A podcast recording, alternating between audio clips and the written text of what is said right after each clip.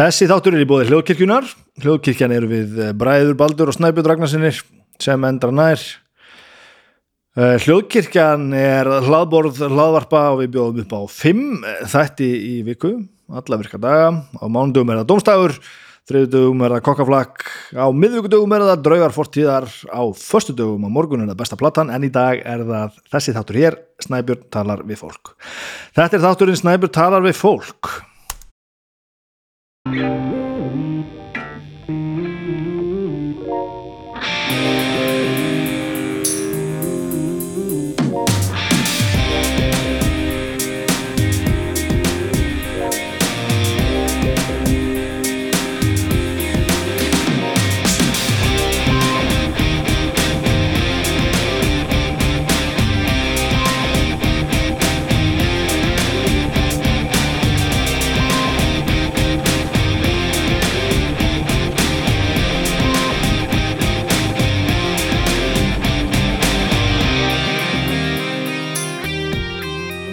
Komið sæl, velkomin í þáttum minn Snæbjörn tala við fólk.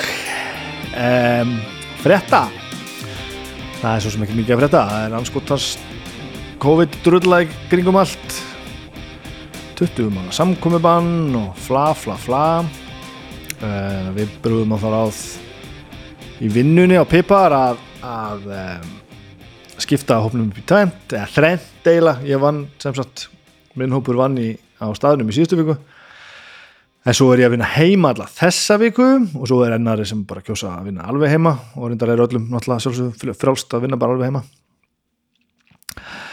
Eh, þetta gengur í þessari vinnu, þetta er, eiginlega mjög merkilegt hvað þetta hamlar, hamlar fáum aðstæðum. Allir fundir ganga einhvern veginn ágætlega sem fjárfundir og svona, auðvitað er þetta ekki eins og auðvitað er maður þá vennjast og en svona vinnulagslega síðan þá er ótrúið hvað þetta er, þetta er allt í lægi sko.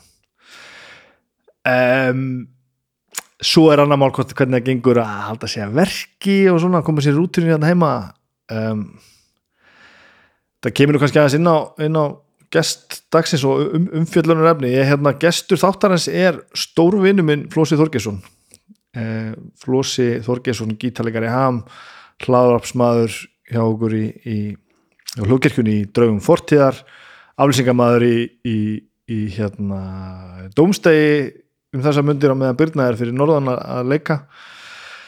Og bara hitt og þetta, allra halda snillingur og, og, og ótrúlegu maður sem kannski svona síðustu missin orðin mjög þekktu fyrir að tala mjög ítalega um líðan sína og líf af því hann á við ansi marga alls konar drauga að etja.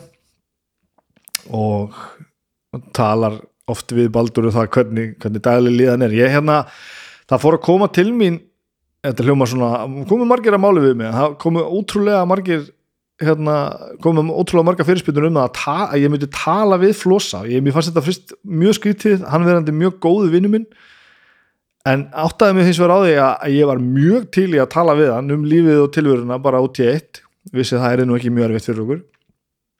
En svo er annað að við kynntumst ekki fyrir hann var komin yfir 30 og ég, þegar ég fór að veltaði fyrir mér þá vissi ég náttúrulega ekkert eins og bara gengur að gerast með þessi marga goða vinnum að, að maður, maður veit ekkert allt þekkir ekkert allt í þaula alla þeirra sögu og allt svo leiðis og vitandi það að hann væri búin að eiga ansi áhugavert líf og margþætt líf þá ákvæði ég bara að gefa sér sjens og bara að hérna fá hann til þess að koma að tala við mig, hann var jafn skeptískur og ég fyrst en við ákvæðum bara hei, þetta, þetta gengur alveg, þetta, við, við verum bara fínir í þessu gera þetta, en hann kom og við gerum þetta. Og ég ákvæði bara að þetta er þið bara svona, er þið sem að endaði náttúrulega með, með því að við töluðum alltaf saman alveg rosalega lengi alveg svo lengi að, að, að ég þurfti alveg að hérna, tölva mér var alveg við því að gefast upp hérna þegar vorum að taka þetta upp. Ég veit ekki hvað hva gerist, það kom einhver staðar einhver ég þurfti eitthvað að endur þess að hérna einhver staðar. Þið finnir ekkert fyrir því, Baldur eru örgulega bara að klippa allt saman saman, það tröfla águnum mjög lítið. Flósið þurfti að endurskipulega eitthvað eitthvað stefnumót sem hann átti þurfti að stoppa hérna í miðjum klífum og, og, og hérna ringja og, og færa eitthvað, til eitthvað, date sem hann átti og hérna og hittu þetta, þannig að þetta endaði með því að, að vera óbúslega langt og ég fann bara að þetta var óbúslega langt. Við, við tölum um allt og ekki neitt og fórum á ævintýralegt trúnó og ég ákvað bara að stoppa þetta ekki neitt og já, þetta er mjög langt og ég veit ekkert hvort að það er góð hugmynd eða vond en, en svona er þetta og ég, eh, eftir að hafa ráðfært mig við bæði flosa og baldur og alla þá ákveðu bara, hei þetta fer bara út. Og þeir hlusta sem hlusta sem að vonandi verða bara sem flestir því að það er mjög margt þarna sem að flosi segir sem að hættir að taka með sér út í lífið og læra af og, jáfnvel varast en kannski fyrst og nefnist já læra af, hann er búin að þurfa að díla við ótrúlustu luti á, á, með ótrúlegum ótrúlegum mætti. Ég hérna fatt hann sjálfur þetta að búa ég var nú hérna, hafi nú opnað með alveg slatt aðna líka sem var ljómandi gott. Eh, í dag er miðvíkudagur ég er að taka þetta upp hérna bara frekar bara í hádeginu hérna réttu bara halvu sólarhinga árun þetta fer, fer í lofti þessi, þessi þáttur, við töluðum saman hérna mánundagin síðasta og ég er svona fór nú að tala um, um mína kvíða tendensa og, og hérna og mínar aðferði við að, við að, e, að halda því í skefjum.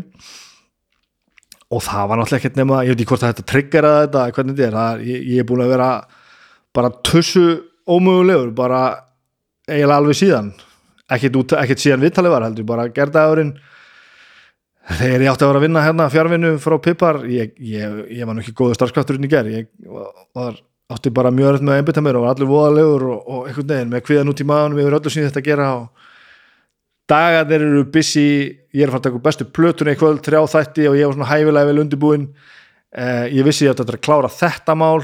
Ég ætlaði að taka viðtal í morgun sem datnur reyndan upp fyrir.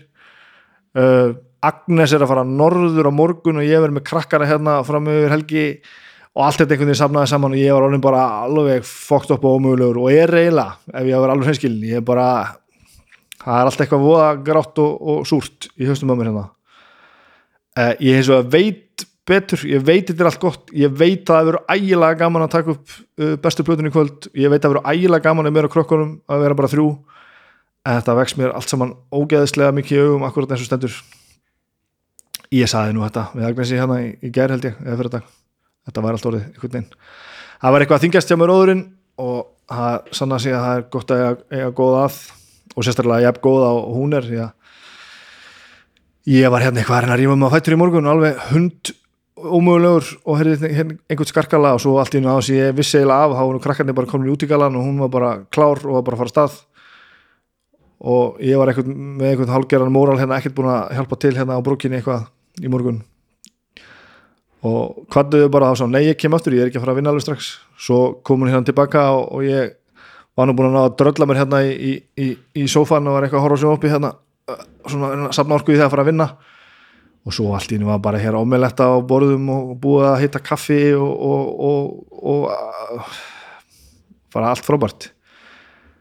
Og við þurftum ekki að eiga mörg orðum það. Það er bara, það er svona sem að hún hjálpa mér í því að ráðast á þessa drauga sem að ég á við að etja þegar allt fyrir til anskutans farðu nú að stað, elsku vinnu minn. Hérna er maturöndaðir það er engin brjálar við það er alltaf hessi helvítis óti að þegar maður einhvern veginn missir hlutin aðeins út úr höndunum á sér að, að það verða alltaf einhverju reyður sko. ég er um sem betur fyrir búin að þetta kemur um fram í viðtalinu hérna eftir mann læra það að segja þetta bara upp átt við fólki sitt samstarfsfélag og alla maður gerir það ofta aðeins og seint sko.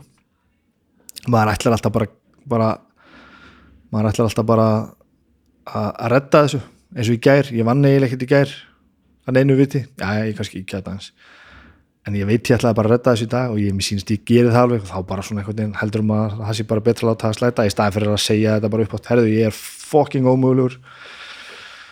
Þannig að þessi dagur er sirkað þannig. En þessi dagur í dag hefur nú farið betra á stað þöks ég þessari ómulettu, ég sitt nú bara hérna veldsporið og ég er einmitt ekki búin að hafa mig í það að taka til eftir hennan brönns hérna eða morgumatt,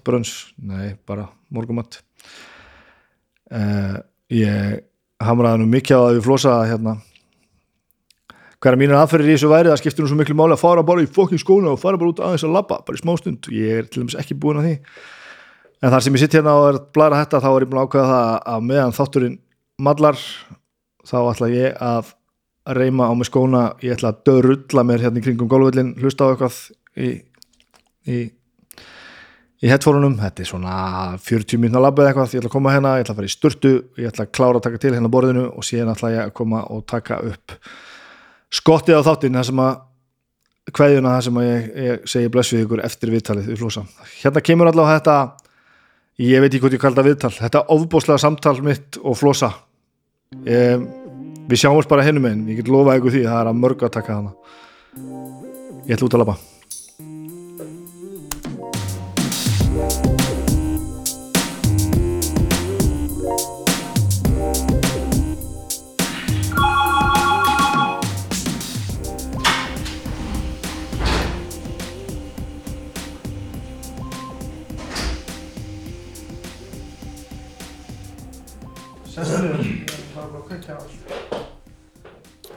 maður að tala beint í mikrofónu Það er bara svo, þú ert nú vanur já, já, reyndar.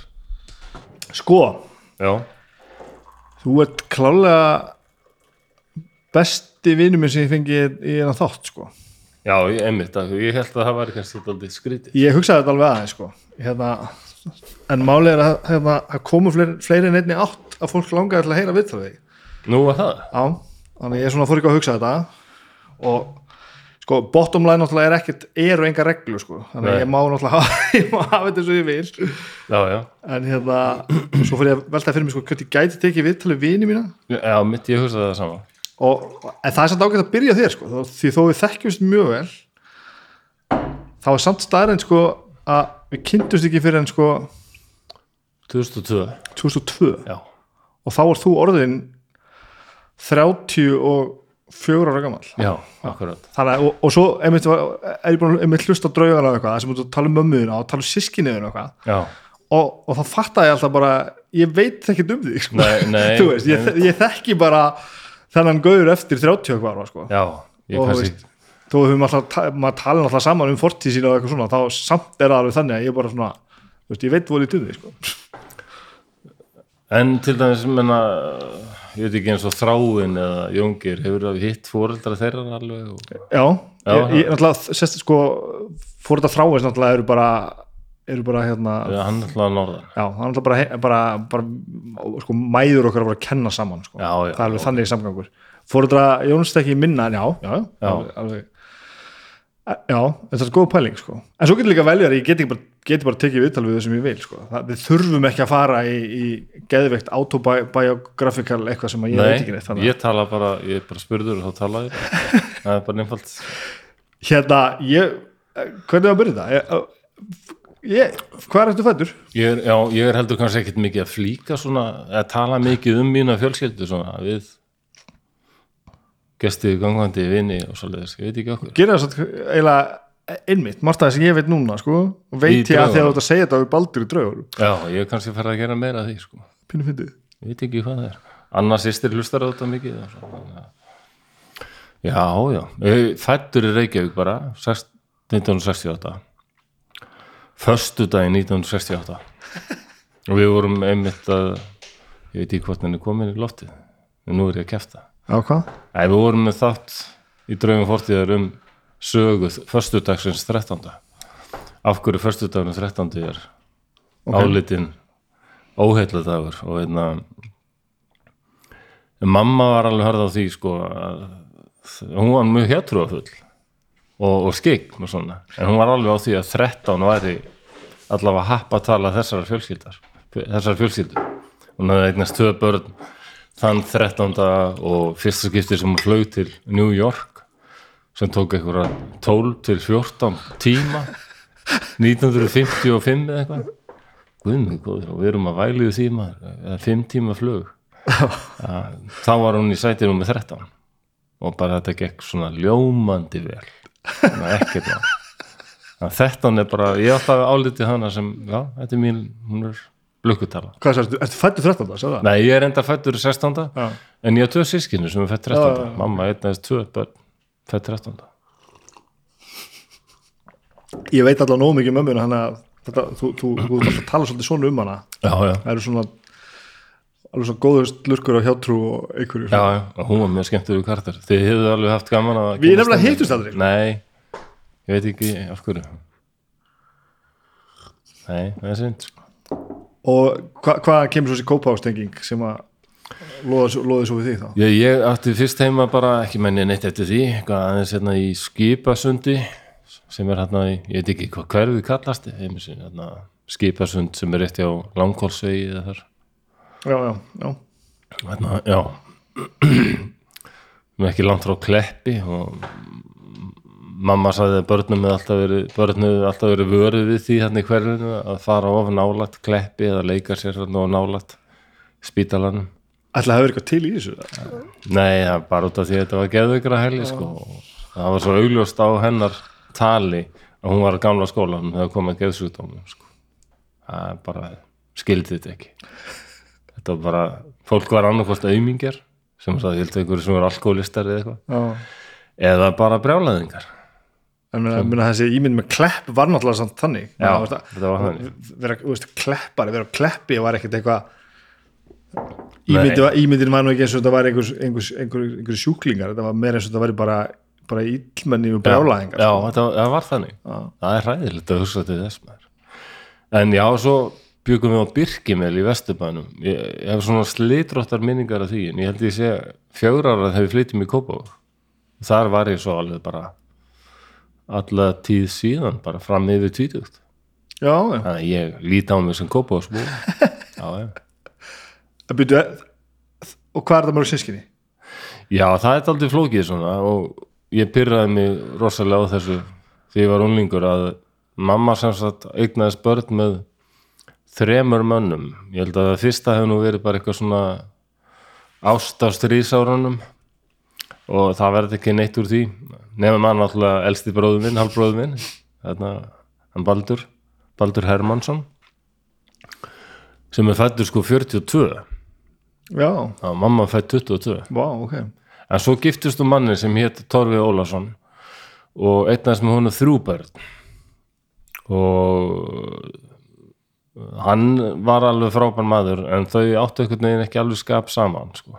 en mamma var hún var, hún tó, hún, þegar hún var reið sko, það var hann, það er eitt sem giftist inn í fjölsýtun okkar sem er frá norður hér um Svánar hann segir eins og ég lýsi mömmu þá sé ég bara lýsa með dæmigerðir baska konu. Var bas, og hann, hann trúið því alveg að þessi baskatenging sko, við erum alltaf vestfjörðum. Hann er spánveri sko, og giftur sem sagt bróðudóttur minni.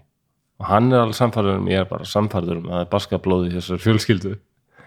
Svona fólk sem er svona yfirleitt bara rólegt og gott en ef það verður ykkur reyði og pyrringur þá er það alvar, alvarlegs eðli sko. þá er bara alltaf háa séð og brjálæði bara hlutum hent og svona og var hún þar alveg? Já, alveg. ef hún var reið þá bara ég, ég, ég, ég, svona, ég hrylli með enn þetta í dag, ég hlusta til þess Já. bara augun skutu gnistum og bara röddin varð bara svona eins og hún væri ansettin bara, bara og, var, og hrætti bönni sín alveg sem sagt. Já, það var ekki oft sem þetta gerðist sko, en það, jú, orðið, það var ekki oft en, en það gæti orðið mjög brjálað sko.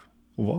Já, já og hvað sér, þau að þrjú saman Já, þau að þrjú saman sem eru hérna Óli, bróður minn sem er nú dáinn dó 2017 og hérna Helgi og Anna Torfason og Torfadóttir. Og en þau skilja síðan bara já kannski svona miðjan sjöunda áratugin Torfi var uh, hann vola harður á því að vera ásalega harður kathóliki og mamma fíla katholskuna en, en hún sagði mér til dæmis sögu af því að einhver tíman hafði hún útbúið ykkur fínar kjötbólur, mamma var nú ekki drosa góðu kokkur það verður bara segist þess að er. En hún hafði lagt sér fram hana þennan dag og útbúið fínar kjötbólur og fínt eitthvað.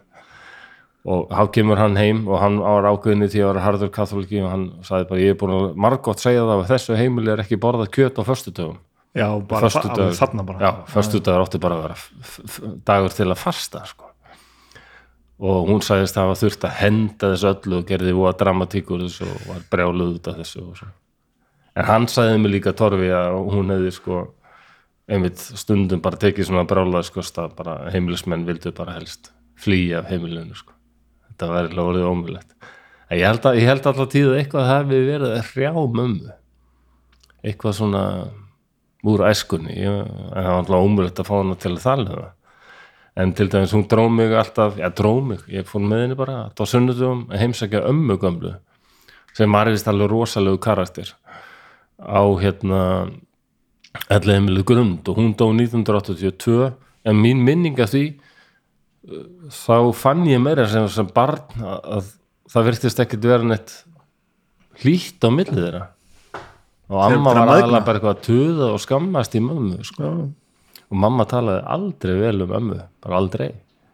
En samt alveg syndin og svoleiðis. Já, svona- syndi þessari skildu heimsækjana en, en svona ég held að henni hafa aldrei verið vel við mömmu sína sko. þetta er undarlegt. Það er önnur kynnslóð Já, önnur hugsunarháttur. Já, líka það sem er svona, svona einhvern veginn alltaf því bara degð að loka tilfinningar þar inni sko. Erum ekkert að íþingja öðrum með það því eitthvað, eitthvað ef eitthvað er að þá bara, þá bara berðu þann harm bara í hljóði já, sko. bera har, harmsinni ljóði þetta er rosalega íslenskt. Já. norrænt sko. en þú sést að kynnist torfa það alveg? Já, já, já, já, ég hérna hann var frábæð maður sko og hérna, sérstaklega eftir að pappi deyr þegar ég er áttara í hérna, ágúst 76 þá var mamma alveg bara buguð sko og þá var það sérstaklega annað sýsti mín sem þrátt að hún væri þá með sitt fyrsta barn og bara daldið svona í sínu lífsins erfiði bjó hún heima hjá pappa sínum hún og kæristinn hennar Kristján voru búin að eignast sína fyrstu dóttur Jóhannu og byggu heima hjá Torfa sko. og ég kom þarna eiginlega bara um hverja helgi og var alveg fastagestur alltaf á melhaganum í Vesturbænum þannig að Vesturbærin er fyrir mér og alveg mikið aldrei mitt hverfið líka sko. og hann var rosalega góður við mig Torfi, alveg frábær og er eiginlega svona einn af mínum uppæðlendum líka já, já. skemmtilegu kall sko. og hann slakaði nú á í þessu kathólsku dómi viðkend alveg að hann hefði verið í ruglunu sko. það, er svona ákveðna típur sko. hann var fyrst alveg grótarðu kommunisti sko.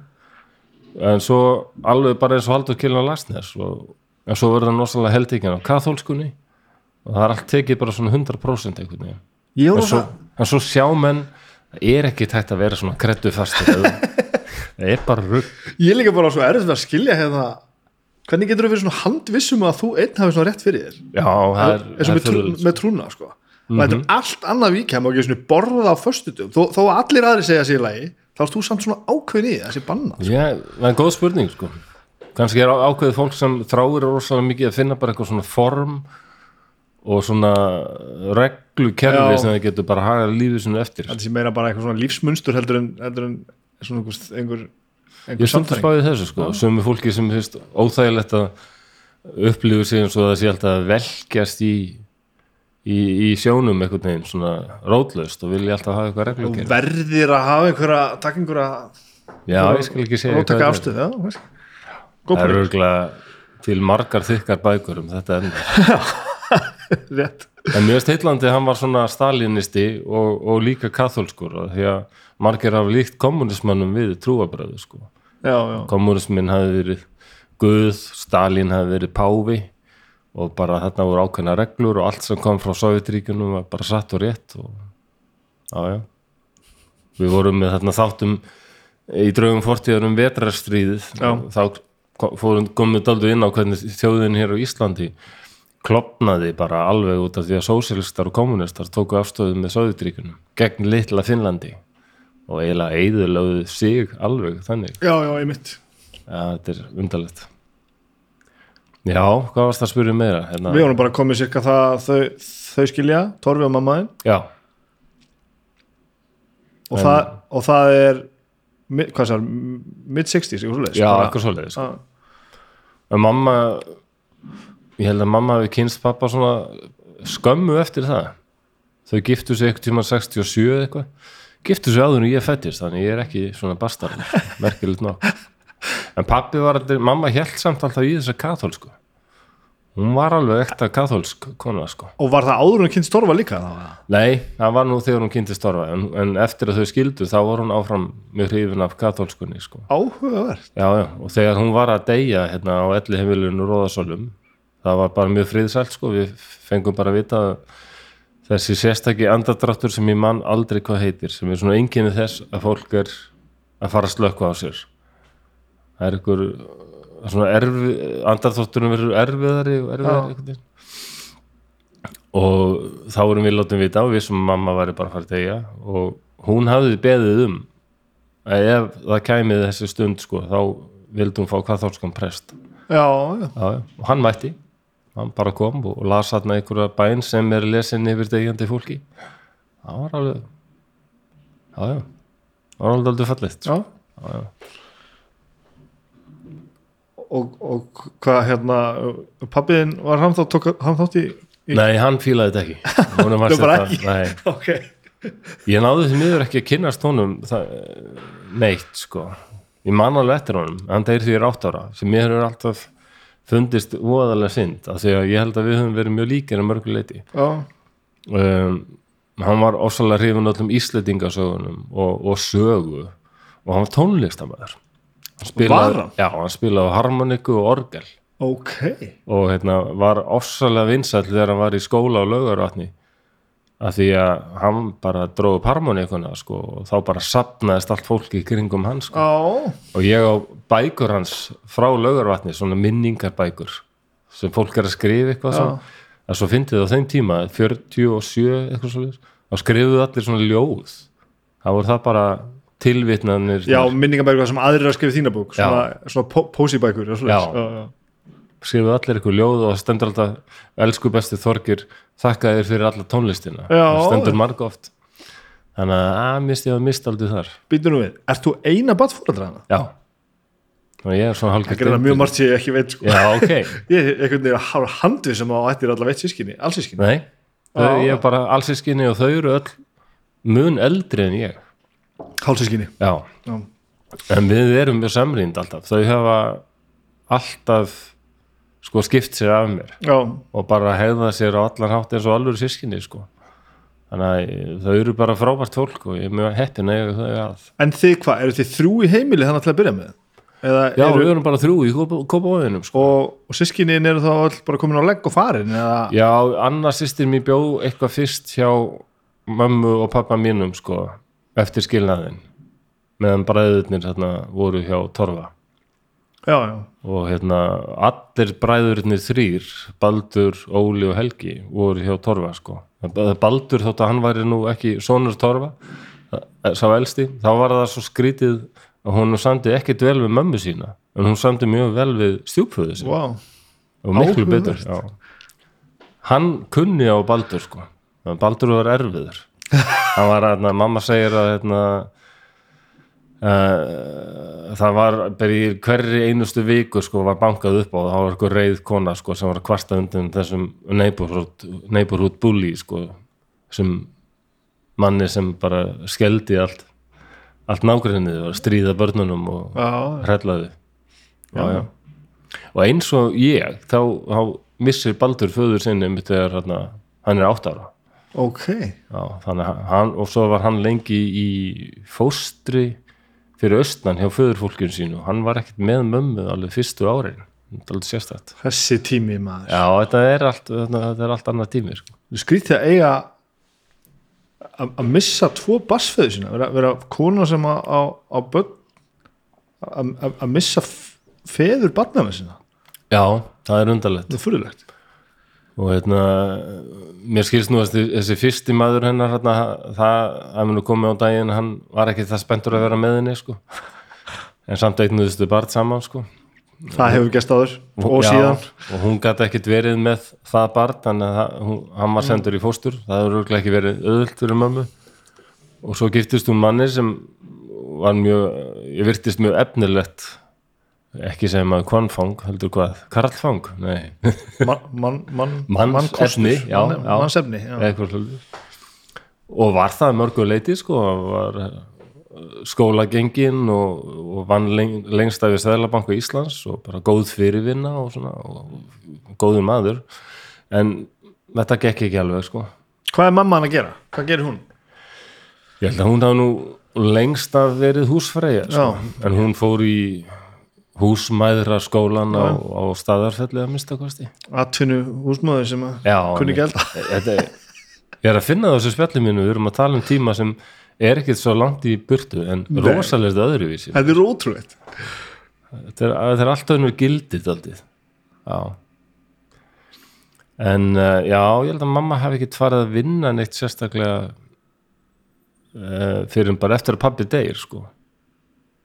Þá var hún dagmamma og svo var hún aðeins í þjóðlíkúsinu líka með yfirleitt í fatahenginu þar. Já, já. hún var var harðdugleg kona. Uh, ég, ég held að pappi hafi verið það eiginlega líka þannig ég veit ekki okkur ég er svona vonlaus í allri vinnu. En já, já. En þið búið í Kópáðurum þessi, þessi átta ár sem hann, já, sem hann lifir. Og manstu ekkert eftir hana Já, jú, jú, ég man ágætlega eftir honum sko. Já. það er allt jákvæðar minningar sem betur fyrir sko. pappi var alveg frábær kall og ég heyri það bara á öllum sem um, þekkt hann og minnast hann sískinni mín og svona bara frábær maður sko. og, en ég eldi oft fyrir mér allir, hvað allir hann hefði ennst lengi með mömmu sko. en hann var, þegar hann deyrið er hann búin að vera með henni í eitthvað tíu ár sko. Já, þannig að hann lítur nú að hafa haft mér skilst að hann hafi haft ofsalega mikið langlundar geð kannski verið þarna komin maður sem bara gat alveg höndlað mömmu sko. Hún er svona einhver miðja í, í þessu, þessu, þessari sögu eins og hún sé einhvern svona já, já, einhver svona ég, hvað á ég að segja? Hún er svona eins og einhver svona ekki, ekki á neikvæðan hátt, svona eins og einhver svona nord hún er svona seið, seið nord einhver svona sem er í miðjunni og svona og svona hlaupa þeirri kringum og, og gaman skuli segja það því ég er bara samfæður um það að hún var það á var nord já, já hún hafði ykkur að krafta Já, ok. að það voru margir aðri samfæður um það því að hennar helsta starf kannski og ég held að hún hefði jættul geta grætt mest á því, ég var alltaf að segja henni þú verður að hækka prísin þú er búin að vera með sama tímakaupi á þessu í sko meirin fimm ár, æ nei ég kann ekki við það. En það var spá í bolla. Já, já, þú varst að tala myndið draugunum í daginn. Já ég gerði það. Alveg rétt, já. Hún var gífurlega eftirsótt í það og ég man að sískinni hennar í jarðarsförin og bróðir hennar að segja sögur af henni. Hvað þau voru alltaf sko sérstaklega þau týndur hlutum. Hún hafði eitthvað þá gáfu að geta yfirleitt sko fundið týndar hluti það voru allskinn svona rosa sögur. Nú kviknar einhver vinning hjá mér frá Já. því að við vorum að bara kynnast í Danmörku sko. það örgulega verið um heilagan Antoníus. Akkurat, nákvæmlega og varst alltaf að beigja til einhver stýrlings að finna eitthvað tíntrast en mamma var, þetta var hún heila var var með- Antoníus. Hún, ég menna hún var ég átti að hugsa sko, hún hljóti hafa verið ættuð frá söður Európið eitthvað. Því að hún hefði bara ég held ég hef sagt það í draugu þetta um daginn og Ba- Baldur sagði þetta er eða furðulegsta setning sem hefur sögur en mamma hefði verið mamma hefði nú orðið bara flottur ítali en við sóum þessi ákýrlega þannig. Já. vera með þessi þung, þungarokks horn í hverju horn og hérna. Hveða djöflana Já, hún var alveg samfærð um að væri til góðu og ítla öfl og svona og... þannig að, já, já. Hún sá lengra, hún sá ímislegt og við, þannig erum við að tala um mannesku sem að, sem að, sem að trúði þessu sem sagt svona í alvörni að því að, að því að sko eitt er nú svona að lesa stjórnusbána og spá í bolla og svona þú veist, fólk gerir það svona, svona til gama sem trúi svona aðeins líka sko. Já, já, og svona brosir og hlær og afsaka sér pínu eða samt, nei, hún, hún, hún trúði þessu alveg sko. Það er magna og bara var mjög spennt fyrir þessu öllu saman sko. Ég man þegar ég kefti mér tarotspil ekkert í mann, þá var hún gífulega spennt fyrir því og ég var að spá fyrir henni tarotspil og hún vildi endilega kynna sér það meira sko.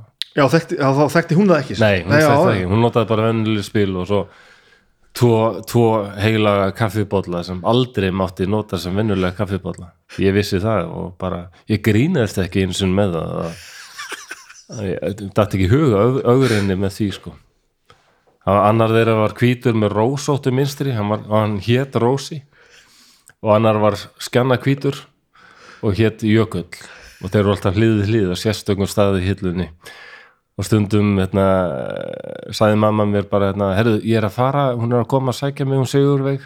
Hún hringdi bara á þann og sagði hérna, ó, viltu endilega koma í kvöld og taka hann jökul með þér? Já, já, það fá sér aðeins tár. Það var bollinn sko, auðvitað. Það þurfti að spá sko já, já. Er þessi ekki gama líka? Fætti hvað dagar eru skemmtilegir maður? Mér, mér finnst þetta, ég menna þetta er kannski hjátrú í augum sumra. Ég hef aldrei upplifað neitt, draugagang eða neitt, Nei, eða ekki, sama hér, sko. ekki síðan neinn merki þess að sé eitthvað handan heims.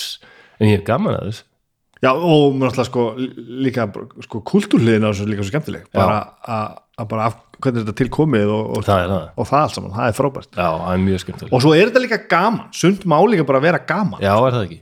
En, en, en ég viðurkenni það ég verð alveg mannígur þegar einhver ætlar að fara að segja mér að ég sé einhverju stjórnumerki og það Já, sé það. að það, já, já, já. Besta leiðin þess að afsanna það þegar að fólk er að tala um á sitt hérna, einhverjum, einhverjum, einhverjum stjórnumerkjum og það sé svo típist þitt og þetta. Já, það er að passa sig á því að glutra ekki út úr sér þegar kemur svona í hvað stjórnumerkja þú? að segja þá þú lítur að geta sagt mér það fyrst að ég er svona típiskur það sem ég er það hefur aldrei neitt á rétt, aldrei sko um, Ertu ekki fættur 25. februar? janúar, Janúar? já, Alveg, þú ert að spyrja eins og ég já, ég var að spyrja svo þú Já. ok, En svo er það alveg spurning, við erum ekki fættar að sama ári þannig að það er spurning Ég er náttúrulega giftur Amerikana í sex ár Já. sem var eiginlega svona stjórnufræði CNI Hún spurði um einhver tíma þegar við vorum bara að byrja að deyta og við bara lágum saman upp í rúmi ég eitthvað að lesa eitthvað og hún eitthvað í tölvunni og svo spyr hún mig hérna þú fættur 16. februar, veistu klukkan hvað? og ég, já ég veit það þrjár mínútur í eitt eftir minnetti 0.57 já, já, ok svo er hún eitthvað að skrifa blað og ég bara, hvað það að gera? ég er að skrifa, gera stjórnarkostið þitt og þá bara mund hún svo mikið hvað öll þessi hús og allt hvað þetta heitir og, og mundalög var, var ekkert málferðan að komast að því og bara gerði stjórnarkost fyrir mig, hún var öll í þessu og þú veist, meika þetta eitthvað í það er nú málið með sumt að þessu að þegar maður skoðar þetta, jú, þá finnum maður fullt. Ég er mjög skeptiskur á þetta, ég held maður eigi að vera skeptiskur, alltaf. Já. er það ekki? ég held að sko snildin við stjörnu hérna, þetta stjörnu allt saman Já, sé það að þú getur eiginlega mátað í allt já nákvæmlega. Ég held að finnir alltaf sjálfum að þið einhver staðar sko, í öllu sem sagt er. Það er bara orðað á réttan hátt og sett fram á þann hátt sko, að þú einhvern veginn svona, já, já. Eins og þetta miðla kjaftaði þú veist, þegar, þegar eitthvað þú veist, e, talað einhvern svona hálkvennum vísum, ég sé hérna, ég sé hérna tvo vinniðina og bara, Já, já. svo fyrir heilin á þér á stað og bara, Nákvæmlega. er, þetta, er þetta þeir tveir? Já, já, örgla og þá byrjar þetta sko. Já, já, og langflestir sem koma til miðils eru með æstir í að fá ykkur viðbyrð já, opnir fyrir því. En ég svo er svo auðvilt að sína fram á þetta krapp líka, ég meina, ég, það er ekki landsíðan ég fór á netið og þá var hægt að setja inn dagsetninguna sína sko hvenær maður fættur hvað ár. Og þá komst bara strax einhver þannig að you are a gentle compassionate soul, eitthvað þú ert indislegu maður en þú verður að passa þig á þessu þessu. Nema hvað ég sett ekki inn dagsetninguna mína, heldur ég sett inn fæðingadag og ár Ted Bundy eins,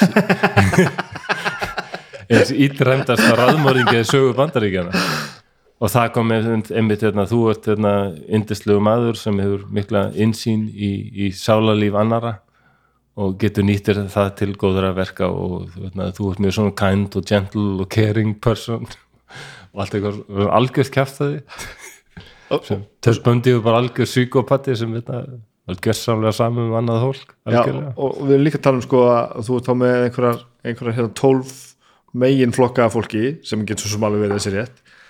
En, en, en hvað, er, er við svo bara að tala um einhverja, einhverja 360 típur af fólki? Og, og þú veist, eru allir sem fættust sama daginn, eru það eins fólk? Ef þú finnur alla sem fættust sama dag á Bundy, eru það allt saman brjálæðingar?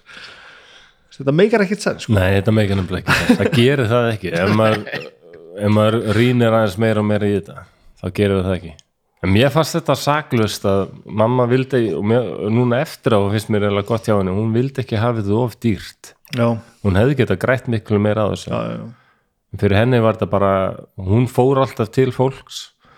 Uh, það var nú ákveðin ástæði fyrir því að hún gæti ekki bóðið fólki heim til sín af því að hún var hérna svona drastlari. Hún var svona sjúklegur horder ég veit ekki hvort það er eitthvað gott íslenskt orðið við það svona, svona, svona, svona söfnunar brjálæði já, já, varum bara og svona þetta var a- alvöru sko, þetta var ekki bara svona að, það var allt tróð fullt í alvöru? Já, þetta var alveg hryllingur. Þetta, var, þetta er, er alveg verst að fannst mér við að alast upp með mömmu að ég skammaðist mér svo mikið fyrir heimilið sko. það var bara staplar að dagblöðum ykkur staðar og mátti ekki henda djúsbrúsum og hérna, það var alveg þetta að taka upp morgunblæðið heima í okkur og, og lesum það, það eh, lesum úslit kostingana 1970 sko, þá varstu bara með eitthvað 12 ára gamalt blað í Já, ég heyrðu varst að tala um þetta Já. um daginn en, en ég átti að mikið að þetta er svona Eh, Þetta var eh, ekki eðlilegt þess vegna held ég eitthvað hafi verið að hrjá mömmu eitthvað andlega sko. ég er alveg samfærður um það en, en, hún er þá greinlega fundið fyrir því að því hún vildi ekki fá fólk heim. Já, já hún, hún vissi það. Þetta var ekki alveg bjóðandi sko. Ég gerði stundum svona rassíu. Eða skammalegt að segja ég nýtti mig nýtti mig það næstu því. Að ég setti krakkan upp í bíl og bara brunaði heim til mömmu og bara bankaði upp á. Herruðu, hérna erum við komin í heimsótt að því ég var náttúrulega líka pyrraður yfir þessu að geta ekki farið með börnin mín til ömmu sinna og verið bóðið inn og svona. Já, já, já. Og hún bara, krakkarnir er alltaf að lappa inn og hún bara skoplaði þeim út aftur hendi sér í skó og úlpu á bara sekundu brotin, já nei, nei, nei, ekkert vera komin ég, ég, ég, er að, ég er að taka til hérna og það er ekkert gott að koma hérna.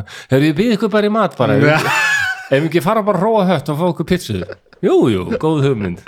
Ég held ég hef nýtt mér þetta alltaf mikið sko. en við, við hittum ömmu og he- hún hefði alveg gaman að þess að fara í bíltúr og hafði mjög gaman að því að fara í bíltúr já, já, hvað þú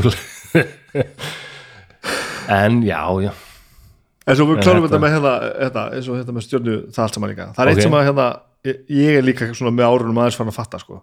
Að því að að segja sko sósjál hlutina af þessu. Það er ekki gaman að fara með bolla í heimsótt til vin, vinkonu sinnar og þú veist, sitja þar og jú. Það þarf ekki alltaf að vera svona heilagt. Stundum má bara eitthvað vera skemmtilegt. já, já, og þetta var það og það er hérna það var alltaf eitthvað svona súkulega konfekt og þær fengur sér sherry Já, og svona þetta var tár, sko. já, já, það var bara svo spjölluð þær hitt og þetta, þær hló ég fór stundum með mömmu sko. Hún fór mjög oft til eh, Freyju vinkonu sinnar í Breiðholti uh, og hún átti alveg nokkur börn og þar meðal Vigdísi frængu mína sem var alveg jafnaldri minn og við vorum alltaf góði vinnir, náðum vel saman. Það var mjög bara gaman að fara með mömmu til Freyju og Freyja sjálf var æðisleg passaði alltaf upp á að þegar ég kom með sko, þá var alveg til ís handa mér og svona þannig að það var bara fínt sko. En ég man alltaf að það var alltaf hlátra sköll úr eldhúsinu sko. En svo ég, ég mátti ekkert koma þannig inn sko. Ef ég kom hann eitthvað inn og fór að tala við þar og mamma svona eftir smá tíma herru, vertu úti, já, Já, já, mátti ekki heyra allt sem við sagt hérna. Já, já, Þetta mannst all. þetta man ég. Já, Já. já, En hérna með þetta, þetta söfnunar brjálaði, Já. hvernig hérna, er, er þetta líka svona þegar pappin er, lifandi? mér skilst það, sískinni mér segir mér að að, og það er kannski lýsið að, að ég, ég segi að pappi hafi verið með einstakt geð að hérna, hann vann hjá vegagerðinni og fór kannski bara langt út á land og var að búa til einhvern veg eh, lengst upp á heiði og náttúrulega gæti ekkert síðan farið í bæin að kvöldi nei. og bara var frá kannski tvær vikur eða eitthvað. Og, og mér, þau segja mér svo kom hann heim og þá kannski allt í drasli sko. Og bara það hann byrjaði bara, tók fram reiksöðuna og byrjaði bara reiksöða og taka Já, til og svona. Það finnst mér alveg magnaður maður. Þannig að ég held að hann hefði verið mjög magnaður kall sko. Hún uh, tala allir ósalega vel um, um pappa sko. Mild, mildur persónuleiki og svona þægilegur. En ég finn það líka að ég erfði bækur eftir hann sem hérna, það segir mér að hann hefði mikið áhuga á þjóðlegum fróðleik og, og sögu erlendra landa og var tónlistamæður og ég, ég bara, Já. það er bara verið að lýsa mér hann Íslendingasöðunar ég heiti Flosi eftir karakter úr njálsögu sko. já, já, mamma sagði bara hérna uh, bara þú mátt að ráða nafninu og þessu bandi, ég hef búin að fá að ráða þessu mörgum nöfnum. Það er, bara, það er komið þér og hann bara, já, Flosi. Fróvart. já, mér minna sýsti mín hafi sagt að henni leist ekkit að það, hún hefur bara stríkt á þessu, bara, nei, hann alveg rétt. Hann vildi fyrst láta mig heita njál.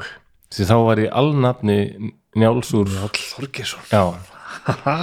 En Anna sýstir segir að hún hefði sko farið í mikla herferð af því hún sá fyrir sjá fyrir mér að ég er þá uppnöndur njalli og líklega uppnöndur af ítlum tungum njalli njálgur. Þú bara ákveða það strax. Hann- og henni tókst að samfæra pappu um þetta var ekki góð hugmynd þegar hann heyrði þetta, njalli njálgur. Hann sá fyrir sér skólabörn bara í ring, í kringum són, són sinn. Njalli njálgur. Að, að, okay. en þá valdi hann annan na- nafn úr njálsögum sem mörgum þóttir sérstætt að hann skildi velja. Sem sagt að Flósið Þórðarsson svínafellskoði maðurinn sem brendi njál inni. Já, og það, mér finnst mjög áhugavert að hann skuli hafa valið þetta nafn. Þegar það segir mér að hann hefur skilið njálsögu sem margir gera já, ekki. já, já. og fatta það að Flósi Þórðarsson er, er í raun sko einn flottasti gaurinn í sögunni. Já, já. hann er svona ekta hetja sem á tvo kosti, þau eru báðir slæmir. Hann verður að gera eitthvað ef hann gerir ekki neitt, þá missur hann allt svona credibility einhvern veginn og bara heiður hans uh, flekkast einhvern veginn og slær skugga á heiður hans sko. Og hann er, hann er höfðingi. Hann verður að gera eitthvað.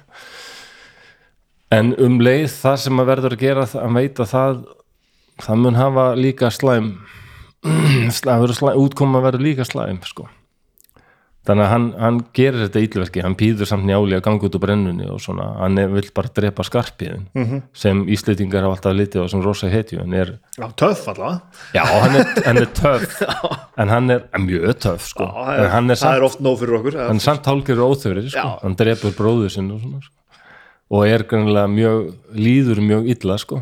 bara fær allt upp á móti sér móðgar alla sem það er fræg sena í njálsögu þar sem þeir eru að ganga á alþingi og byð, leita að hjálp byggða fólk að aðstofa sig og hann móðgar alla sem þeir byggðu hjálp. Þannig að það er alveg volust sko.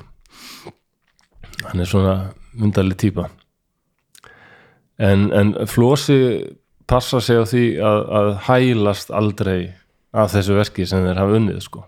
Og endanum þá sá eini sem er eftir lifandi mér finnst þetta svo æðislega saga, dýrkan alveg og eftir, þá er Kári Sölmundarsson sá eini sem er eftir lifandi og hann er búinn að drepa eða alla sem kom með þessari brennu.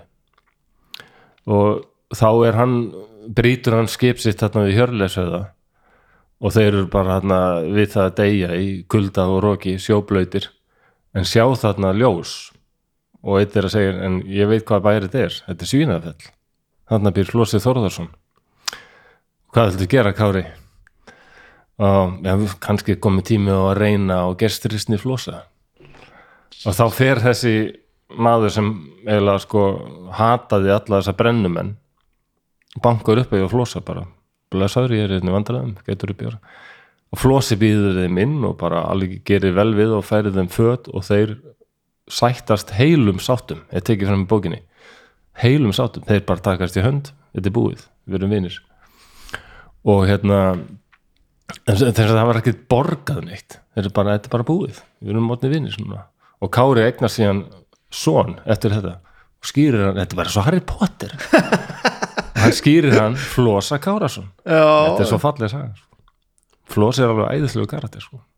það er rosalega að hafa svona bakgrunn af af nafninu sínu. Já, það er alltaf magnað. Afi minn hétt bara Snæbjörn, það, það er bara það er sagar af mér sko en er ekki, það er svo íslenskt samt eða það ekki að hafa, maður heitir eftir einhverjum og eitthvað svo leiðis jú, það er veist. Einhverjum frændar sem druknaði og... Já, ég þarf alltaf að komast að því hvaðan, hvaðan snæbjörnsnafni kemur til hans, sko, afa en ég veit ekki meira. Nei, ég veit bara að það var mjög erfitt að heita snæbjörn þegar maður var að bann, sko. er það? Já, það var rosa skrítið, sko. Snæbjörn, þetta er ægilega mikið. Ég, það er ein minning sem ég hef til dæmis að hérna, vera að rífast í pappa mínum yfir því að heita Flósi var, sem þú ert ekki sáttur já, ég man eftir því. Já, já. og, hvað, og hann spyr hérna á, hvað myndur þá vilja heita? Ég, ég vildi heita Halldór. Heita Haldur já. Mér fannst að vinur minn hétt Halldór og mér fannst það bara bara já, mér finnst það flott nafn. Það var eitthvað eðlilegra nafn sko ég skinniði þá strax að Flósi var eitthvað mjög spes. Þetta var, þetta var spes. Já, alveg rosalega. Og ég man viðbröðum, þá var alltaf eldri menn sérstaklega á hvað heitir þú? Ég heiti Flósi Flósi? Heitir þú eftir þessum anskotans og þarna komum við líka að öðrum tíma í íslensku þjóðinni þegar njála var bara biblíðan einhvern veginn, allir höfðu lesið hana allir kunni eitthvað úr henni já, já, og allir vissu hver Flósi var. Og það var bara eins og nafnið mörður já. það var ekki fyrir bara á, já, núna á 20. öld sem Árni hérna ég er búin að glemma hvað svona hann er hann var þjóðháttafræðingur Árni Böð, Árni, skammalegt að munið ekki já. Sérst, já, Um, Árni Björnsson. Árni Björnsson, þjóðháttafræðingur þjóðháttafræðingur. merkumæður ég held að hann, saga dagana maður. hann hafi verið svo fyrstir sem bara skýrði svon sinn mörð. Og það er mörður Árnason sem var Mhm. og er þingmaður kannski. Og er það þá Og út af, út af, lega, legamærið þá eða? já, það er Já, mörður sem, hann er samt hann er verri kallaldur en flósi já, en samt aldrei skemmtilegu líka. Og nú er, var samt frægur maður sem hétt Flósi þegar þú varst að, já, flósi Ólafsson, Já. já. var það ekkert nóg sem sagt nei, ég var spurður um þetta, hérna, hvað er þetta eitthvað skildur flósa Ólafsson, bara þetta hétt já, flósi, bara einu, tveir sem að fólk hafi Já. vitað af já. ég tók eftir því að vinnu minna Sigurður, hann var aldrei spurður þessar, þessar sömu spurningar Nei. Já, þetta skildur Sigurði hérna á Núbi Nei, þetta var mjög undarlegt og ég hérna, mér fannst umulegt að þetta sem nafni Já. en svo verði ég eldri eins og maður verður og kynnist njálsögu þá allt ennum fannst mér þetta æðislegt. Og Jón Böðvarsson læri mestari minn í njálufræðum sem var ég sem margir sem hlusta á þetta núna munu kveikja á hver hann var. Hann var alveg þjóðþektur maður íslensku fræðingur skrifaði marga greinar og mögulega bækur líka, kendi líka í háskólanum. Hann var með njálu námskeið veturinn 1986 og ég skráði með mig á það 18 ára gammal já, og það er aldrei fyndið að fyrsta manneska sem ég séði í gengin það er íslensku kennari minn úr mentaskólanum í Kópaví og ég bara settist hjá henni Margrét Friðriksdóttir sem er hérna varð setna skó, skólameistari MK og hérna, ég sagði hvað er þú að gera hér? Já, ég er bara að læra eitthvað um þess að sögur sem ég var að fara að kenna þér. Já, já. en við vorum saman á þessu námskeið Og, og síðan kendi hún þér söguna? Nei, hún, hún sagði við mig bara hérna, í næsta tíma herrum, þú þarft ekki að mæta í tíma bara, við erum búin að vera í nokkrum þú, ég, það er alveg ljóst að þú kant þessa bók miklu betur en ég eða bara nokkur af aldri, þínum aldri hérna. þú, þú séu bara rítgerð og mæti bara beint í próf Er þetta eina sagan sem þú hefur sögt þér svona í það? Já, langt mest sko það var að, það, og hann opnaði svona augum mín fyrir þessari sögu með því að spyrja sko af hverju til dæmis það eru svona settingar í henni eins og af hverju verður flósið svona reyður út í skarpiðin það er, þeir eru búin að sættast hann á alþingi og bara búið að ganga frá þessu bara allir sáttir. Þá gengur flósi upp á okkur pall og, og, hérna, og kemur sér þar fyrir og við vitum það ekki í dag en höfundur er að segja okkur ákveðið með þessu. Hann á ekkert að vera að fara þarna. Hann er ekkert höfðingi, hann er nobody. Já, já, já, hann og hann bara gengur eins og hans var von að vísa. Hann var svona, algjör svona já, hvað var að kalla hann, pöngari eða svona ef það var hægt að valda illdeilum eða vesen einhvers staðar, hann var skarpiðin mættur sko. Já, já, hann var rokna stríðsmaður alveg of töff típa en samt svona hann var hann, hann, hann flauti ekki heldur fór á flegiferði í áttirna þveigðarósi sko.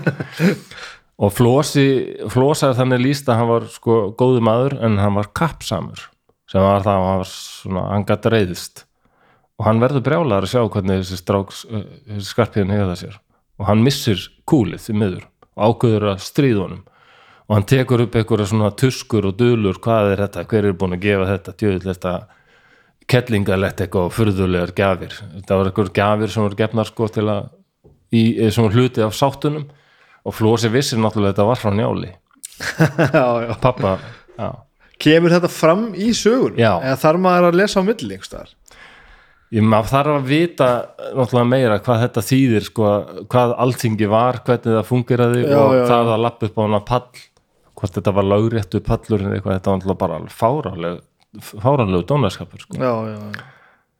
og hérna, en kannski rukum menn ekki til að því menn voru aldrei hrættir í skarpiðin en Flósi var það ekki en hann verður pyrraður og, og gerir þau mistök að egna skarpiðin og þá svara skarpiðin þessu æðislegu svari sko að, hérna, að þú ætti nú ekki að segja mikið Flósi minn af því að það er nú alltalað að hérna, jötunin í lómagnúpi það er svo trú að, að það sé jötun að þú heimsækir hann sem er ekkert langt frá svínafelli svo sem að þú heimsækir hann níundu ná- hverja nótt og þá gerir hann þig að konu.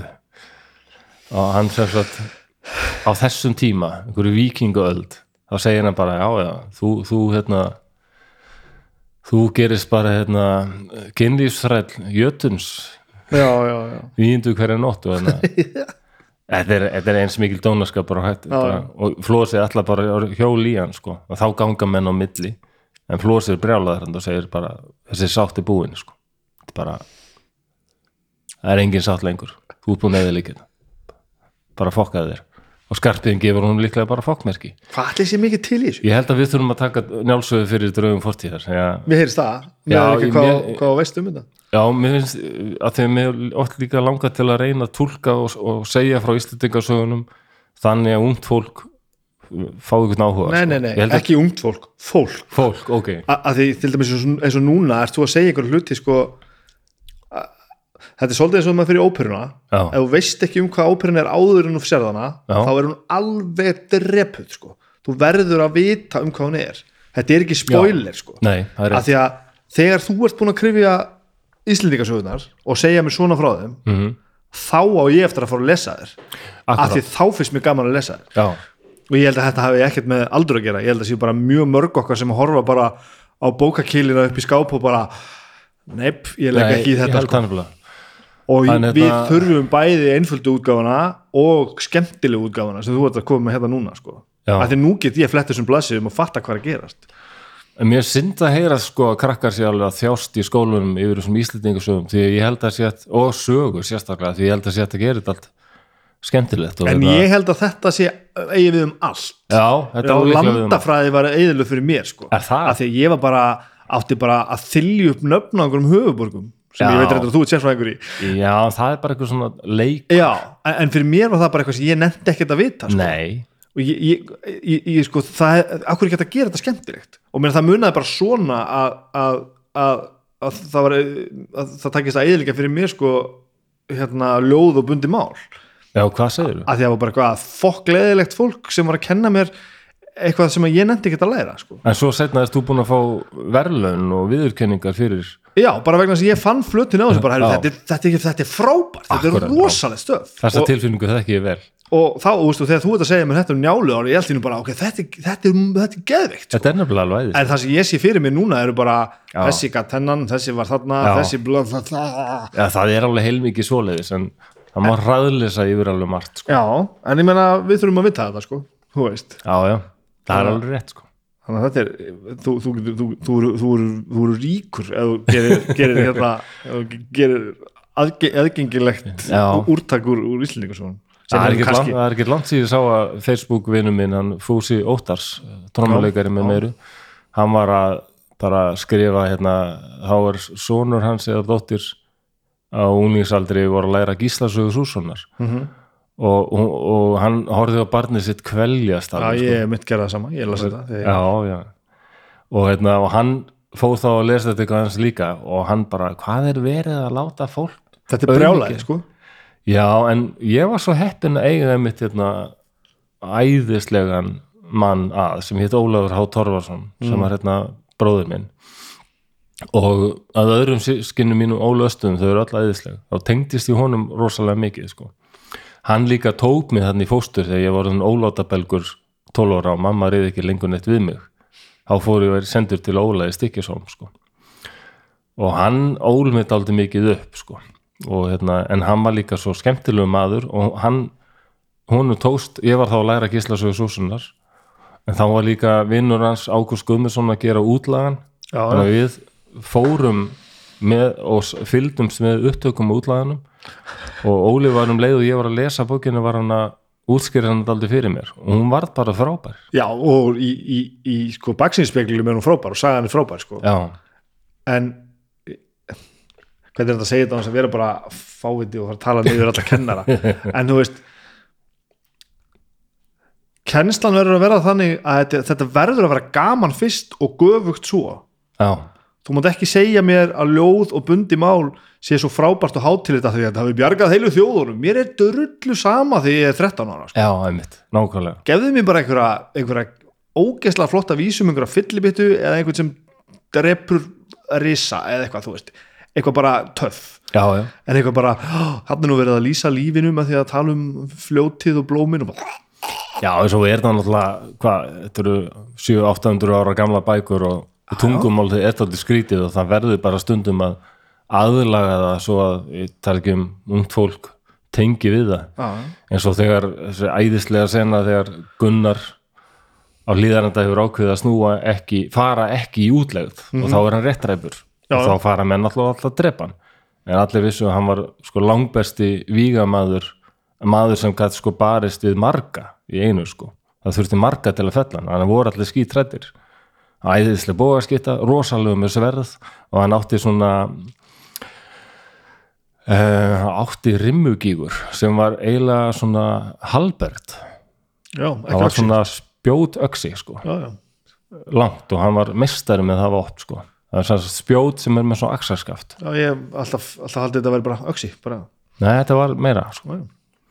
Og þetta var ekkit venjulegt vopn sko. Það var líklega smíða erlendis og alvöru stáli og svona og menn óttuðst sko Gunnar og ekki síst rimmugígur. Rimmugígur. Sko.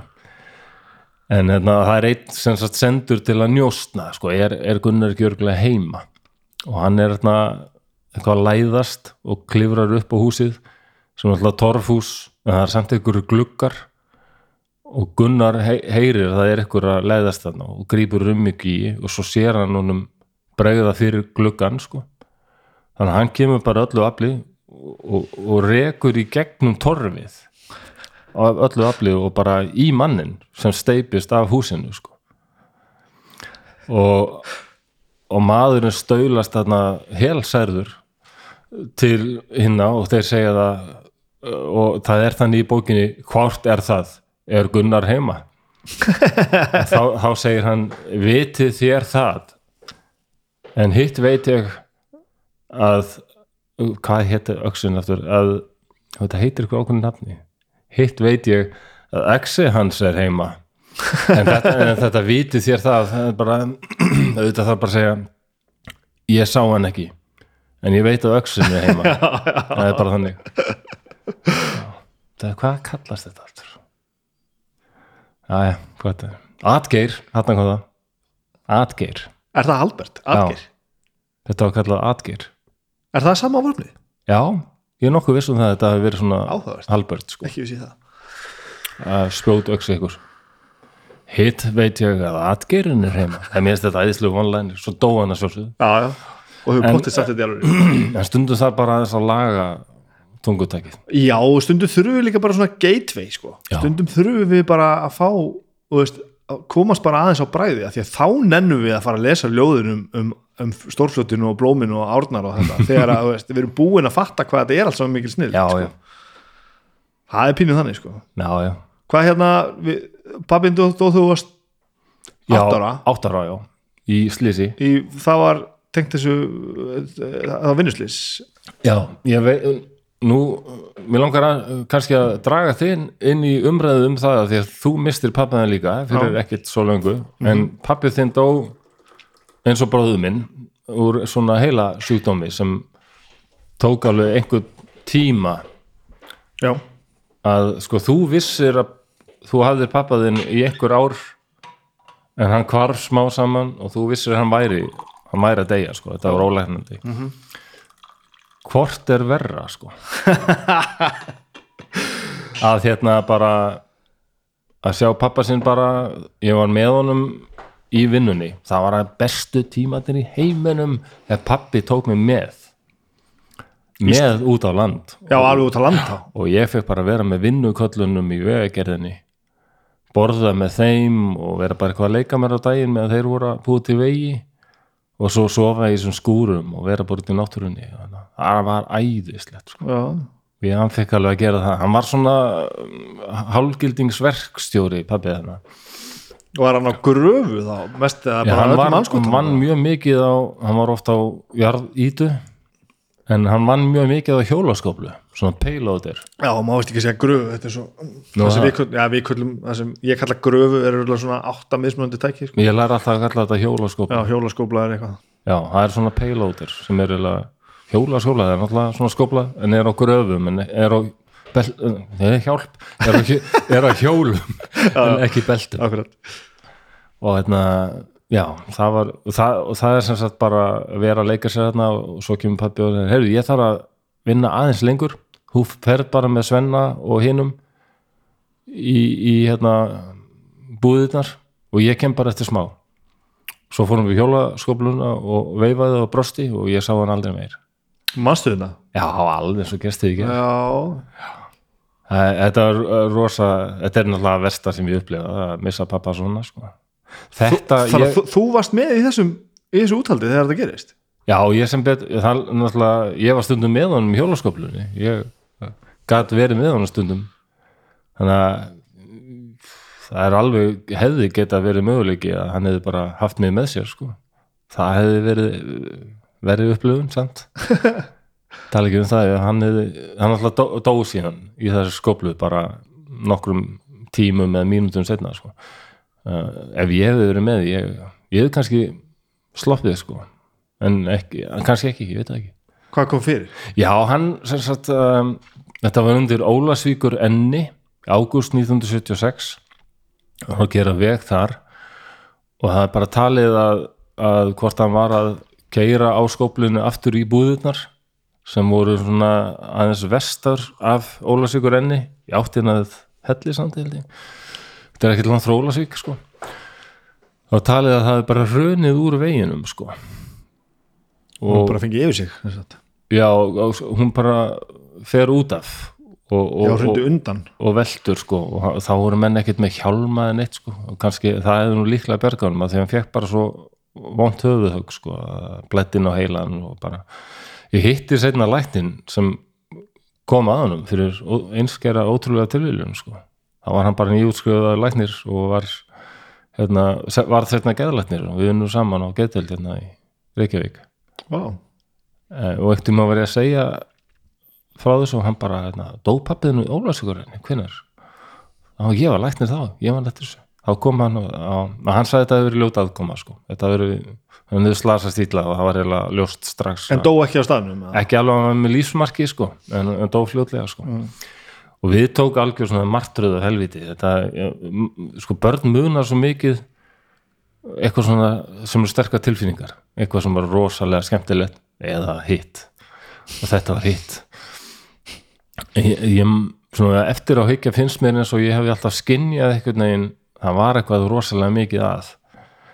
Ég man bara að það kom einn af starfsmönnum ég var að leika mér eitthvað hérna utan skúrarna kom einn og sagði, herðum, pappiðin hann hérna, rosalega held ég þetta að vera erfitt fyrir þann mann að hérna segja þetta, því hann vissi örgulega ástandi var alvarlegur en það var, en hann kom og sagði að hérna, hefðu pappiðin hann meiti sitt aldið í skóplunni, hann þarf að fara að hitta lækni, hann kemur aðeins setna já, það er kannski best þú farið bara að sofa.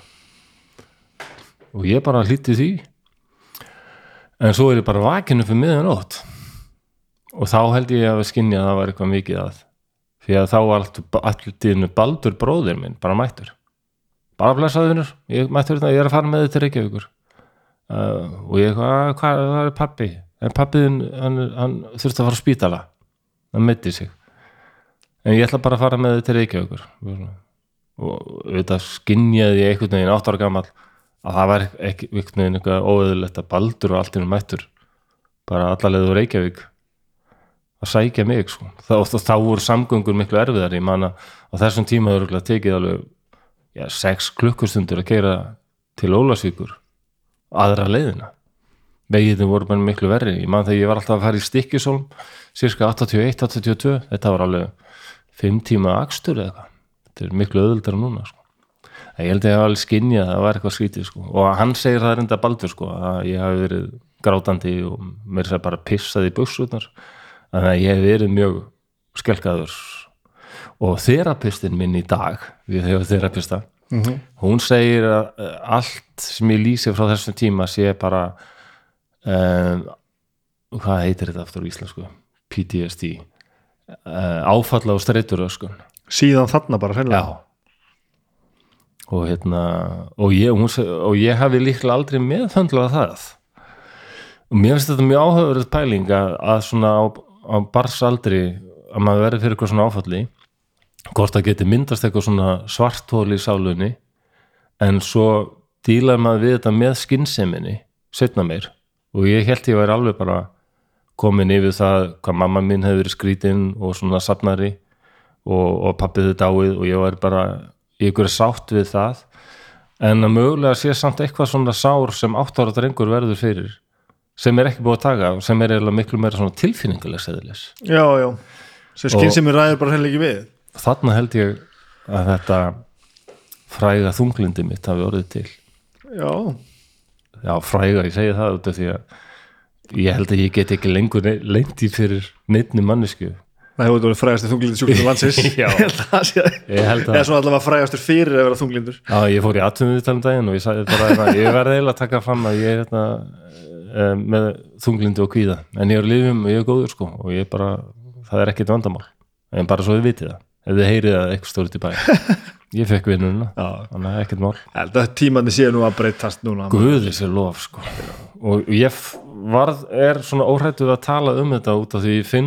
bara alltaf að það er jákvæmt já, það er orðið það sko. Já, það ég er er ekkert sem að hafi verið það fyrir Nei, nei, einhverju síðan sko. Nei en það tók mig alveg tíma að þóra að fara eitthvað að ræða þetta sko. en ég held að mér finnst þetta áhugaverð pæling að geti verið tilfinningarlegt sár hana mm. sem maður hefur ekki alveg náð að taka á sko. og þú ma- manst þetta þú manst þetta alveg svona vel?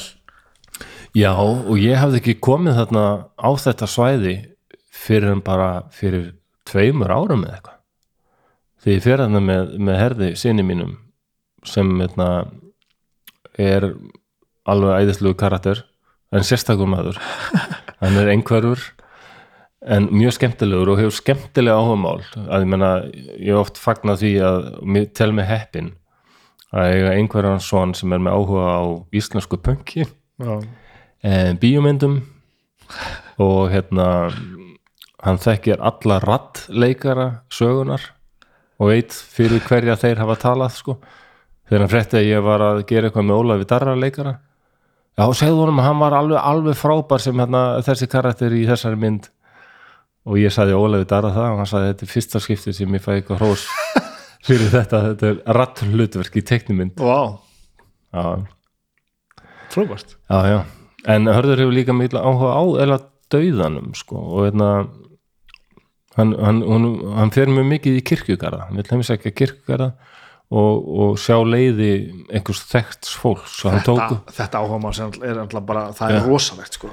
Ég, skil vel að sömu fannst það kannski, já, fólk hefur almennt tekið vel í þetta, hann tekur sér satt myndir á leggsteinum þekktra íslendinga og það er ja, ljóðskáld, yfirleitt eitthvað listafólk. Vill, en hann er ekki á bíl og hann, hann tristir aldrei aðalega á mig og mömmu sína kannski að keira sig eitthvað.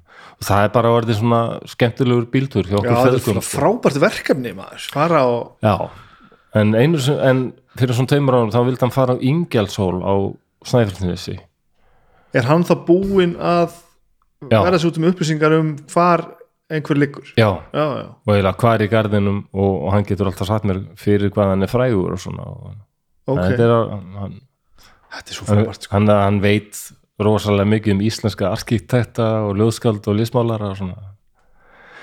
Og með það að sömur einhverjir hafa bara áhuga á okkur ákveðnum plastbrúsum utan af ykkur upptáttaefni þá finnst mér ég mjög, hepp, mjög heppin en, en því miður ég, ég var baðan bara afsökunar á þessum daginn að þegar við komum hana þá var ég bara áttaði mig á því bara þetta er staðurinn.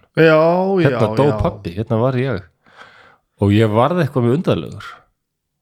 Og hann var eitthvað að tala við mig og ég bara gata ekki fókusera það sem hann sagði og ég var bara allt í nú komin aftur til 1976 og allt var þarna daldið eins og með myndi. Og það voru ennþátt að sjá hvar hérna auðveggerðin hafði haft aðsetur. Og ég, ég man eftir að hafa sko verið í, í bílnum á leiðinni frá vinnustafnum að búðunum og ég var alltaf að líta svona upp hæðina til að sjá hvort ég sæði hjólasköflun að koma keirandi á eftir okkur. Ég var mjög sko, tengdur pappa, við vorum vassalega nánir. Ég var svona enga sonur hans. Hann átti hann hafði eignast eina dóttur löngu áður sko 49 sem heitir Herdís Þorgersdóttir og er hálfsýsti mín samfeðra og hérna en svo kom ég þannig alveg næstu í 20 árum senna sko. þannig að þetta ég, þá fann ég bara, herrðu, vá það er eitthvað tilfinningar bara sem byrjuði að þyrlast upp inn í mér og ég vissi ekkit hvað var að gerast. Slæmt það bara eða bara alls konar? Já, ekki, ekki mjög undarlegar bara. Og ég bara fann rosalega undarlega tilfinningu. Hvað er þetta? Þetta, þetta situr eitthvað ennþá í mér og, og því miður þá var hörður eitthvað að tala og ég varð eitthvað svona fúll við hann sem bara, ég get ekki talað við núna. Bara, og hann greiði alltaf skildi ekki á hverju og ég, ég orðin alltaf stórfurðulegur. Og ég sagði hann og setna hvað hefði gerst bara. Og hann skildi það alveg en hann sagði bara, ég held að ég hefði sagt eitthvað og gert eitthvað rámt en, þetta, var- þarna áttaði mig á ég held að þetta hafi verið 2017 eða eitthvað svo liðis það var eitthvað ennþá þarna að pyrra mig. Ég held ég get, kannski skynnsemin lækni ekki allt þú þarft einhvern veginn að nálgast eitthvað svona áföll líka tilfinningalega sko. og byrstið mér segir mér að ég sé rosalega bældur mér það aldrei magnað. Ég held þetta að vera ofurkraftur sem ég er með að, að það er ein tilfinning sem ég finn eiginlega aldrei fyrir. Og ég get ítt henni til hliðar ef hún kemur. Það er líkamlega tilfinning. Hún heitir svengd. Já, og mér skilst að það sé ekki eðlilegt. Nei, og eiginlega ekkit jákvætt, ég held að þetta ég- var einhver superkraftar. Hættulegt held ég. Já, ég get sleppti að borða bara dögum saman. Og ef þessi svengda tilfinning kemur íti henni bara til hliðar. Ég get gert þetta líka. Er það? já, Þerapistin minn vil meina að þetta sé ykkur bæling sko. ég held að þetta væri bara eitthvað genetíst en en ég geri þetta samt sjaldnar en ég gerði. Já, ok, ég, ég veit það er náttúrulega notaði skynsefinu móti. Ég veit að þetta gerir mér ekki gott. Ég veit að ég verð allur aðeins verri sko. akkurat. en það er sama hér sko. Þannig að nota skynsemminn sko. það er ansi margt sem að ég þurfti að fara að nota skynsefinu eftir að ég egnaði spötnin sko. já, að því ég komst alveg upp með að vera svo og svo bara í lagi já, ef ég var bara einn með sjálf á mig sko, kannski bara einhverja kærustu eða eitthvað veist, Já. þá, þá bara redda ég því með því að leggja mig bara senna eða eitthvað. Já, en svo finn ég núna að ég hef komið tvö börn sem ég þarf að sinna almennilega já, eða gera mitt besta í það minnsta að einmitt, ef ég kem inn í aðstæður og ég er bara illa svofin og svangur það bara, þá virka ég bara allt í nýtt nei, það er ekki gaman þannig ég þarf að nota skynsefinu að bara fara að sofa og Já. fá mér að borða sko. mér finnst líka að börn er, börn er ekki börn neitt rosalega lengi og, það er leiðilegt að maður er eitthvað með eitthvað minningar og, og mann bara eftir sjálfum sér eitthvað pyrruðum og illa Já. já, förum að sé þetta sem þú varst að segja þetta með, hérna, með að missa fóreldri skyndilega eða, eða svona hægt? Ég, ég þegar ég og ég held, hendi bara fram sprengju, ég segi bara því ég les um fólk sem er að segja að mamma var að degja, pappi var að degja eftir langa sjúkdómslegu þá ég segi bara já, þau eru heppin. Mjög gott. Svona átt að vera. Að fá tækifæri ég myndi freka vilja greinast með sjúkdóm sem tekur mig á, já, helst einu ári, það verið frábært. Já, heldur en eitthvað svona. Tala, þess vegna er líka fyrst mér svo mikilvægt og ég hef ekkert verið góður í því ég reynir samt sko að ég hef alls ekki verið nógu góður í því en reynir samt aldrei að skilja í ítlu við fólk. Sérstaklega ekki við krakkana mína sko. Eitthvað, já, bara dagstælega menninu Já, og því maður veit ekkit hvort maður sér þessa mannesku aftur sko. það er svo svakalegt. Ég man að einu sinni rífust ég og sónum minn alveg heftalega og hann rauk á dýr þetta var eitthvað þegar hann var bara 12-13 eða eitthvað. Og ég var alltaf nú rosalega rættur sko. hvað ef hann er svo ósalega reyður og hann bara æðir fyrir bíl og eitthvað bara þannig að þetta er já þetta var ósalegt sjokk sko. Og ég, ég enn þann dag í dag þegar ég sé hérna um eitthvað svona vinnuslýs og svona einhver sem dó bara samstundis já ég fæ alveg svona stingi í hérstað sko. bara sem, þetta sem er mögulega er óuppgert sem að já ég veit að það er það bara einhver fjölskylda sem er alveg í rusli sko. Og verður í rusli lengi. Er einhver deyr svona skyndilega. En já það er einmitt þetta ef einhver er deyja svona hægt það er tækifæri til þess að að leysa úr einhverju Já, og ná ykkur svona sátt og eitthvað svona sko. sko ég, ég hef nú mist fólk frá mér á Sviplega máta, já líka sko um, ég held að þetta Er þetta ósamála mér kannski? nei, Já. nei, ég er það ekki sko sko, ef við byrjum á sem með pappa minn sko, já, að hann náttúrulega veiktist og, og var með hann eitthvað afbreyða Parkinson eða eitthvað sem leggst, laðist líka á hann eins og bara við þekkjum allt saman sko. mm, Eh, það sem er erfitt í því er að þú veist bara að þetta er alltaf leiðin í eina átt Mhm. og rosalega hægt og svo verður þetta bara á endanum svo slæmt að það er bara vont fyrir alla skilur við, og tíminn er svo langur sko. ég, veist, þetta er örugglega 15 ár sko, frá þegar, hann greindist og hann dó eh, okkar lukkaði svo að það er rosalega langt það er svolítið langt sko. þetta er náttúrulega eh, framan af náttúrulega alveg tími sem við gáttum nota með honum sko. en svo er þetta bara komið ákveðið langt og þá er ekkit eftir þú veit einhvern veginn bara svolítið að býða sko. já, Eh, okkar, allavega ég upplifði þannig að okkar lukka var svolítið það að hann fekk bara lúnamólk og dó Já. áður en að allt var orðið bara einhver svona taumlaus eind sem allir voru bara að býða eftir að myndi klárast um, ég skammast mér að segja það en eins og Óli bróður minn, hann dó úr þessu líka sko. og hann var alveg, ég held rosalega upp að hann. Við vorum mjög nánir og bara hann, af þeim persónum sem haft ykkur áhrifum í lífinu er hann bara alveg í, toppsætunum sko.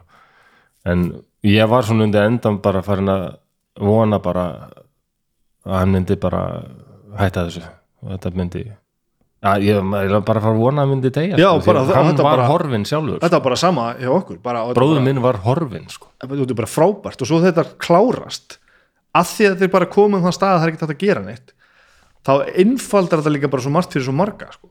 Lí, bara praktiski hlutin hvað anskotan er maður að fara í ennina heimsókninu upp á einhverja deild og þú veist, þú veist að tala við einhvern sem maður veit ekki hver þú ert.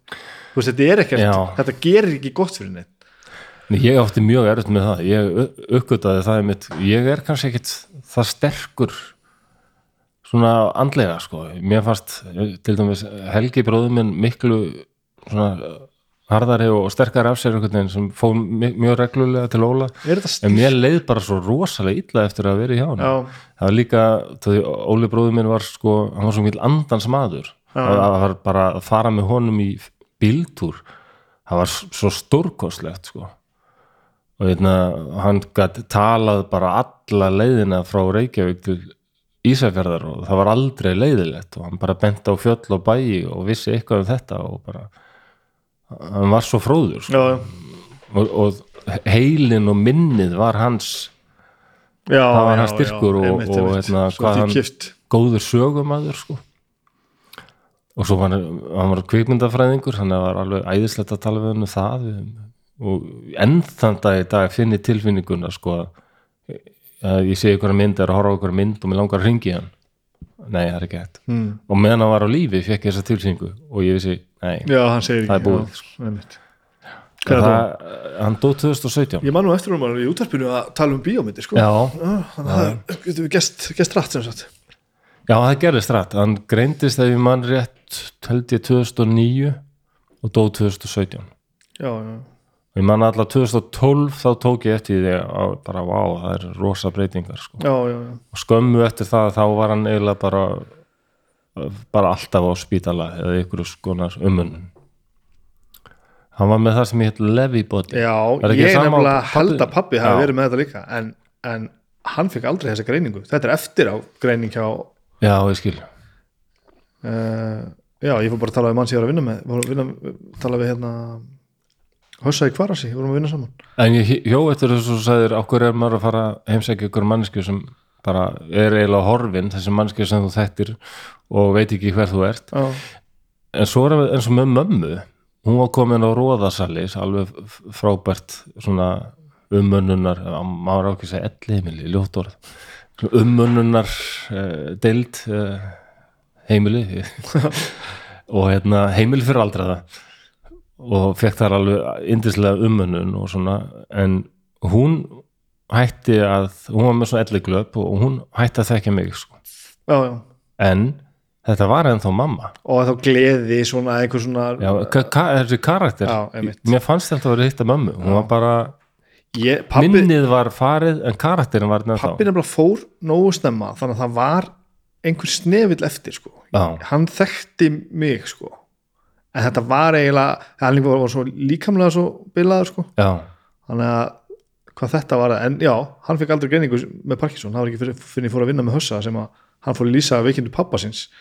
Og ég bara, ok, þetta er alveg eins og pappi sko. já, já, en svo kemur held ég ljósa að meðhundlinin er held ég alveg svo sama þannig að þetta komið út á komið út á, á tá eitt sko. já, það sem hún að segja, verra hvort er verra en sko það sem ég held að ég, ég er búin að læra gegnum hund, hund svo gattatíð og alls konar áföll og hittu þetta.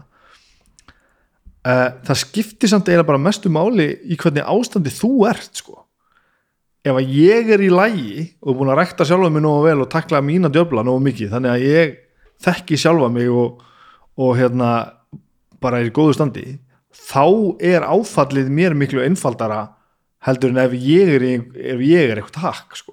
Já, já þannig að þú Já. veist, ég held að, að bera saman sko, að því ég hef nú svona í gegnum tíðin að vera svona sæmilega í lægi sko, mm og svona vitað mín svona einhvern veginn, þú veist, ég hef ekkert alltaf verið í fullkomnum standi, alls ekki.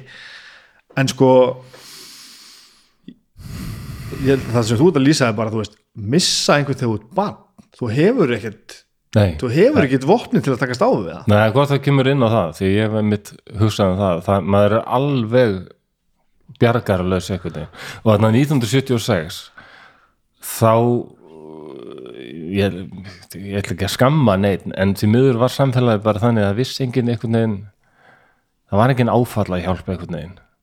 Nei, og, og það, ég upplifði það bara eina stundina var pappið hana svo var hann horfinn og enginn talaði já, um hann. það er alltaf rosalegt sko. Já, og ég varð eiginlega, ég held ég hef orðið hálf geðvíkur. já, ok, Já, Baldur bróður minn hefur sagt, hann var hrættur um það að ég væri bara verða eitthvað klikk, sko, því að ég var svolítið glatt barn og, og greinilega, þeim fannst ég vera greinilega greindur og svona með svona performer feeling, Já. sko, ég læriði lög utan að var óhrættur að, að, að syngja köttin með höttin hástöfum fyrir því alveg með stælum og svona og bara var svona, svona skemmt, skemmtunar hefur skemmtmannskildi og Baldur er alltaf sagt að bara, þú ert bara fættur skemmtikraftur. Það er bara svo augljóst. Það er bara, frá því þú byrjar að það bara, bara, þú varst í þessu að skemmta fólki. Alltaf verið skemmtilegur maður. Og en, en hann sagði en eftir pappiðin dó þá bara hættur bara að tala sagði hann.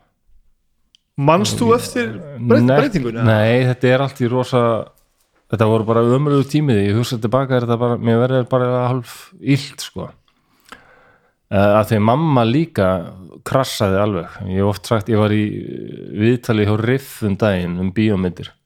Og þá verið spurður ef hvernig er þið mynd byggð á þínu lífi Flossi? og ég sagði er þið einhvers konar blandað Memento, The Babadook og Spinal Tap? Ég myndi horfa. Já, með mentó er þetta svona tilfinning alltaf hvað er ég að gera hérna hvað, ég minnst ég ekkert fitta inn einstæður, ég fatt ekkert hvað þetta fólk er að tala um og ég bara alveg og þetta babatók, það er þessi hryllingur það sem eru feð- mæðgin sem, og hún er bara um mína esku, sko, þetta babatók þegar við vorum svona, ég var klikkaður mamma var geðið líka á því að missa pappa, við vorum bæði tvöð þarna ein og um ekki mamma þurfti að fara horfa fram á það að fara að vinna meira og dílaði ykkur að jarðaföður og ykkur að slísabætur og að erfingja og svona og bara og hún reið ekkert við þetta greið og, og vannrækti mig svakalega þessum tíma það er bara verður að segjast, hún, hún stóð sér ekki í stikkinu en ég er lungu búin að fyrirgefinu það en hún hérna þerapistin hefur dálítið kent mér að segja það sko, hún var fullorðin einstaklingur sko. þú mátt ekki afsaka hana of mikið Meni. það, það er alveg svart á hvítu hún brást sko. en ég, ég skil það vel ég, þetta var bara óbúðslega áfall en ég var alveg vannræktur sko. en annars sýsti mín stíðat aldrei mikið inn og reyndi hvað hún gat samt taka mig til sín og svona var næstu þá bara svo songur og, og, og já, friðin ég, já, já það, er, ég, oft því ég fóðst í löndu það fyrsta sem hún byrjaði var bara að fara með mig í klippingu sko, og, Já, já, já. og þrýfa fötin sem ég er í ja. ég er ekkert búin að busta tennurnar í viku sko, já, þannig að krakkarnir ég hef hitt sko, skólasískinu mín frá þessum tíma sko. þau hafa minnst á þetta sko. Marja sem var með mér í Beck ég var svona áttara hún, hún sagði ég satt alltaf fyrir aftaði ég man að þú varst svo oft í peysu og það var stórt gat á peysunni ég, við vorum alltaf að bara, hvað er henni í þessari götótti peysu Já. og bara mamma setti mig í þetta og var ekkert að pæla í þessu sko. en Anna sýstir kom inn í þetta og svona keifta mig föt og þannig að það ég hef alveg átt góða að ég alveg fyrir það. Mm. og hérna, þóttu þessu hálsískinni mín þá hef ég síðan og ég var einhvern veginn að hugsa mér á Arsenal það eiga bara einhver hálsískinni okkur getur þetta ekki verið bara svart og hvítu, bara pappi, mamma og svo erum við hérna fjögur allsískinni en svo er ég alveg kynst fjölskyldum sem eru þannig og það er allt í hersand og bara sískinni sem tala ekki saman og hata hvort annað og bara, nei, þá er ég nú bara frekar sáttur. Þetta snýst nú meira um, um eitt samskipti fólks og, og almenna líðan heldur nákvæmlega samsetningu fólksins sko. Já, nákvæmlega. Ég til dæmis fagna alltaf að maður sér alltaf fleiri og fleiri dæmi þess að fólk á okkar aldrei er að slíta samböndum sínum í góðu.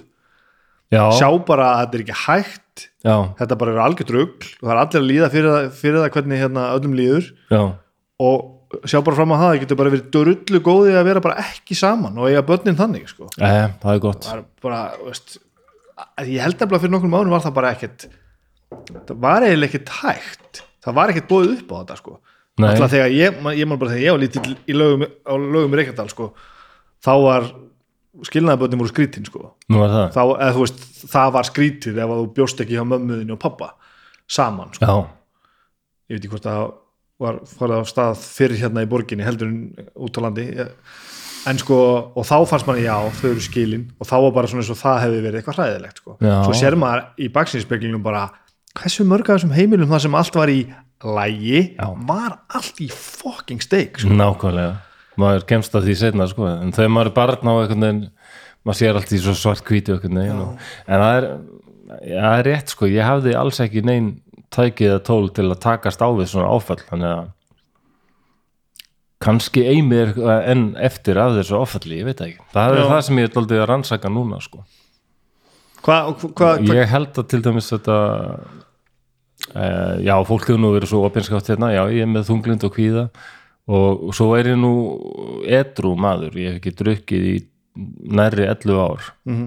en það var nú eiginlega, og ég hef alltaf verið með sólgin í áfengi var það að bara frá því mann eftir mér og svo setna í önnur efni sérstaklega fannst mér amfetamin alveg bara dásanlegt efni amfetamin og áfengi en ég held að ég held að margir S.A. og ámenn verði kannski reyðir út í mig núna því ég held að ég áfengið ég hafi notað það sem lif Mm. það var eitthvað fyrir sem fekk mig til að verða sólgin í þessi já, efni ég skilji það, og í rauninni held ég að áfengið hafi bara þegar ég kynntist því bara 12 ára eitthvað 11-12 ára þá hafi ég bara fundið þarna er, er að komið, þetta getur hjálpað mér. Vanlíðanir var svo rosaleg. Allir fullorðnir í kringum mig bara þögðu, ég var ekki tján einu sálfræðingi eða neitt. Og bara pappið var bara horfinu og svona hefði aldrei til og þetta var bara hryllingur veginn 8, 9, 10 ára gammal strákur bara. Allt innu er bara svona kaldur raunveruleiki heimsins bara dömpað á mann sko og hérna, það er rosa áfall og, allt, man, mann líður hæðilega Mm. og veit ekkit hvað er í gangi. Og þá fann mér þetta áfengi og það kemur bara svona deyfing og svona sæla, þægileg tilfinning. Hann er þetta komið sko. Já, auðvitað leita maður þetta. Já, þannig ég held að viljum menn taka á áfengis og fíknirna vandamáli, bara laga kannski þetta svartól sem er í fólki já þetta finnst ég að nefnda sko, kannski verið einhverju reyðir sko. þetta að er svo heilag umræða já, það er er aldrei S.A. svo ég bara segi það beint út, ég er tilbúin það kann slaga ef einhverju S.A. menn verða brjálæðir það er svona einhver, hefur verið lengi einhver svona trú að áfengi sé sjúkdómur og ég, ég, það getur vel verið að sé það í einhverju tilviki ég er bara handið sem er mín tilviki þá er ég sko þunglindis og kvíðasjúklingur sem var fyrir áfallega sko sem notaði áfengi og fíknefni sem deyfi, mm -hmm. sko. Já, um, ég er eh, en, en það er þessi trú að áfengi sjúklingar séu öðruvísi líkamlega heldur en aðrir að þegar áfengi fer inn í alkoholista þá verði ykkur breytingar og þess vegna verði svona háðir þessu það, það er kenningin, S.A.A. kenningin. Þetta sé svona sjúkdómur í raun sko. Líkamlegur líka sko. E, pff, getur vel verið ég ætla ekki að segja það, en í mínu tilviki nei, ég er bara alveg handið sem já, ég er ekkert vissum að ég hef orðið só, sóst svona mikið áfengið þessi etni sko ef ég hef ekki orðið fyrir þessu áhalli ég er ekkert vissum það. En og svo bara en mér þykir samt vantum blessað áfengið. Það reyndist mér það rey, og, og, og, og, og spýttið líka. Já, það reyndist mér bara vel á tímum sem ég hafði ekkert annað. Já. Það bara, og ég, nei ég lík því. Það var einn annar hlutur sem á stóran þátt í finnst mér að hafa bjargað mínu og það er, ég sé hérna gítar upp á veggja þér, það er tónlist. Já, já. en þetta er alltaf svo blanda, tónlist, áfengi. Þessi tónlist líka ég held nefnilega, og ég rætti af því þerapista minn, að ég held að ég hafi next að pönki, þungarokki, eitthvað svona hörðu, grimmu og varð fljótt ofsalega hrifin af hryllingsmyndum. Ekki síst til að takast aðeins á við þetta svartól Já. sem vondur tilfinningar. Einhverja hluta vegna. Þá leið mér betur eh, því harðar sem tónlistin var hún skapaði meiri vel, velíðan bara hjá mér. Og já, mér finnst það líklegt að það sé eitthvað tengt, tengt þessu sko. Mm.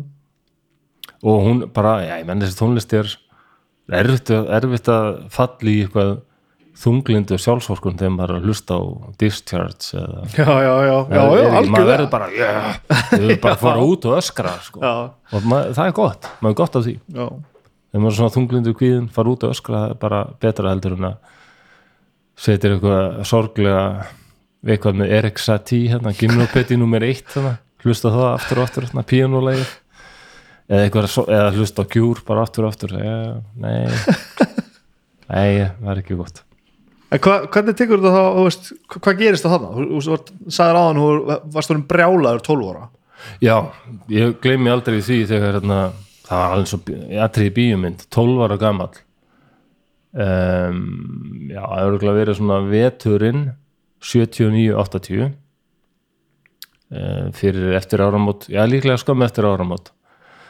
Að þá er ég niður á lauruglustöð bara 12 að verða 13 og það, það er lauruglumæður að taka með fingrafur og svo bara ég veist um að taka fingraför og ég held núna að þetta hafi verið eitthvað svona sjokktaktík hjá löggunni í Kópavogi. Já, já, ok. því að Þetta ég er held að bannað. Jú, ég, ég er náttúrulega langt undir sko Já. lögaldri. Ég held þér hafi verið að hræða með eitthvað. Því ég man að löggan hann var að taka með fingraför og ég kannski séð að ég var hrættur og hann, var, og hann hélt svona ræðu sko, ég sé svo marga góða menn flósi sem það var svo mikið spunnið í þá sem fóru þessa leiði sem þú ert núna byrjuður að feta. Því að þá hefði ég sko verið tekin á löggunni þá höfðum við nokkrir brotist inn í hús sem tilhörið vinnuskóla Kópavóks og við höfum skemmt þar uh, vandaliserað og við höfum líka látið greipar sópa uh, við vorum daldið að stela úr búðum og við höfum eiginlega tekið þetta hús og breytti í okkar félagsmiðstöð og voru engar félagsmiðstöð hústökumenn bara. já, það var ekki neitt fyrir krakka við hengum á skiptistöðun í Kópaví menn ekki gáttum við hengið heima hjá okkur eitthvað, eitthvað. þannig að var ekkit vorum mann hvort að labba bara úti eða eitthvað eða hérna, það var engin staður þannig að þegar skiptistöðun kom og svona undirgöng þar, það var bara tilvalið að hanga þar Já. Og sé myndir og myndbönd hana. Já, já. Legendary staður. Náttúrulega. Það var ekki fyrir en þarna early 80s, byrjun nýjunda áratagar nei, tíunda áratagar Nýna. nýjunda, akkurat að þá þetta er einhverju hug, kannski var ágætt að hafa svona félagsmiðstöðar fyrir ungt fólk. Já, einmitt, þú heldur það. Hvort að fólk get ekki í hug löngu fyrir hangi, maður hangi einhverjum sjoppum eða eitthvað svona trögl sko. En nú erum við að koma einhverju sem ég ætlum að vissi ekki. Varstu, Ok. varstu bara vandraðálingur? já, ég var farin að skemma hluti og svona byrjaði að stela úr búðum og Þetta hafði ég ætlum að ekki hugmyndum. Nei, ég var farin líka að hanga með öðrum sem voru í siðbum fíling sko.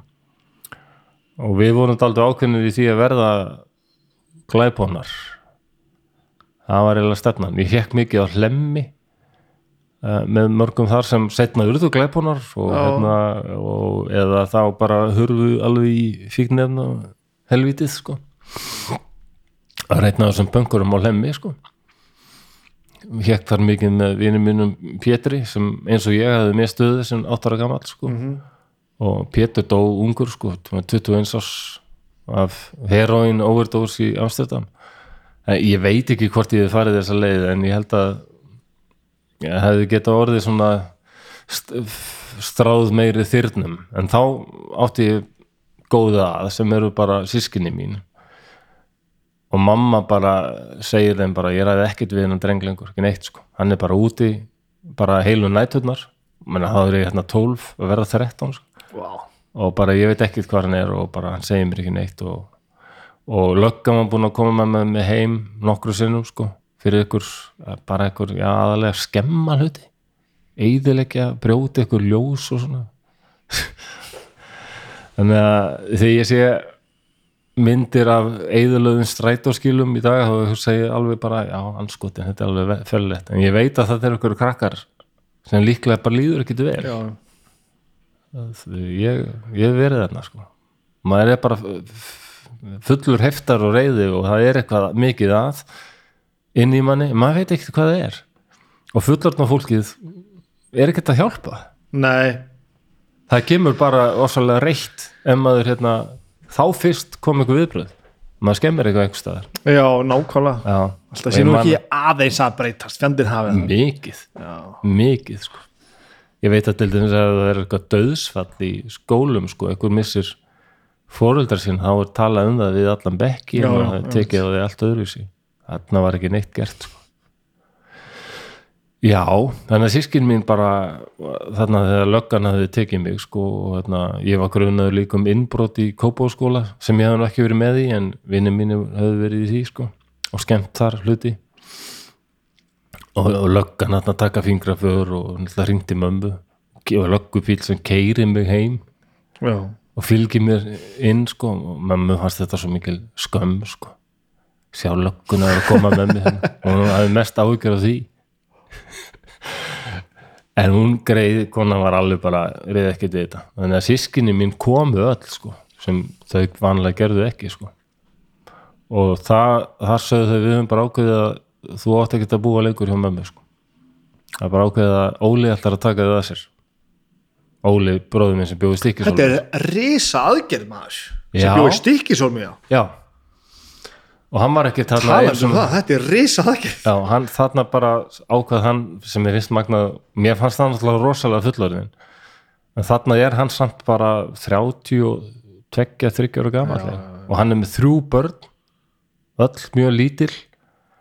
Uh, og hann og konas voru vinna sem kennarar í stikisólmi það var ekkert eins og þau hefðu mikil fjárráð, það var svona þá var hann kona Signý Pálsdóttir sem er nú lengi verið svona í menningar akkurat, já, málum fyrir Reykjavíkuborg og listaháttið svona, indislega kona sem bara gerðist svona mín fósturmóðir hérna. Já, tóku mig hérna inn í fjölskylduna. Ég var bara fjórða barnið þarna. Það finnst mér, ég sé það núna þetta var bara mikil, mikil skref en þau sáu bara að þetta stemdi allt í óefni sko. og hvernig, hvernig tókst þú þessu þarna? Æ Já, það er góð spurning Mér fannst þetta að vissuleiti allt í lagi bara Ég var alveg tilbúin að, til ég að prófa þetta ok, en mér leist ekki að bleikuna því ég komst að því að ég fekk ekki að ráða mér sjálfur og vera bara úti eins lengi ég, ég vildi hafið þá aldrei hafið þá ekki verið neinn neitt drammið sem Nei. varst, það er ekki þannig að það hafi verið að brótast út úr honum heldur það var bara ekkert það var ekki neitt sko. Já. mamma var alveg, hún var náttúrulega líklega ennþá bara mjög þreytt og ónýtt eftir þetta fráfall pappa -hmm. og bara já en þarna er ég komið til Óla bróður sko. það var eitthvað það, var, ég komst fljóta að því þarna voru þetta var hryllingsvist ég þurfti að læra heima og bara sína fram á það og ég mátti ekki vera úti nema til bara eitthvað nýju eða tíu kvöldin varst í stikksólmi? já og krakka þarna fannst mér algjöru lúðar sko öll í einhverjum íþróttum og þú mun að hlemmi já, já. Og ég var í svona hermanni jakka sem var allur útkrótaður það stóð bara Crash og Sex Pistols og The Clash eða eitthvað aftur og hann hvarf á grunnsanlegan hátt. Og Óli bara tekið hann og, og honum. Tjóð stælar. Það átti bara að reynsa allt sem myndi á hennan gamla flosa og bara ok, já, já, og ég hérna já, já, og svo eftir kvöldmatinn þá var ég sjálfur að ganga frá disnum mínum og mér að taka þátt í að vaska upp. Þetta er alveg ömulegt maður. Kom- komin þessi rammi skilur, ok. Já. Sem náttúrulega eftir að hyggja var alveg frábært. Og hvernig fór þetta? Já, ég reyndi eitthvað að streytast á móti en ég bar svo mikla virðingu fyrir Óla bróður og hann var líka hann var, þegar hann var strángur þá var hann strángur hann var með brúnu augun en að mömmu og hann gæti alveg gert kalluð upp þetta baskablóðu eitthvað og maður bara, ok, ég fer ekkert að messa við þennan gaur sko. svo var hann bara vel máli farinn og gæti notað skynnsemina vel og talað mig til og bara og ég bar mikla, mikla virðingu fyrir honum líka. Þannig ég hlýt honum. Ég, ég gerði það hann læknaði mig að myrkvælni ég var svo myrkvælin maður alveg. Eftir að pappi dó þarna, þetta var bara mamma trublaðist aldrei og fór mikið bara út að dansa í reyfilshúsinu. Þannig heilu kvöldin var ég bara einn og ég minnist þess að hafa verið að ringja í reyfilshúsið. Þannig að get ég náð sambandi við konu sem er hérna, nei vinnu minn, það er nú ekki hægt. Við bjóðum ekki upp á þá þjónustu. Já, að vita hvort hún fær ekki að koma heim og svona. Já, það var það var aldrei svona nötulegt allt, sko. En hún, já, því miður hún vannrækti mitt aldrei, en það gerði Óli bróðir ekki sko. og hann læknaði mig að myrkfælni. Ég fekk mitt sér herbyggi hjá þeim samt þau bygguðu svona kennarabústað. Ég fekk sér herbyggi en það verið kellaranum og hliðin á tveimur geims, geimslum sem voru óðalega óhugnarlegar eitthvað. Og það er vindasamt í stíkisólmi og þetta hús við hliðin á skólanum var eh, upp á hæð þannig að það nætti oft mikið um húsið og svona þessi söngur sem er svona hinn eini sanni íslenski þóðsöngur þetta gnauðið í myndinum og ég heyrði það oft og var óhættur og ég svaf alltaf með ljósið kveikt sko. og eða Óli komst á því þá sagði hann bara þú er að hætta þessu. En hann var ekkit, hann tók ekki þá aðferða bara ég skipa þér að gera þetta ekki heldur sagði mér sko að þetta er gamalt hús sko, mikill viður í þessu og það er langt síðan hefur verið farið yfir rammagnið og, og það hefur verið sagt sko að ef það er skilið eftir kveik, ljós kveikt hérna þá er alveg stórhætt á því að geti kviknað í sko.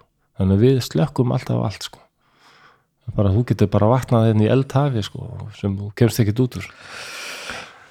Þannig að hann læknaði myrkfæluna með, með, með Já, brunafælni hann gaf mér hérna tvo kosti. Annarkvort sefur í myrkri og þarft kannski mögulega að díla við ykkur að drauga. Eða þú sefur með ljósu kveitt og þarft að díla við eld. Og ég svona hugsaði málið að fattaði það að það er nú kannski eftir að ná meiri það er kannski auðvöldar að díla við drauga heldur en eld. Já, ég veit að eldur hlustar ekki um neinn rauk. Og er líka til alveg Já, og öruglega er alveg til. Og ég fundi fyrir honum, veit hvað hann gerir sko.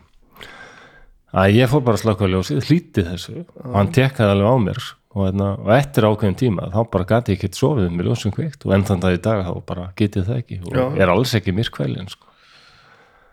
alls ekki þetta eru hörku maður Já, hann frábær kall sko. setna notaði þetta á börnin mín líka sko. að hérna þau voru eitthvað, "Nei, ég er hrætti ég er í myrkrinu, þá sagði þið um það að það væri til brjálaðir menn með nýfa sem ættu um hverfin og vildu drepa lítil börn á nóttunni. En það er miklu öðuldar að felast fela sig fyrir þeim það er slögt ljósið sko. þú veist með kveikt ljósið þá finna þeir þið strax. Þetta ætla ég aldrei að segja við bönni mín. Nei, mamma þeirra, hún, hún helga mamma þeirra var nátt en var sett ekki réttar uppeldisæður en þau, allavega eru þau ekki myrkvælin í dag. Nei, í það minnsta. En sérstaklega sonum minn hefur svona oft sett spurningamerki við uppeldisaðfyrirnar, hann var nú bara að rifið þau upp nýlega. Þegar ég let hann horfa á mynd sem heitir Brain Dead hérna eftir Peter Jackson. Aha. þegar hann var svona 8 ára eða 7 ára eða eitthvað. Og ég hefði sagt hann að þetta væri bara mjög fyndin og skemmtileg mynd. En þá var síðan maður þar sem var með að drepa ósalega mikið af svona uppvakningum með sláttuði Já, það var mikið svona blóð og gór og, og herði fannst þetta ekki skemmtilegt. Og ég skildi ekki til því að barnið hefði ekki gaman að þess að ég veit ekki hvort ég hef verið alveg snildar pappi í gennum tíðina. En ég hef lofað þeim því að ég verði frábær afi. Já. Ég held að ég sé miklu meiri afa típa heldur og það mögulega að fari bara eitthvað pínu brenglaður inn í, inn í jobbið að vera pappið já, gott, þú kemur á því, auðvitað. Hvað rætti ég að hafa lært þetta menna, ég keitti mér hún er til bad taste þessi mynd ekki, jú, Ekki- já, bad ekki- taste. Já, alveg rétt. Og var eitthvað í heilanum á mig sem bara Já, eða bara teist eða já, þetta er ekki fyrsta myndin heldur þar næsta. Já, ok, ok, það er kannski er þetta bara Já, ok, þetta er já. allavega ekki Lord of the Rings. Nei, nei, nei, nei, nei. En það getur verið. Mér fannst erfitt að verða pappi sko. Já, og, og fyrsta barnið mitt, hann hörður var lítið spes, uh, einhverfur sko. og veitna, þetta var bara alls ekkert eins og ég átti vona á hvað ertu gamall þegar 24 ára. Og það fylgir engin manual með börnum. Nei, ég er að komast að því. Nei, ég kefti við þóttavölum daginn. Það var bara rosa manuál sem bara leiði mann í gegnum og allt sem maður kaupir bara hversum lítið tæki sem það er, rosa manuál en með börn, nei, það er samt fullt af fólki sem vill vel vandamáli er það fólk. Það segir ekki endilega alltaf það sama. Það er langbest með börn að gera þetta og þetta. Svo kemur ykkur annar sem segir eitthvað allt annað. Að, Svo er nú eitt sem maður læri líka að manuallin sem hefur býrðið til já, smátt og smátt með fyrsta barninu hann virkar ekki að barninu með tvö. Einmitt. Þannig að þetta er, þetta er ómögulegt. Já, þetta er aldrei bara learn by doing, það ekki? Jó, ég, þú veist við erum bara misgóðið þessu náttúrulega líka en, en ég þarf til dæmis að leggja mig mjög mikið fram við þetta. Já, og þetta hendar mér ekkert alltaf vel sko. Bökum aðeins, hérna þú, þú eignast hús 24 ára já, og við hoppuðum eiginlega yfir frá stikkisólmi sko. Já, já, ok. Hvað hérna hvað ertu lengi á stikkisólmi? Já, ég kom inn í Stikkisólm hérna 1981 og ég er þar nú bara í svona eitt og halvt ár. Því að þá ákveður Óli bróðir að flytja til Akureyrar og, og ég að koma með. En þá var sýsti minn flutt til Akureyrar og hún var búin að kaupa hús. Hún hafði miklu meira pláss heldur en Óli og Signý myndu hafa þannig á Akureyri. Þannig að þá var planið að nú væri komið að önnu systur að passa upp á þennan vandara kall vandara strák og ég veit ekki alveg hvað gerðist en ég allavega fór sumarið 82 og var alveg um tíma hjá önnu systur. En um á Akureyri? já. Ég var nú ekkit óaf spenntu fyrir því einhvern veginn. Ok, hún var, hún var líka, mér fannst ég vera daldi mikil byrði einhvern veginn, hún var með þrjár dætur sem voru svona ýmsuleiti daldi krefjandi og bara þetta þau voru daldi svona ég hef búin að kaupa þetta hús og, og að fara að sta- standa í því að gera það upp en hefði ekkert mikil fjárráð og svona og ég var aðeins, aðeins eldri og átt að mig á þessu að ég væri mér fannst þið vera meiri aðskota hlutur svona. Og þannig 14, 14 ég var ekkert eins spenntur fyrir akkurir eins og stikkisólmi mér fannst alveg ágætt að vera stikkisólmi sko. og kynntist alveg kynntist strák þar sem kynnti mig fyrir þau Ramones almennilega og svona það sem merkilegt nokki eða ekkert kynst eitt rosalega henni í pönginu ég var allur í Sex Pistols og svona sko. Klass og Sjám Sýstin Ægins en Ramones hefði aldrei farið undir ratarinn það kom eða ekki fyrir ég var svona 13 ára. Breitlands megin hann að veist. Já, algjörlega. Og hann kynnti mig líka alltaf fyrir þungarokki sko, tíma. Ég fór aðeins þá að fíla þungarokk sko. Mm. en þá var punk og þungarokk algjörður anstæður sko. Já, það voru en já, mér lest ekki ekki þú að svendu fyrir að fara til Akureyrar og einhver hluta vegna var ég hérna um höstuð bara komin aftur til mömmu í Kópavóin sko. og mér skilst að hún hafi líka uh, verið orðin eitthvað ósátt við þetta vildi eiginlega fara að fá mig aftur sko. En varst þú komin á betri stað þarna? Varstu orðið slakkar en þú varst? Það var alveg búið að ala mitt aldrei upp sko, já ég held það. Ég held það nú alveg sko. Og ég veit ekki, ég hef aldrei einhvern veginn spurt önnu sýstur nákvæmlega að því sko, en einhver hluta vegna held ég að ég hafi kannski viljað fara aftur til Reykjavíkur og, og mamma viljað fá mig. Allavega var það úr og ég kom aftur þangað. En það var já þá var náttúrulega búið alveg með daldið upp í betri siðum og svona. Og þá sá ég enn skýrar hvað mamma var ekki alveg í lægi til dæmis afstæða hennar til hreinlætis og, og húshalds. Og okkur lendir rosa saman út af því sko. Hún að sapna þessu helvíti strasli alveg bara þannig að samband okkar versnaði ég fekk bara þarna herbyrgi og ég var bara þar og ég held því hreinu og fínu og svona. Já já. Er samt alveg til í að vera þarna frekar en að, eða kannski, já, þú kannski veist Já, ég, ég er ekki viss sko. Ég er alltaf okkur ákveðni vinir kannski úrkópaði sem ég saknaði líka og svona, saknaði Já, þess að vera í Reykjavík líka þar sem voru tónleikar og svoleiði sko. Ég var aldrei duglegur að fara tónleika hérna alveg bara 12-13 ára. Þá voru hljómsveitinni svo fræblarnir og, og því miður sá ég aldrei purkbylnik en fræblarnir utangarsmenn uh, þeir tappi tíkaras, vombriði allar þessar hljómsveitir. Um, það var ekkit aldurstakmark. Nei, þeir, þeir spiluðu svo ofta á einhverjum stöðum þar sem voru ekki vinnvitingar já, þannig að við komumst alveg inn. Þess vegna finnst mér þetta svo leiðilegt eins og þetta er núna já, að krakkar það er svo erfitt fyrir marga krakkar sem er löngu farin að hlusta á ég meina skálmöld og ham og, og dimmu eða bara hvort það er kæla mikla eða skelkur í ringu eða fullt af fráfærum böndum. En komast ekki inn út af því að það er aldurstakmark sko. já, við höfum nú gert þetta bara Já, með- ég veit að þið hafi verið með svona all ages en, en það er ekkit allir sem gera það. Nei, endur það bara auðvitað vesinn, sko, en, en, það er, en það er allavega fyrir okkur ekki, þetta er ekki bara manngæska og, og greiðastarsemi, sko, þetta er, þetta, er, þetta er líka alveg gáfulegt, sko, já, já, það er það. Ef þetta er rétt gert, bæði bara að fá fleiri á tónleika og svo líka bara, þú veist, þú veit alveg að krakkarnir hlusti, sko, krakkarnir verða fullöndun einhvern tíma. Já, mér finnst það að minga þetta nýri átjón sko, að minnsta kost Já, já, algjörlega. Þessi krakkar er ekki að fara á tónleika til þess að komast á barinn Nei, nefnilega ekki sko, Nei. það er bara nákvæmlega þannig sko, en það er líka fleiri og fleiri þú veist, við hefum gert þetta bæði á gögnum og, og hattinum og alls konar, það skiljið allir Já, já. það er ekkert mála bara, þú veist, starri, starri gerir þetta fyrir hálft orð, hann bara kaupi snakk og, og loka barnum sko, það er ekkert mál. Já, já, og það er bara glæsilegt sko. Já, það er náttúrulega mjög gott sko. Mættu kannski fleiri gera þetta.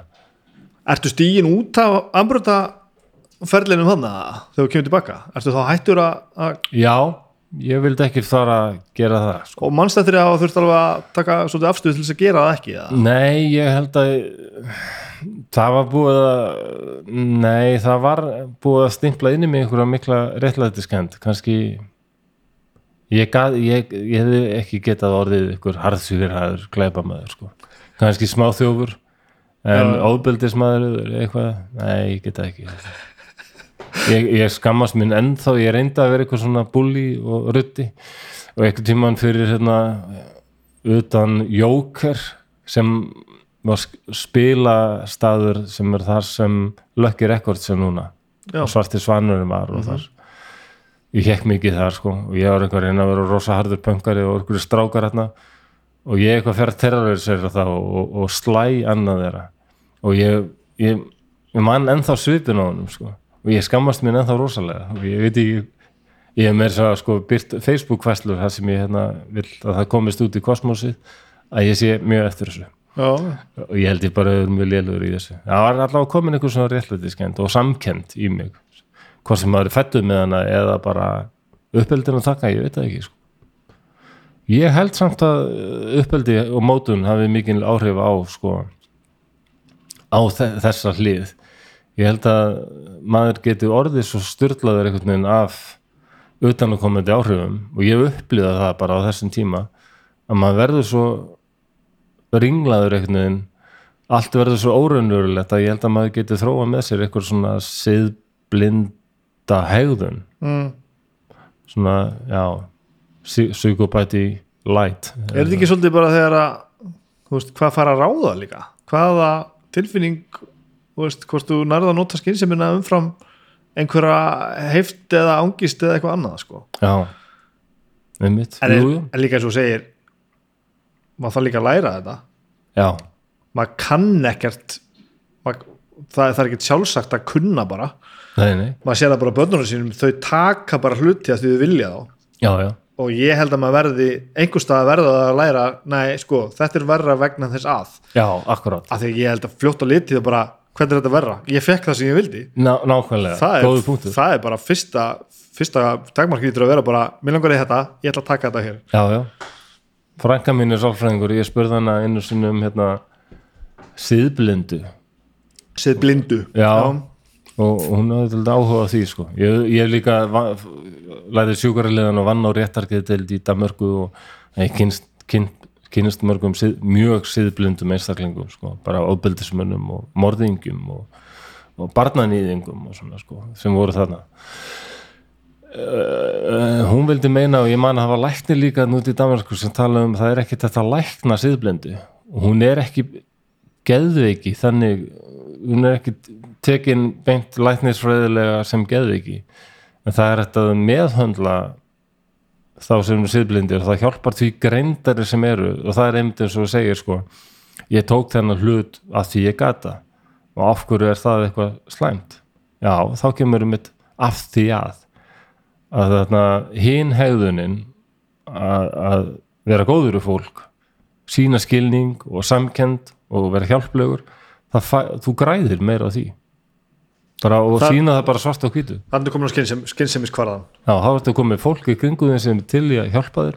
Fyrir ekki neitt og bara og hérna þú getur átt góða stundir, fólk býður í mat og hérna bara eitthvað svona þessum Já, dæmi sko. og ef þú ert bara kurteis og svona þá er bara fólk kemur betur fram við þig er og, siðblind að það að þú getur ekki setti í spór annar á fundi þessum þau finna? Já, sækopati er alltaf harðasta útgáfan sko, þeir, þeir hafa ekkert og, og get ekki fundið hérna neina eftir sjá þetta er heitlandi og hættulegt. Já, það er það sko. Og bara uh, tengja ekkert við annað fólk eða líðan þess og, og gera eitthvað og hafa skamma sín ekkert sko. Það er bara engin samviska. En sumir geta lært að þetta er ekkert holt sko, þeir lenda alltaf upp á kant við Já, allt í samfélaginu. Það er bara fangilsisvist og því að fólk fílar ekki þessa hegðun. En það er þá skynsemi sem er að segja það en ekki Já, það er bara að kenna þeim Nei, reynda að temja þér hina hegðunina. Þú getur lært það bara. Siðblindan í þeim segir hérna bara taktu bara þetta, þetta búin að finna veski hérna fullt af peningum, taktu það bara. Nei, held skiljið til öruglunar og já, hann er svolítið að díla við það sama og ég er að segja við börni mín sko. Nei, nei, þú, þú áttu þetta ekki, ekki taka þetta. Já, og bara, ha? Okkur ekki Nei, það, það yfirleitt endar með vandræðum sko. já, skynsemi segir mann Já, það já en hérna, En ég, ég, ég veit ekki hvort ég hef þróað með mér meira svoleiðis en ég get alveg ímyndað mér það þannig að sérstaklega ef ég hugsa tilbaka þessi tími hérna 2-3 ár eftir að pappi dó og ég og mamma vorum bara í einhverju undarlegu limbói og, og, og bróður mér sagði að ég var hrættur um að væri að verða bara eitthvað geðveikur sko. Ég hætti að tala og var bara svona inn í mér og undarlegur mannstuðin allt? Þennan tíma, Já, svona 8, 9, 10 þú veist, Ég man ótrúlega mikið veginn. Og svona tilfinningaminnið meira held ég. Já, ég, ef ég tek mig þá er ég bara náttúrulega já, svona frekar vennulegur hress og greindur drengur sem bara finnst gaman að vera til og bara elskar pappa sinn svo er hann allt í hennu bara búm, tekin mamma minn verður bara geðvik og klikk og er engin stóð í henni sko og ég er svona desperat að reyna við, ég held að börn séu alltaf að reyna að þau eru með eitthvað svona krók og þau eru alltaf að leitað því að geta sett hennar krók í eitthvað stöð eitthvað, eitthvað stöðugt. Aha, sem geta tengt sig við eitthvað stöðu og línu, bara eins og þetta í óveðri og skipi. Og þetta tengið í líflínuna sem líkur, líkur frá skudd fram í stefni eða ekki. En þarna skyndilega er ekki neitt. Ég hef eng, engan til að setja hennar krók í ekki mömmu og bara ekki neitt sko að einhverju leiti sískinni mín en þau voru oft aldrei fjarrri, bræður mínu voru að læra í útlandum eða allir og já, Óli bróður minn býr á Stykkishólmi og annars sýstir var bara ung kona og var að hafði nóg með sín eigin börn aldrei sko. þótt hún reyndi virkilega og laði sér fram um að hjálpa mér sko. þá var þetta eitthvað svona limbo og ég, ég get alveg ímyndum að fólk fara að þróa með sér ok, heimurinn er vondur, er ítlur og það er bara, maður verður bara að bjarga sér einhvern veginn Já. og kannski bara taka eitthvað og eitthvað krakki er hérna með 5.000 kall ég bara rífi hennar 5.000 kall á hann mér er bara anskotan sama. Já, já, já. ég, ég er ekki búin að fá að borða hérna í 2-3 daga. Af því fóreldrar mínir eru bara rusl. Nú er ekki að tala um mömmu heldur bara einhvern karakter sem hugsa svona. Og rýfur kannski hérna 5.000 kallaður svona krakka og kemst upp með það og smá saman þróast þetta og verður verra og verra. Þess vegna er svo mikilvægt að grípa inn í snemma. Já, já. já, já. Þetta er og hérna, þú gafst mér bókinu um hann hérna, Jeffrey Dahmer sem Já. skólabróður Jeffrey Dahmer skrifaði. Hann, My þarna- friend Dahmer. Já, hann er Bert Bargdorf eða ég man aldrei hvað hann heitir. Durf, Backdurf Hvílina Dorf Bargdorf Durf er náttúrulega Fred afturbak, ég veit ekki Já. hvað það er það en ég held ekki sann sko. Nei, það getur verið. En hann hérna, Dorf segir sko, við sáum öll að það var eitthvað rosalega mikið að hjá Jeffrey sko. Fjölskyldulífið var ekki gott sko. Pappa og mamma rifust stanslöst og syndu honum ekki. Hann stór undalegu náttúrulega, tala alltaf og- með einhverjum röddum og já, svona. farin að vera drukkin drukkin alveg upp á hvernig einasta dag. Það var eitthvað mikið að en við, allir við krakkarnir sáum þetta, okkur gerði fullatna fólkið ekki eitthvað. Já, já, já. og sagði þú hugsa oft sko ef einhver hefði greipið inn í og gert eitthvað. Bara þá hefði kannski verið hægt að gera eitthvað því að Jeffrey Dahmer var vel gefin maður sko og bara kannski efni í eitthvað. Já, já. Mér- Þess, þetta er eiginlega það sem heila mitt aldrei við suma raðmóringa ef þeir eru áhugaverðir einhvern veginn á þennan hátt sko en svo náttúrulega já, já, aðrir sem eru bara virast bara að vera hreinrættu illa menni eins og til dæmis Ricardo Ramírez hefur aldrei heila minn eitt hann er bara bara hreinlega vondur sko bara bara já, en það getur líka verið eitthvað uppeldis já, já. hann fekk hræðilegt uppeldi sko. Mm. en já, það er svona mikilvægt að grípa inn í sko. ég, Hva, hvað er það að gera þannig að þú erum úlingur ég meina eh, ertu áfram bara fullur og í bæ og allt svoleiðis og sett kannski árin aðeins minni svona rusti? Já, það er verður að segjast. En þannig kemur þetta músikin inn líka. Og hvernig með vini og alltaf- áhuga einmitt og svoleiðis? Já, ég, já, góð spurning. Um, já, unglingsáriðin það er ekkit neinu glæpir eða neitt sko, og, eða ofbeldi en, en ég er rosalega þunglindur það, það fer að verða mjög ágerast rosalega unglingsárun leið alltaf illa, ég vissi ekki alveg hvað það var. Og eina leiðin, einu, tveir hlutirnir sem ég fannst virka á það var tónlist já, og áfengi. Ok. Og ég reyndi eitthvað að aðtuga hvort að stelpur getur hjálpað já, til að díla við þetta. Það, nei, það var bara það var engi, ekkert gegn í þeim. En ég hafði rosalega lítinn áhuga á stelpum ég var rúlingur, það var mjög sérstæð það var ein bæling. Ég bara ákvaða bara að bæla þetta niður sko. það var förðuleg, maður stelpur voru að reyna við mig og ég var bara ískaldur sko, bara, það er náttúrulega aldrei það það er engin vinsælli heldur en manneskja sem að vill ekkert með, með, með aðra hafa sko. Já, ég held ég að ég fengið já. Og hérna, ég heiti skólasýstu mín sem sagði þú varst alltaf svo ógeðslega cool. Bara svona þögull og svona bara í svörtum frakka og, bara leist bara á okkur eins og við varum bara eitthvað hvaða liður þið en, en ég vissi að þessi maður sem hún lýsa hún leið ekkert vel sko. Nei, nei. og ég held að það verið þunglindi sem lét mig lít út fyrir að vera svolítið cool sko. Já, hvernig, er hvernig lýsir þunglindi sér þarna En það var að ég leitaði það að drekka rosa mikið og, en svo 15 ára gammal þá verður svona rosalega góð breyting þegar hérna, þegar hérna, ég fæ mömmu til þess að gefa mér pening að því að mér langar svo rosalega að kaupa mér bassagítar. Já, já, Já. og ég eignast bassagítar og svo segna bassamagnar og byrja að spila eitthvað. Það var rosalega, þá fann ég alveg sík hvað þetta er gott maður. Og er þetta bein afleggingaði að hlusta og fara tónleika? Já, og ég bara tónlist var eitthvað sem var svo ofsalega hjálplegt. Og þarna var ég komin inn fyrir inn í tónlistana ekki bara hlusta heldur búana til. Bara þessi tilfinning að ég var nú komin í hljómsveit í, í stikkisómi því ég var þar. Í söngvar í hljómsveit svona hálgerið svona pöngsveit sko sem heit SOS og ég held gott ef hann var ekki gítarleikar í henni strákur sem heitir Hjálmar ég man ekkert hvers svona er. Hann var setna hérna fræri hljómsveit sem heit Jójó og söngum stelpur á ströndinni. Stalti strákar á ströndinni. Já, já. En þarna vorum við, þetta var eitthvað uh, við vöktum daldið aðtegli fyrir það við, það var eitt lag sem við vorum með sko, og ég var bara með bókina skólaljóð. Bláu og bókina. öskraði, já, akkurat og öskraði bara u- þarna, urð og grjót upp í mót eftir Tómas Gunnarsson. Og með skólabókina fyrir mig. Og þetta var krökkunum alveg fáranlegt en það voru svona eldri menn hann í eða eldri strákar sem þetta var cool man. þetta var alveg þú þarft að, þú þarft, hefur hlusta á Megas? Já, nei, já, þú þarft að hlusta á Megas. Og þarna, já. Þeir sáu þarna eitthvað sko.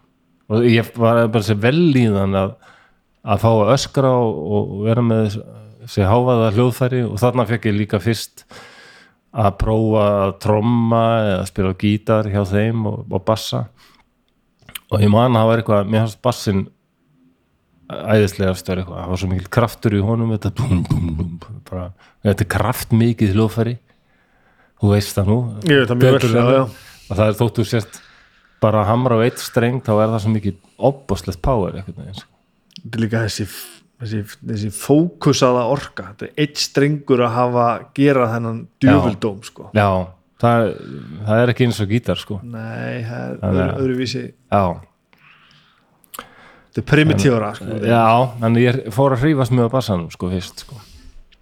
og eignaði svo bassa og það var alveg opboslega gott sko Og var fólk þá í kringu þegar að spila hljóðfæri? Já, já, það voru nokkri sko. Ég fljótlega fór að kynnast strákum sem voru á svipum fíling og ég sko að hlusta þá á eitthvað svona ekki pop, heldur eitthvað svona út fyrir það sko.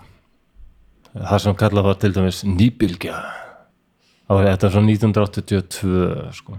Og ég, það eru menn sem er ennþá vinir mínir í dag sko. Já, og setna kom Sigurjón Gertarsson daldið inn í þann hóp sko og við hittumst enn þann dag í dag. Þessi hópur og Ævar Ísberg líka sem var fyrsti trommarinn í ham. Aha. og hérna og fleiri. Og það er fyndið að við hlustum ennþá sömu tónlistin allt já, já, já. það er bara að vera að Lengi býra fyrstu gerð já, það er bara að vera að spila David Bowie og hérna, Cure og Susie and the Banshees og, já, já, alltaf þetta sama sko, það breytist ekkert. Nei. alltaf 15 ára hérna. En ertu, það, er, þú ert svolítið að lýsa bara svona einhverjum svona street kid sem er bara fullur um helgar eða jafnvel oftar já, og er bara eitthvað, þú veist, þú, þú ert ekkert eitthvað þú ert ekkert í nefndafélaginu skilur við? Nei, ég verð það ekki. Þetta er ekki alveg- Nei, tók ekki þátt í neinu svoleiðis. Og þetta er ekkert spennandi uh, saga mín unglingsár held ég. Já, þess, illa það, var- þannig. Mannlíðan er komin þannig bara full force. Já, hún, hún fór ekki sko. Já. það, Mér fannst alltaf já, verða heldur áfram öllu heldur, já. Og mér fannst alltaf verða erfiðar og erfiðar að, að nota áfengi gegn því. Það nefnilega gerist það verður erfiðar og ég fór að vera spenntari fyrir því að prófa eitthvað annað sko, en það var ekkert mikið í bóði og ég kynntist hassinu einhver hluti á einnaða félagið það aldrei. Mm. það hjálpaði mér ekki neitt sko. það deyfði ekki neitt. Maður var bara stórfyrðulegur í hausnum og, og allir voru frekar leiðilegri hringum mann bara, eitthvað, vá, vá, þetta hitt maður. Ég kveikti ekki þessu. Þetta er aldrei, hendaði mér aldrei sko. Ég bara reyndi þetta alveg ég var dagreikingamæður í svona hálft árið eitthvað. Já, ok, en ég bara, það er einhvern veginn bara fjaraði undan því sko. Það er ákveðna típur sem alveg bara já. sökka sér í hassið. Ég er svo mikill sósjál maður sko. Já, þess vegna er bjórin svo frábær. Já, og ég bara ég setjast með góðu fólki og drekka bjór, það er ekkert sem kemur í staðan fyrir það nei, ég segist nú alltaf verið innfæri og svona en, en ég stend mig ágætlega í þessum aðstæðum sko með fólki að í þessum aðstæðum Já, og ég fann það alltaf þegar ég var í góður að vinna hópi þá leið mér náttúrulega vel Já, að ég já. reyndi líka að sækast í það en svo út að lýsa sko. og það var alltaf gaman sko. og sérstaklega að vera kannski að drekka og hlusta á tónlist með vinnum sínum það Já. var bara best í heimi sko. Það var frábært. En já mér fannst ég vera á utangars líka. Mér fannst þetta þjóðfjarlag líka ógeðslega leiðilegt þannig erum við að tala um nýjunda áratugin mm. hann er volið undarlegur, það verða mikla breytingar. En svona early 80s þá er þetta svo furðulegt að það er bara ein sjónvarstöð, bara ein útvarstöð sem má, það er bara, þetta er bara Marteit Móstal reyð ríkjum á Íslandi sko. það er bara ríkisstöðin ekkert annað, ríkis útvarpið bjóri bannaður. Og hvað er ég að drekka þá? Já, brennivín, íslenskt brennivín. Ég leta skrítið maður. Já, já, ég kefti minna fyrstu íslensku brennivínsflösku þegar ég hef 12 ára. Það var rosalegt. Og varstu aldrei á leiðin að verða eitthvað? Þú, varst aldrei að hugsa um það því þetta, þetta gaman eða hitt gaman eða Nei, það var- skóli eða eitthvað neitt svo þess Nei, ég var svo algjörlega lost. Það er var bara líka- alveg þannig. Já, það var mjög óþægilegt ég vissi ekkit hvað ég vildi og ég vissi allar hver ég var og ennþá var allt í upplaust einhvern veginn, tilfinningalífið og svona, stóð mér ágætlega í skóla en það vant að segja mér af hverju á ég að standa mjög vel í skóla? Já, já, já. einmitt þetta. Hvað, jú, við jú, fólk reyndi alveg að segja það sko, menna, en ég flostnaði pönn svona nokkur meginn intended upp úr mentaskóla þetta fórst í mennskóla já, mentaskóla í Kópavogi. Um, Cool hætti honum er svona 18 ára. Sískinin mín reyndu mikið að fá mig til að gera það ekki sko. og já, ég stundum hugsa, hugsa til þess að að mér bauðst meðal hans að fara á mentaskólanlega laugarvatni. Baldur, elsti bróður minn, hann hafði verið svona vandara greipur líka og ég, hvort hann var rekin úr MR eða bara hætt að mæta það eitthvað. En þá er einhverju góðu menn sem bentu honum á að fara bara út á land. Það væri kannski gott fyrir hann, fara á laugarvatn. Þannig að hann útskrifast sem stúdent frá mentaskólan laugarvatni. Já, að kom upp svo sama hugmynd að láta flosa gera það sama. En það var ekki af því, ég held að ég hafi verið mjög á móti því. Þá hefði kannski kynst Kalla og Davíð og þessum strákum. Ég sagt móður. Og, já, já, það hefði verið áhugavert sko. Sami tími? Já, ég er nú reyndar eitthvað aðeins eldri en þeir. Já, já. En jú, ég held það. Já, fyrir- þetta var bara einkendist af rosalegri upplaust og, og vannlíðan Og hvað fyrir að gera þá þegar að ákveður að hætti skólan? þá fyrir bara að vinna hinn ímsu störf. Vann hjá skórættar skórætt uh, Reykjavíkur. Vann í ykkur bakari það ég man það ekki. Svo ég var 20 ára var ég farin að vinna á röntgendel landspítalans. Það mér fannst spítalinn einhver hluta vegna mjög áhugaverður vinnustæður og einu sinni kom á röntgendeldina hérna við sáum alltaf hvaðan fólk var að koma í röntgenmyndatöku. Og einu sem sáum við að það átti tíma maður sem var að koma frá deild sem hétt 31 séð eitthvað svo og ég man hún, hún Sigga gamla sem er nú dáin og frábær kona sem vann með mér og sagði, að 31 hann er frá geðdildinni það er sko geðsjúklingur að koma hérna. Og mér varst þetta svo spennandi þegar geðsjúklingur að koma í röntgen einhver frá geðdildinni Mm -hmm. og svo kom hérna var tíminn kominn og ég fór hérna á byggstofuna og spurði hérna, já, er einhver hérna, hvað sem nafni var einhver, einhver Ólafur hérna? Og sá að það voru tveir menn hérna, ég var alveg búin að spotta annar þeirra er klárlega þessi geðsjúklingur. Það er engin spurning. Já, hann leit út eins og hann hefði við alltaf hippi í Kristjaníu, reykjandi hass upp á hvert einast dag var bara ykkur svona slitnum sandölum. Og það var í februar eða mars. Bara einhverjum svona eh, fjólubláum buksum sem enginn gekk í árið 1990 og galla jakka og svona halló, já, já, við erum góður röngin og þannig að með sítt svona tjásalegt hár og með honum var greinilega starfsmæðurinn sem var bara svona ungur maður með svart sléttár styrtilega greitt til liðar og svona rólegur og alvarlegur bara klættur bara í svört, svört fött greinilega starfsmæðurinn sko. Koma með hennar klikkað geðsjúkling sem hafði reykt um mikið hass örglega og orðið brjálæður og ég spyr, er eitthvað Ólafur hérna? Já, já, við erum hér, sagði þessi. Herðu Óli minn, þá komið þér. en þá var geðsjúklingurum var þessi rólið ungi maður. Þá var ég með hissa þetta er starfsmöður en hann fyrir myndatöku og ég fann að tala við hann starfsmöður, hvernig er hann að vinna þetta út á geðdil? Það er alveg frábært maður. Það er, það frábært. Og hans lýsið því bara og, og segir þetta sé bara mjög skemmtileg starf. Já. það sé bara gaman, það sé ekkert mjög mikið álag. Þannig séð og það þurfi ekkert að vera það þarf ekkert að vera að skeina eða nei, nei. uh, skein þessu liðið eða svona, það er ekki þannig. Og þetta er bara, það er mikið hangs og ég fór að hugsa maður, já, mér er gaman að hangsa.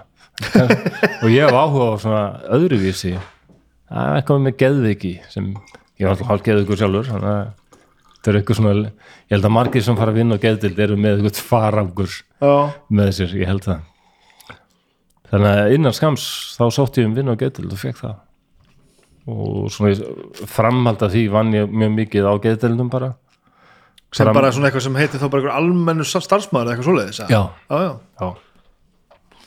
Og kynntist því og svo flyttið til Danmerkur 97 og þar skráði ég mig í sjúkraliðan á þú læri sjúkarlegan úti Já, já, ok útskrifast 99 og vann svo næstu 2-3 árin á danskri geðdild þannig að þú er bara ný útskrifar þegar svo til, þegar við, þegar við kynntust já, Já, já, já, ok, ég held að við komum með þetta hérðan sko. Nei, nei, nei. Ég var bara svona, já, venjulegur starfsmæður en hafði samt alveg heilmikla reynslu þannig sko. og ég reyndi að komast í, uh, sem, starfsmæður geðdeildi í Namörku þegar ég var þar sko, en, en mér var bara sagt bara, já, ertu mentaður? já, já. Nei, þarf maður það? þá bara, já. Hvað? Heldur þú lappi bara inn á göttunni og fara að vinna á geðdild hvað, er það þannig á Íslandi? og ég bara, eh, nei, eh, nei, nei, nei, nei auðvitað ekki. Það er nefnilega ekkit sjálfgefið einhvern veginn. Því miður eru geðdildirnar hér á Íslandi einu svona eða sjúkra dildirnar þar sem venjulegt fólk er ráðið til starfa sem Já, er ekki alltaf jákvætt sko. ég var lunnið þar með alveg frábæri fólki sem var reynda gott sko, en því miður öðrum sem voru bara alls ekki hæfir til að gegna þessu starfi því miður. Þannig að þú vantalega farin að gera tónlist á einhverju, einhverju alvöru. Og þannig að þú fara að búa til fjölskyldur og eitthvað svoleiðis. Jú, reyndar, ég skipaði þetta aldrei við það. Já, Já, það var ní- 89 þá, veitna, ég, þetta gekk ekki þú að vel einhvern veginn, ég var að spilaði mest á bassa í einhverjum hljómsveitum. En mm, ég kom aldrei út á neittni plötu og hérna, þetta einhvern veginn varða aldrei neitt einhvern veginn og oft var það að sömu fannst ég spila bara allt á mikið sko. Já, ég, ég held ég var 16 ára ég var nú bara 16, 84 þá ringdi maður sem mér finnst að þú ætti kannski að fá í viðtaltíðin Gunnar Láru Sjálmarsson já, er, Já. hann er klálega á listanum. Ég myndi hlusta á hann. Já, og hérna, hann var þá með hljóðstan svarkjötu draumur. Já, og hann var búinn að fá þá flug í hausin að hann ætti ekki að vera bassalegar heldur bara að syngja. Já Já, það var arvarslög hugmynd. Getur ímyndaði það? ég er bara fegin að það gerist ekki Nei, með, fullir vinningu fyrir þér. Nákvæmlega, nákvæmlega það sama. Þannig að ég uh, mætti alveg nokkra ræfingar og átti bara eiginlega að vera bassalegarinn sko, ég veit að uh, þeir voru alveg ánæði með mig hérna, skilsmér, Stengrimur og Birgir. Já, alveg, nei Birgir var ekki byrjaður hérna það var einhver annar trommari sem mann ekki alveg hvað hétt en Gunni var ekki alveg sáttur. Og hann var, ég spilaði of mikið. Já. ég gerði of mikið. Og ég var alltaf, alltaf svona aggressífur á bassan sko. mér fannst bara, maður mætti bara spila mikið á bassa, hvað er að því. En þá var alltaf, alltaf eitthvað svona, nei, hann á bara að gera eitthvað dump, dump, dump. Já, en já, já, ég held að ég hef gert líka þau einn mistök á einhverju æfingum með svarskritum draumi að fara að slappa á bassan Bong, ding, þá var Gunnar nóbóðið og hann hrindi mig og sagði að þetta því miður þá gengur þetta ekki upp. Ég hef bara ákveðið að spila sjálfur bassan sem var alltaf bara hárétt hann Já. var alltaf æðislu bassalegari og þeir átt alltaf að vera þrýr Mhm.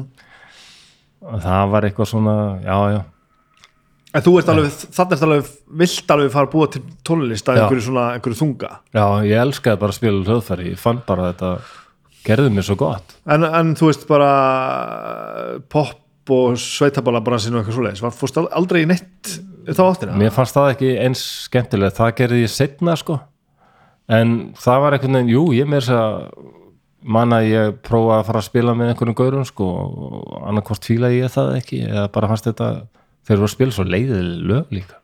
Ég var náttúrulega ekki mikið fyrir pop. Nei, nei, þess vegna spyr ég nú sko hvort það var Já, nei, eh, það var ekki mér fannst skemmtilegast að spila ykkur músík sem var eins og svo músík sem ég hlustaði á. Og ég, þetta var svona þerapí eða fyrir mig tónlist, ég var aldrei að hugsa um eitthvað að verða frægur eitthvað svo, ég vildi bara spila tónlist af því að ég fann að mér leiði vel. Já, já. það var Já, bara, já, það bara- bara þerapí fyrir mig sko. bara eins og áfengið var. Já. á síðan tíma. Ég tengi mjög vel við þetta sko. Já, það- bæði áfengi og tónlist. Já. það vil bara svo til að að mér er kannski liði bara aðeins gár sko já, en mér að drekka og spila tónlist þetta, er bara, þetta gerir allt betra já, já, það er alveg sko.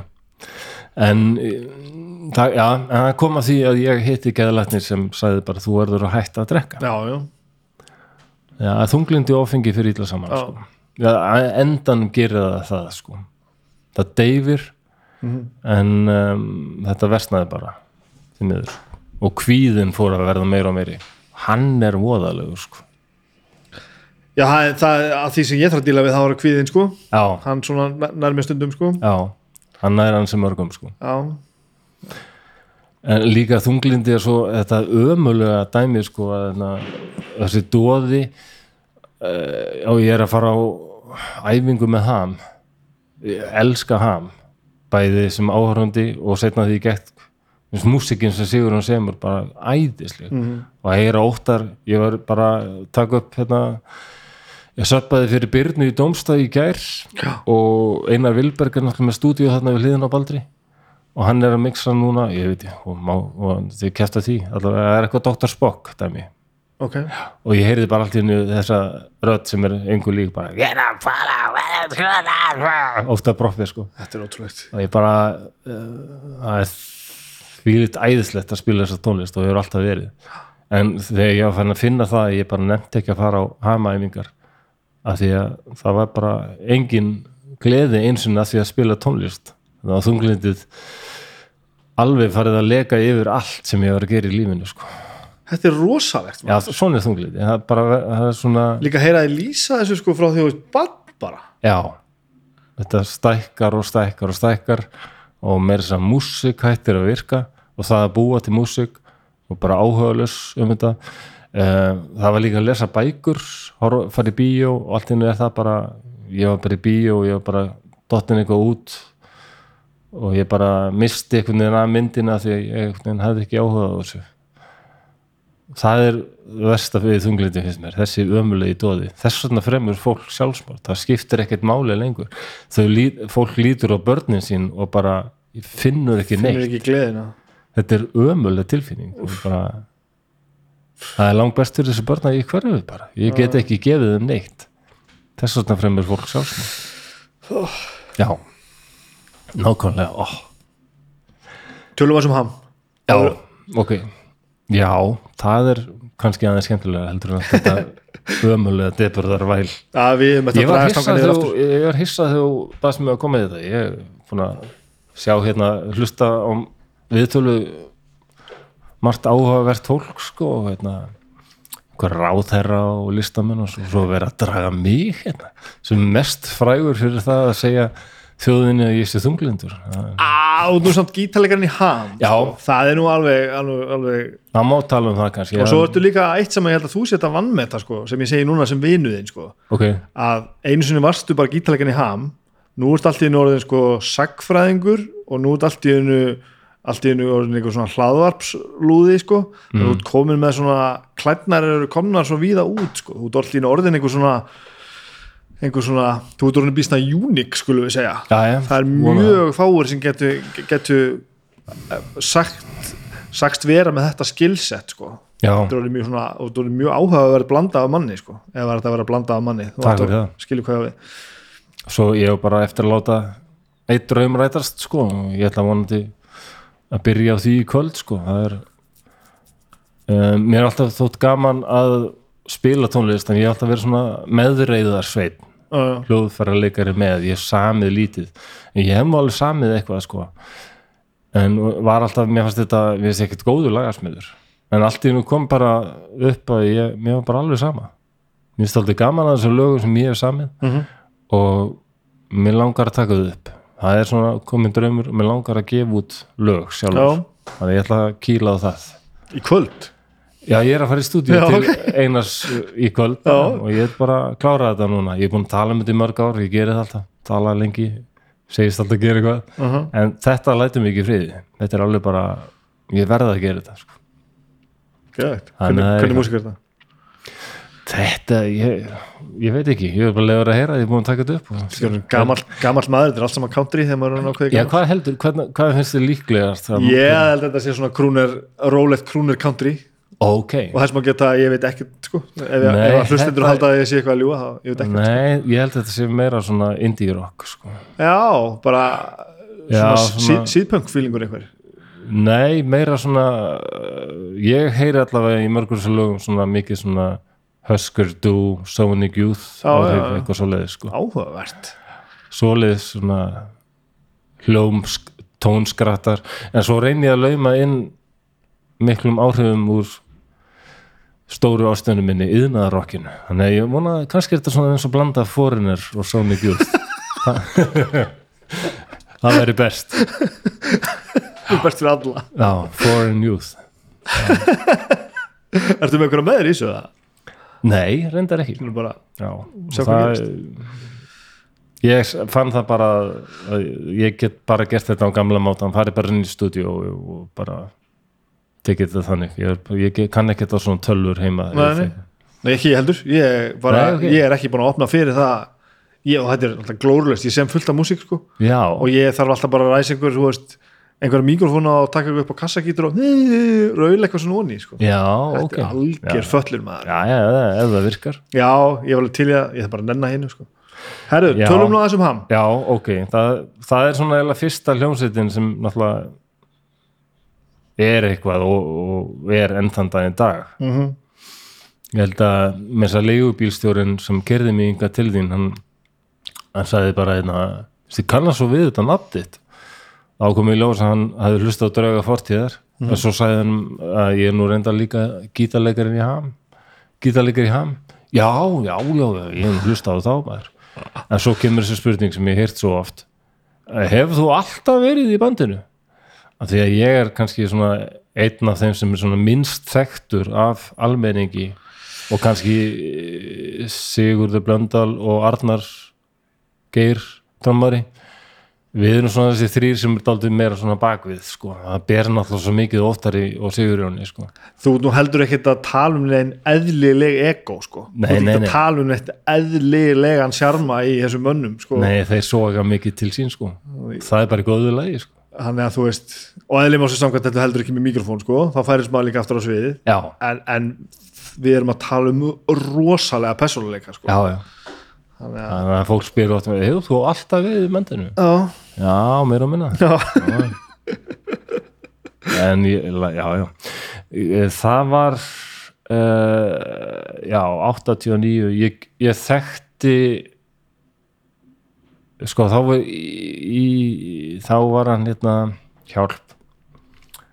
Ævar í Ævar Ísberg allt ég múið að gleyma hvað vinnum minn heitir það segja það Ísak, Ísak Ærberg. Ævar Ísberg hann er úr Kópavóinum hann er æsku vinnur úr Kópaví hann átti heima bara rétt hjá mér sko. Hann sagði mér einhvern tímann 88 eða eitthvað, hann var í byrjaður í bandi með Sisson.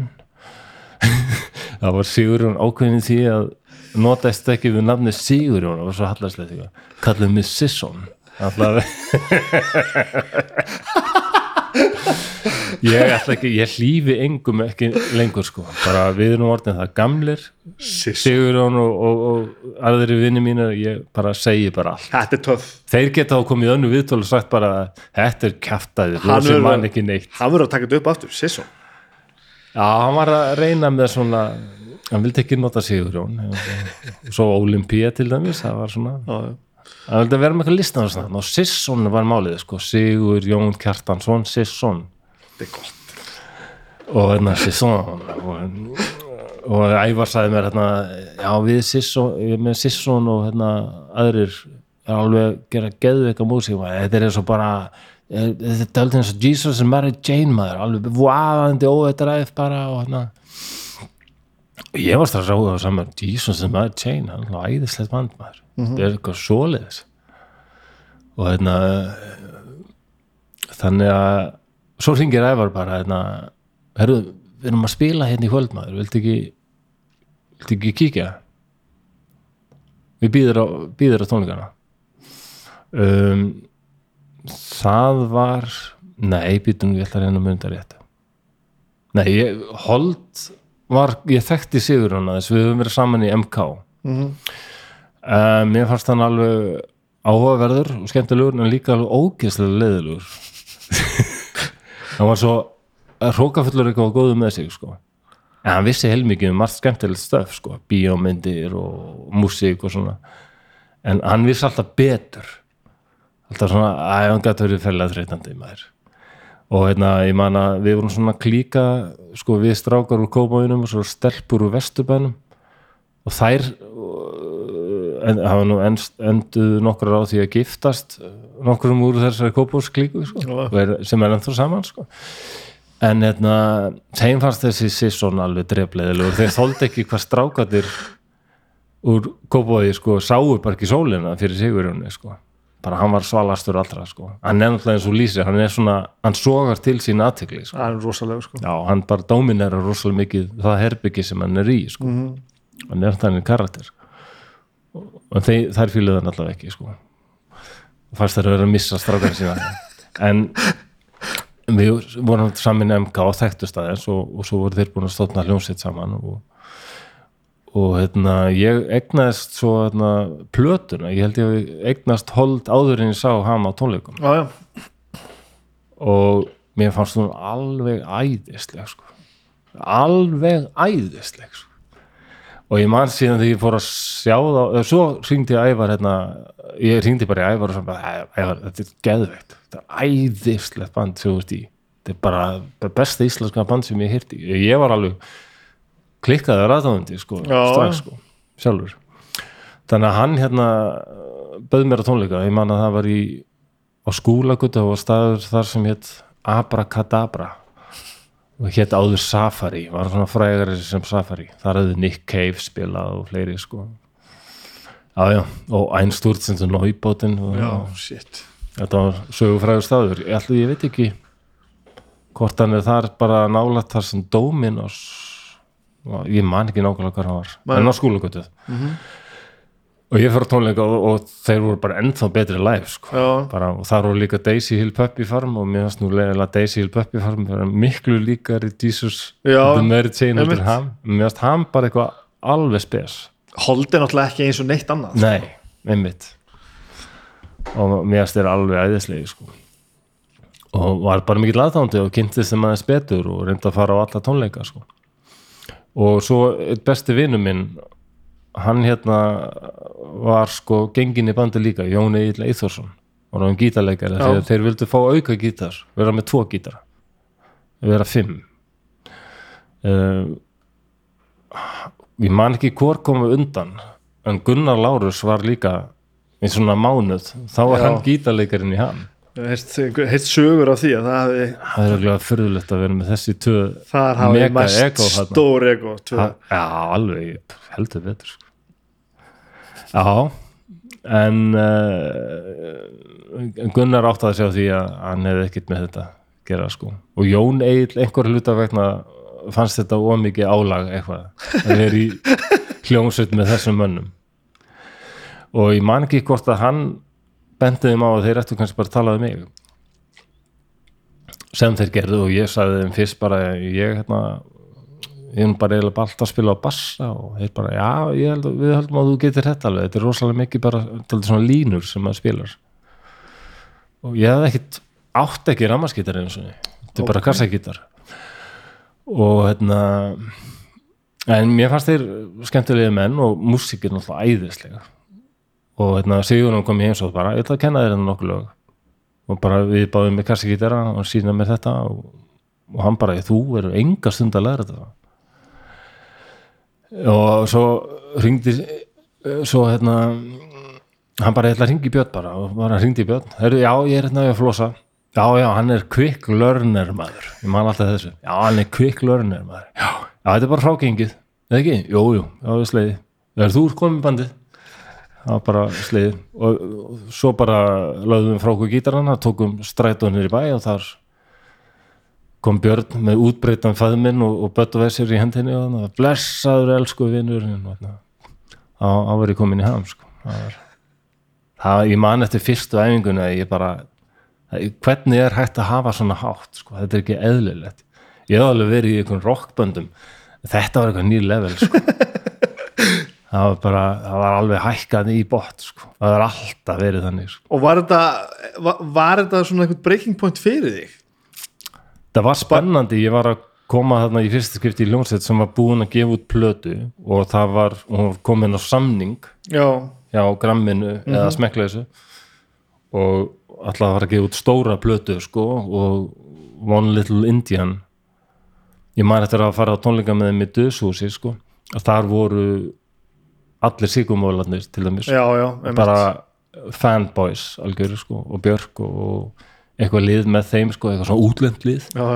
Já, bransalið þannig að ég var hann að ganga til listu í hljómsveit sem var svona en svona í lífinu, meina ég, veist, er þetta eitthvað svona að þú ert svolítið búin að lýsa sko aldrei með þessu eins og það er bara svona mm, ekkert nefnt að vera í stelpbólum og svo varstu bara eitthvað að vinna bara eitthvað og, og eitthvað fikk það einhver hljómsutur sem að verði ekki neitt, þú veist. Mm þannig að, jú, þetta var alveg eitthvað öðruvís þetta er svona eitthvað, eitthvað high point Já, að þetta gerist þarna. Það er það. Já, já, og það er það.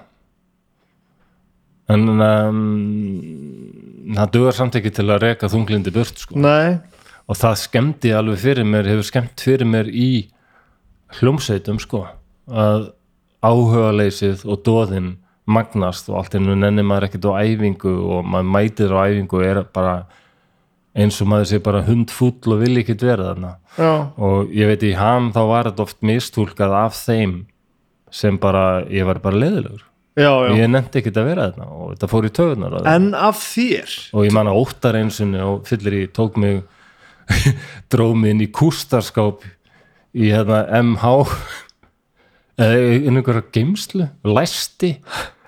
Og hérna já, hann má ekki segja frá þessu Jú, hann byrjaði bara eitthvað við vonum öður, aður menn þá en í dag. Hann byrjaði bara að pissa á gólfi og segja mér frá hérna, það var lengi alltaf að tala við þig og þá bara kom þessi kom ræðum það að þeir hefðu smá aukur að því að ég nefndi ekkert að vera já, já, og hann var bara að segja, mér finnst þú svo frábær að yðslugu maður og bara flottur og gítar og svo og bara vill ekki missa þig. En hann var eiginlega að segja sko að þeir voru held ég komnir ákveðin ákveðu breaking point. Þetta var kannski við 91 eða eitthvað.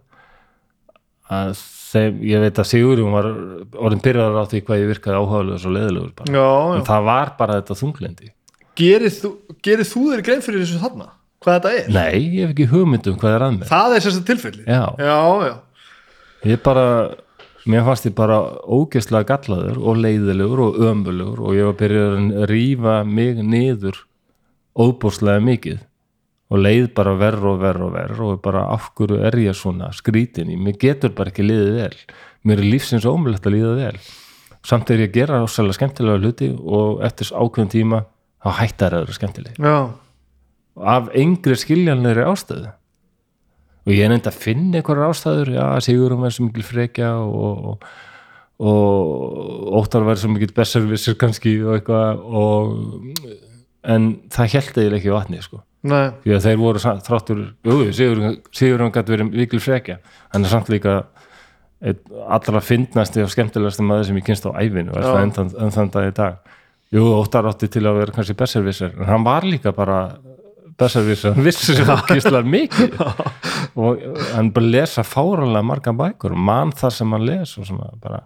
En þessar afsakanir held ekki vatni alltaf kom ég aftur að þessum manni í speklun það er þú sem ert vandamáli mm. þannig að, þannig að ég var það var komið ósvöld svona sjálfshatur. Alveg Já. það, alveg sjálfs Já, já. bara. Já, já. já, bara mér varst ég gjössanlega missefnaður einhvern veginn. Já þetta fyrir að eigna spötn og eitthvað? Já, hérna, það var líka svona eitthvað bara, ég kynnast þarna konu, henni Helgu sko og við fyrir eitthvað að vera saman og, og mjög hún skemmtileg og, og fróð og svona, ég held að hrifist aldrei af grindu fólki fólk sem hefur svona skoðanir og, og, gáfur. Og ég var bara desperat einhvern veginn ég yrði einhvern veginn að komast í samband. Ég ítti frá mér öllum konum eða, jú, það voru alveg eitthvað svona one night stands á fylliríum en aldrei neitt meira sko. ég leiði aldrei að þróast neitt meira sko. og hérna ég þorði, bara þorði ekki og hafði ekki áhugaði en þarna er ég 20 og já, eins ás þegar við Helga byrjum að vera saman Mm, 22 ára reyndar, held ég já. og svo er ég orðin pappi 24 ára já, að verða 25 og ég batt ykkur á vonum við að þetta myndi breyta ykkur sko. og ég hætti í hljómsveitinni en það bara var ekki einhvern veginn ekki sami áhugin hjá mér sko, fyrir því. Hvernig hættur þú? ég hætti 92 þetta er ekki nema einhver hvað, þrjú, þrjú árið eitthvað sem varst þarna fyrst? Já, ég er svona uh, ég er eiginlega út allt árið 92 samt. já, nei, nei, þetta var bara, já. Ok. Early 89 út 92 nei, nei. En þeir náttúrulega hættu bara svona, svo hættu þeir í júni 94 sko. 24, já, já. ég var nú sérstakur gestur á þeim tónleikum og, og í millitíðinu náðu líka að gefa plötu sem heitir Saga Roxin sem er tilenguð mér þannig að já, við skildum alveg góði sko. Það er ekkert þarna var Jóhann Jóhannsson líka komin inn í myndina þannig að en ef við klárum það, akkur, a, a, hvað var það til, til þess að hættir? Akkur hættir, já? Ég bara, þetta var ekkert já, ekki, lengur skemmtilegt engin sprengja eitthvað nei, bara, nei, nei, nei. Ég er svona eftir að higgja á þeim tíma reyndi ég eitthvað samfærum um að bara þeir varu ja, ekkert skemmtilegi við mig og Sigurjón var leðilegur og svona, svona. en það einhvern veginn er það var, vandamálið var ég sko. Já, ég gaf ekki jætt mikið í þetta band og ég hefði getað gert sko. Og enn þann dag í dag finnst mér ég að vera latast í einstaklingur í bandinu ég reynir svona stundum að að ég er nú kannski ekki flinkastur á samfélagsmiðla af þeim. Að ég er svona daldið séð um Instagram og kannski já. eitthvað svoleiðis sko þegar við erum að gera eitthvað. En svona eftir að higgja þá setur þetta beint, í beint samingi við bara Já, þunglindi og ég, kvíða ger- ég gerir það. Já, já, Já, að þetta var ógeðslega gaman. Svo gerist líka það þegar maður fer að ná tökum á þunglindun og, og líða betur þá fer maður að endur skoða ímislegt úr fortíðinni. Og hún getur með þess að glæðst lit og lífi og maður fattar þessi tími var alveg góður já, já. þér bara leið ekki vel einu raun, ef þú horfir á hana með augunum sem þú ert með í dag þá, þetta var bara stór skemmtilegt þannig getur kannski ég vil tekið eitthvað gott úr tímanum sem er, þó er hafi ekki liðið vel þá Já, mér finnst það. Langa tíma er maður kannski að horfa á okkur myndir og það er vekja bara svona, æ, svona vannlíðan. En það er þetta að líta fram hjá því og ok, mér leiði ekki vel á þessum tíma en ég var að gera alveg skemmtilega hluti. já, já, Þátt, þó það, sko. Og það er einhvern veginn auðveldar að þannig að fortíðin getur orðið betri þess vegna er svo mikilvægt að ná tökum í baráttunni við þetta. þetta er áhugavert þetta Já, er ég mjög, upplifi- mjög áhugavert Ég upplifði þetta svona allavega. Það verður bara allt betra, sko. já, Já. og þannig, hva, hvað ertu þá bara orðin bara fullorðin fjölskyldumæður allt í einu bara. Já, ég fór að reyna, reyna það sko. Og hérna það var alveg kósi og hugulegt um tíma en það heldur gekk ekki sko. Mm, ég e- einhver hluta þarna, ég var náttúrulega alltaf að reyna að finna skýringu því hverju mér liði alltaf ítla og uh, þarna verðum við miklu vinur ég og Jón Gnar við erum ofta að tala saman og hann var þá hættur að drekka.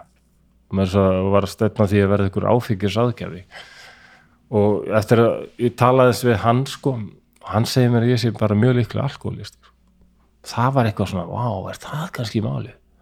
Ég drakk náttúrulega alltaf alltaf mikið og var sólgin í að drekka. En ég var mjög spenntið verið því og einhvern veginn svona samfærir um það er auðvitað málið sko. Og fer í meðferð 1992 í mæ 92 já, þá var Helga ólétt að fónum herði sín okkar sko og ég vissi að það var barn á leiðinni og ég var ekkert með svona viss um það að ég myndi ekkert verða öðruvísi í drikkjunni þótt að kemur barn eða ég- mér fannst bara að ég yrði bara hætt að drekka. Það var, Jón daldi samfærði mig um það og, og fleiri sem við þekkti. Þannig að ég bara fór í meðferð og var samfærður um að ég var alkoholisti og fór að mæta á aðfundi og reyna bara að gera það sem alkoholistar, eða alkoholistar gera. Það gekk alveg vel. Það var alveg gott skref. Því að þunglindi er sjúkdómur sem er í heilanum á fólki. Mm. í heilanum er ykkur bóðefni að fara fram og tilbaka við vitum ansi lítið um þetta merkilega líffæri.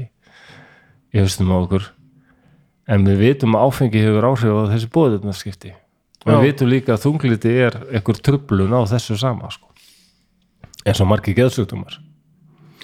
Einhvern tímann held ég að við hert að, að skitsofreni eða þessi voðalega tengt hérna, eh, efninu dopamíni og þunglindi serotonín sérstaklega já, uh, og áfengi trublar öll þessi búðöfni sko. Þess vegna er, var alltaf vesti tímin ég mann þú hefur, vinn og vinnur þú hefur stund sagt að þú varst ekki leiðilegur og fyllir í nei, þú varst aldrei leðilegt Nei. það var aldrei leðilegt að drekka með þér en sko. það leiði mig vel þá, þá var áfengið að virka.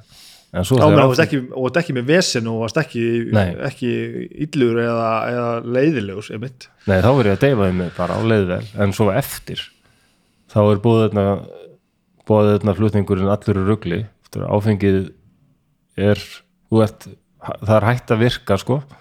En það er alveg langur tími fyrir sko, systemið að jafna sig. Það getur tekið marga daga, 5-6 daga Já. fyrir heilan að komast aftur í gang. Nú fyrir áfengi mjög vel í mig sko, veist, bæði finnst mér mjög gaman að drekka og ég, ég eh, man ekki til þess að ég hef nokkuð tíma gert til dæmis eitthvað fullur sem ég myndi ekki gera edru, skilur já, svona ég missi engin tök á mér og eitthvað svo leiðis en ég er, sérstaklega eftir að árin aðeins færast yfir, þá er ég farin að finna það sem þú ert að segja. Já, að þetta þetta fokkar í einhverju sko. veist, mér finnst alveg næsar og þunnur sko. en finnst þið næs að vera já, mér finnst það frábært það, inn, það innfaldar svo margt einhvern veginn hjá mér Oh. þegar ég er þunnur, það, það fækkar hérna svona ég verð bara, já, ég að fyrir að vinna þegar ég er svona passlega þunnur Já. ég getur ógeðslega góður í að vinna góður sem er músík að því að ég hérna, ég held ég hafi þá bara þá sé ég árið aðeins og heimskur til að taka inn allt allt áriði sko. Hvort þetta hefur með kannski ADHD að já, gera eða eitthvað, það getur verið. Veit það ekki. En ég finna núna, veist, sérstaklega setni árin sko, ef ég er eitthvað pínu illa fyrir, illa fyrir kallaður já, að þá er hægt á að það ágerist ef ég er dett harkanlega og veist, stundum er ég náttúrulega bara fullur í mánuð sko. stundum er ég bara að túra með skálmöndu eða eitthvað. Ég er náttúrulega veist, ekki gubbandi fullur skilur en ég drekka áfengi bara stanslust í mánuð eða tvo alltaf sullandi svona eitthvað. Og þá finn ég einmitt sko bara svona, já, býtunum við nú, það var erfitt að fara fram úr í morgun Mhm. og það er ekki það því ég fór svo sent að sofa það er að því að ég er bara búin að vera að fokka í systeminu sko. já, já, þannig að þó ég sé ekki að berjast við þetta þetta harkalega þunglindi sem þú ert að tala um þá, þá skil ég alveg ég fatt alveg hvað þú ert að fara sko. já, það verður bara svo óbúslega erfitt sko þessi þingudagur urðu bara hryllilegir sko, það var bara algjört svartnætti sko. Og alveg vannlíðan alveg bara svona, já, rosaleg sko.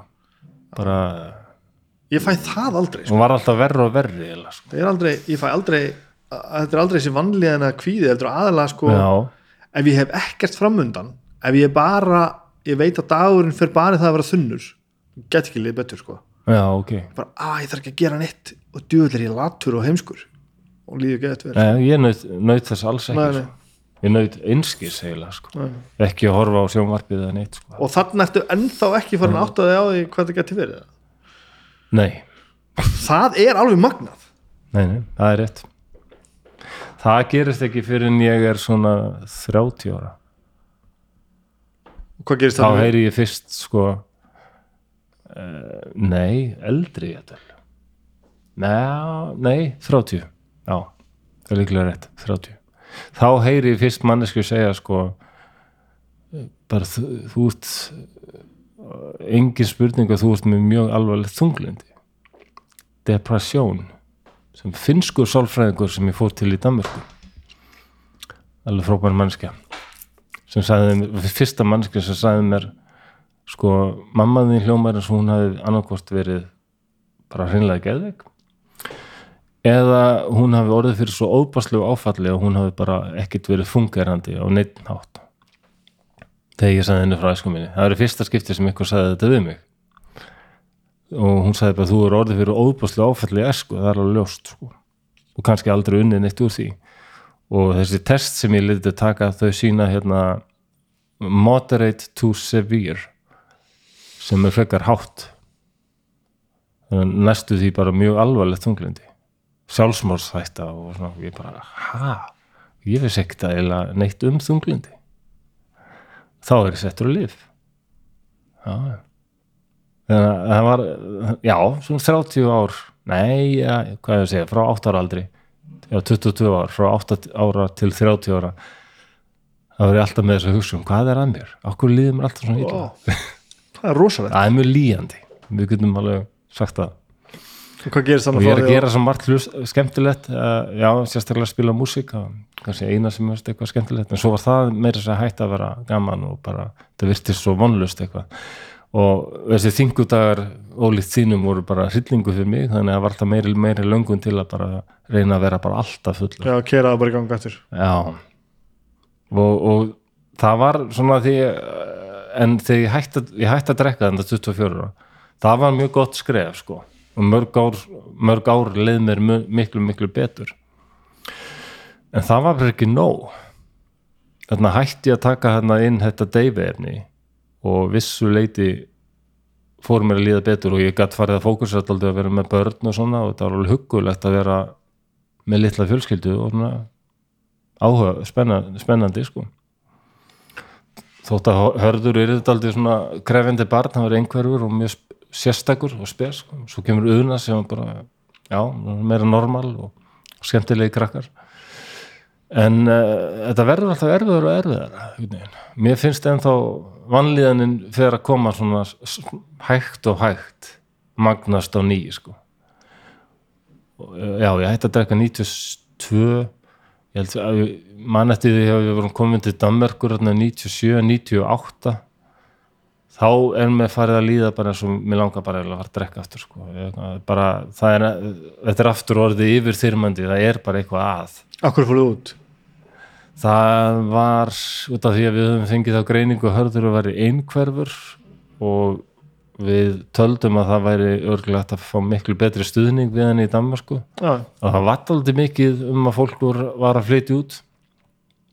Vinnur okkar nokkrir höfðu flutt út og voru að dásama þetta alveg frábært þegar í Danmarku uh, Helga barsmóði mín fyrir um deinkona hún var hérna talaði dönsku reybrennandi hún hérna hefði lært dönsku í háskólanum og alltaf hort aldrei til Danmarkur og hann hafði langað að fara í nýtt fag sem þá var að verða til sem var hérna uh, upplýsingafræði. Gamla bók, já þetta var komið fyrir bara sem heit internet svo bókasarsfræðin hefði uppfærst aldrei Já, já. Kvöldu upplýsingafræði. Og ég bara ég var bara desperat uh, finna eitthvað sem mögulega geti breytt því hvernig mér leið. Og já, kannski það að flytja út myndi breyta einhverju. Nei, Þetta er út að segja, þú veist, 8 til 30 ára eða eitthvað. Já. Þetta er ekkert smá líjandi maður. Nei, þetta var rosalega Alveg bursið frá öllu öðru Allir dagar litast að þessu veginn Það virkar aldrei neitt. Nei, Og nú segi ég þetta bara að ég hef svona einhverja e- e- einhver svona nasa sjóna af þessu sko. Ég hef alveg þurft að þurft að þú veist að díla við sjálfa mig. Ég bara, svona viðvarandi ástand hvað þetta getur mann sko. já. Verst var kannski þetta niðurrif sem var alveg óbóðslegt sko, ég er bara misætnaður algjörlega. En ég vissi alveg, ég hefði alveg svona gáfur stóð mig vel í skóla, akkur hætti ég það í skóla, hvað var hvað var það sem eðilegði fyrir mér? Já, hvað er alltaf eðilegja fyrir mér? Og, og draga af hverju er ég svona misætnaður það var bara alltaf þessi spurning í hausnum á mér. Ég var fyrir svona vonbriðu með sjálfa mig sko. Byrjaði á einhverju sem gekk vel í fannar við ég gati þetta allt saman vel gefinn og bara svona með þetta sko. og svo einhvern veginn innan gæsalappa eða ekki gæsalappa klúðraði maður í sko. Og það já, er bara svona, oh, það. þessi aftur sko. Akkur, ég, akkur erum alltaf að fokka þessu upp? Alveg tengi 100% við það. nákvæmlega sama ég. En svo man ég að þegar ég fór bæði að átta mig á því og viðurkenna það fyrir sjálfum mig hvað þetta var bara það gerði mér rosalega mikið auðveldra fyrir að, að, líða þess skár sko. Að vera ekki að slást við sko ósýnilegan óvinn sko. Heldur vita já, nú að taka viðtalið mig en ég er ósalega forvitin allt í hún að setja mig í hlutverk spyrilsins og spyrja hvað, veistu hvað nokkurn veginn hvað var að? Hjá mér? Nei, ég hef náttúrulega fór til geðlagna og, og sálfræðinga og eitthvað svoleið sko. Það, var all, það var alltaf svolítið erfitt að koma hérna, puttanum það, hvað var hjá mér sko. Eh, ég hef prófað alveg þunglislif sem virkuðu ekki sko. mm, um, og en eftir því sem árin líða ég er alveg að díla við sömu líða núna og ég var alltaf að díla við þá Mm. en ég held að ég sé bara með betra sett, skilsett sjálfur til þess að díla við það sko já, já, ok að ég hef betri insýn í það e, þar sem ár, sko, verkefni sem ég nota mig í dag er það að reyna að spotta einkennin hjá mér áður en þau verðu alvarleg sko. mm, þannig að ég þegar ég finn einhver, einhvern vísið einhverjum hérna, einhverjum, einhverjum einkennum þá fer ég út að labba eða þá fer ég snemma að sofa eða þá, þú veist. Já, það er sama hér. um, hvað þetta er. Mm, ég er svona að reyna að fylgjast með í kringum mig hvað fólk er að segja og hvernig fólk lýsir hlutunum og tala við fólk eins og þig skilur sem, að, sem veit meira eldur en ég eh, ég kem alltaf að því aftur og aftur þetta sé að kvíðin sé minn stærsti óvinni sko. Já, hann er alveg ferlegur. Og ég finn svona vannmátt svona ofbóðslegan vannmátt já, ég til dæmis gaggvast þegar ég átt þegar börni mín voru yngri, þau eru ekki nema 30 og 5 ára núna sko að vakna með þeim á modnana einn sem sagt með ómálga börn og svona eitthvað að sjá um þau það var, bara, það var bara það var bara líkamlega kvöl sko, ég fann bara til í vélendina, ég var bara með súrt bræð svona upp yfir öllu og, og stundum alltaf bara komst ekki á fættur sko. Já, já. Og það var bara Agnes að taka, taka hittan á því. Já, ég tengi þetta. Ég, hérna, ég er ennþá með smá skömm í mér um mitt gagvart börnunum mínum sko, tengist aðalega tímanum þegar ég flutti heim frá Danmörku 2002 var þá aftur byrjaður að drekka og leiði ekki vel og fór að vinna hérna á geðdild í vaktavinnu og var að vinna aðra hverja helgi en, en hina helgina sem ég átti frí þá þurfti ég að vera með krakkana mína. Þurftir? Já, ég leita á það þannig og, og, og mér fannst það hvöð, ég verð bara viðkynna það. Bæði leið mér ekki nógu vel til þess að geta notið þess og mér fannst þetta rosa hvöð að þurfa að vinna svona mikið búið ykkur í kjallarahóli í Vesturbænum og, og einu helgarnar sem ég hefði frí og gatt verið á tónleika eitthvað, gatt ég það ekki út af því ég var með krakkana, því miður og ég var líka að drekka þarna og og yfirleitt þegar þau voru háttuð sko, þá var bara opnaði bjór og ég fór bara í tölvuna já, já. og drekk bara og svo sopnaði ég kannski klukkan fjögur svo vatnuðu þau fjórum tímur seinna og þau minnast þess alveg að þau voru löngu vöknuð og voru bara eitthvað að horfa sjónvarpið að reyna að dúla sér eitthvað. Pappi lá bara sofandi fram meður hátegi. Það, ég er ekki stoltur af þessu sko. En ég var bara ekki á góðum stað. Maður verður að það er tíður ekkert að rífa sig endalust niður. En það er alveg sjálfsagt að útskýra, ég hef bara sagt þeim þetta. Mér Já. leið ekki vel og þau vita það alveg. En það er mjög auðvelt fyrir mig að setja mig í þessi spór sko.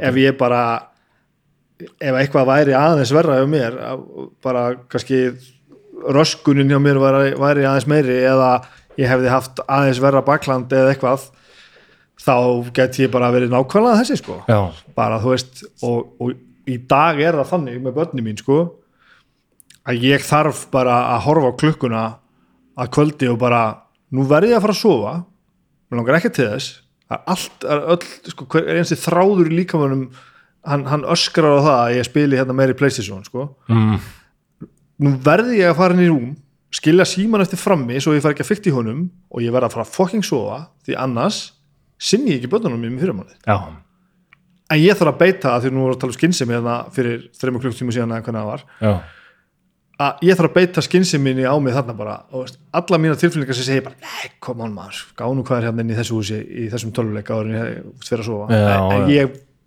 verði ég að nota alla mína 42 ára gömlu skynsemi sem er þó búin að ná þessum tökum á lífinu að ég verð að drulla minni í rúm til þess að ég geti gert það sem ég verð að gera með börnunum mínum. Já, ég er ekki vissum ég hefði gert það fyrir tíu árum síðan. Ég er bara ekki vissum að ég hefði bara ráðið við það sko. Nei, ég fann einmitt aðra fíkt þegar ég, ég já, ég fór í meðferð 92 en svo 5-6 árum setna þá er mér farið að líða rosa lítla og, en ég, ég byrja ekki strax að drekka aftur. En ég finn aðra fíkt það er tölvuleikir já, og ég hekk bara endalust í þeim sko, aftur og aftur og ég alveg talaði við mína fyrirhundan Helgu barsmáðu mína og hún sagði bara að þetta var bara hvert einasta kvöld sko. já, og hún var alltaf komin í, í háttin langt undan mér og bara ég og, og að, aðrar kæristur sem komu eftir sko, sögðu nákvæmlega þetta sama sko. Alltaf í tölvunni sko. Og líka eftir ég fjall og fór að drekka þá var þetta svona fíknin. Tölvuleikir áfengi. Hvenær byrjar að drekka þurr 99 held ég. Út í sagt. já, já, það var rosalega gott. Djúðlega gott. Ég gleym ekki þeim bjór.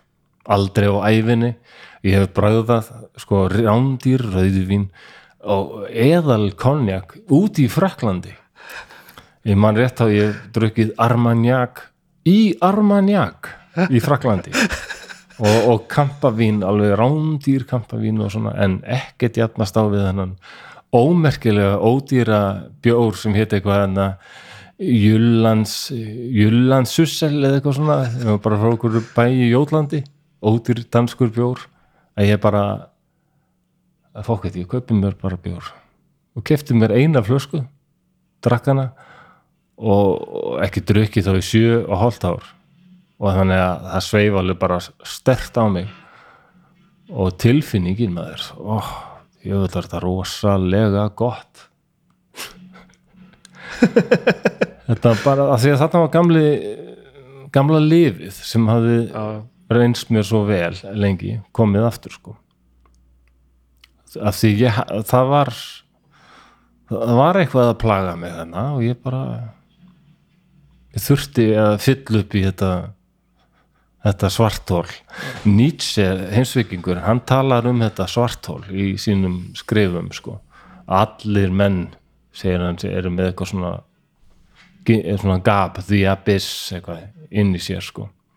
Og fólk reynir að tróða stöðva þetta með einhverjum ráðum, hann var alltaf 19 aldrei maður þannig hann sá að fólk var mikið að nota tvo hluti, trúarbröð og áfengi til að setja þetta, hann sagði það er, þetta er að versta sem hún notar sko. Trúarbröð, hjálp ekki neitt alls ekki, gera það bara algjörum vitlýsingi og reynir að nota þau í þetta. Og áfengi, bara, alls ekki. Það er bara, það er engi, þetta er bara þetta versta sem versta sem stendur mannkynni til bóða fannst hún bara trúabröð og áfengi. En það var annað sem hann eina sem byrðist eitthvað duga til þess að stípla þetta svartól það eru listir. Listir? Já. já, og, og svona færi göngutúra hugsa og vera það svona aktífur og njóta lista tónlistar sérstaklega. Hann á að hafa sagt sko án tónlistar þá væri lífið bara ein allsverja mistök sko. Bara til, algjörlega tilgangslöst sem er rétt. Já, ég er svo sammálað nýtt í þessu þannig að já, ég, maður tengir alveg það það er sko. göngutúra. Ég ætlum að búin að læra eitt. Hann fór langa göngutúra og mælti með því líka. Ég er búin að læra það þegar ég er að díla við mína djöfla sko. að fara mér ekkert um of. Ég þarf ekkert að fara sex daga í röð í ræktina í tvo tíma. Bara það þegar ég sitt hérna og finn hérna herðu, nú er ég að þingjast, börnum ég fyrir töður á mér. Og ég, hérna, ég nenni ekki vinnuna sem er ótrúð að því mér finnst frábært í vinnunni sko. Að reyma með fokking skóna og labba hérna í kringum gólvöllin hérna og koma heim eftir sko 40 mínútur. Það, það, þetta, er bara þetta er svo mikið make or break sko. já, bara ekki ekki halda á þú þurfir að fara á keto og til sálfræðis og geðlagnis og í sund og í ræktina Nei. og í sjósund þú veist, bara herðu gerðu bara eitthvað, já, settu þér hérna þetta pínu litla dagmark, farði í, í göngutúr og farið styrtu og þetta er komið sko. já, já, af því að þetta hefur heilmikil áhrif á aftur heilan í okkur já, öll starfsemin breytist og blóðflæðið og allt og búið þetta búið þetta hérna, flæðið líka Mhm. og bara til þess betra sko. fegstu móral þegar þú byrjar að drekka fannst þér eins og þú værir að veist, falla Já, eða brjóta gegn einhver sem ætlaði jú, að gera jú, jú, eitthvað smá sko, en samt ekki drosalega. Ég er bara, nei og ég leita mörgur leita á bara þetta, er bara ekkit, þetta var ekkit að virka, ég gaf þessu séns etur í mörg, mörg, mörg já. ég er ekkit gott, nei, nei, það bara virkaði ekki. Vanliðanin kom aftur. Já, hún hvarf um tíma sko. og, og, en hún fór alltaf að magnast og magnast og magnast. Samt var ég hérna pappi og bara uh, já, þetta skemmir allt sko. mm.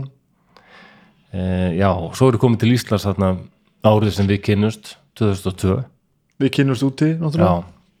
Ég, ég, ég, ég, hvað var ég úti? Ár tæpla ár. Já, já. þá varstu skilinn þegar ég kynist þér? Já, þegar þið skildu, já, já, fluttu saman út og svo ekki, ekki saman heim? Nei við heldur skildum 2000 eitthvað svo liðs eftir þrjú ár hann úti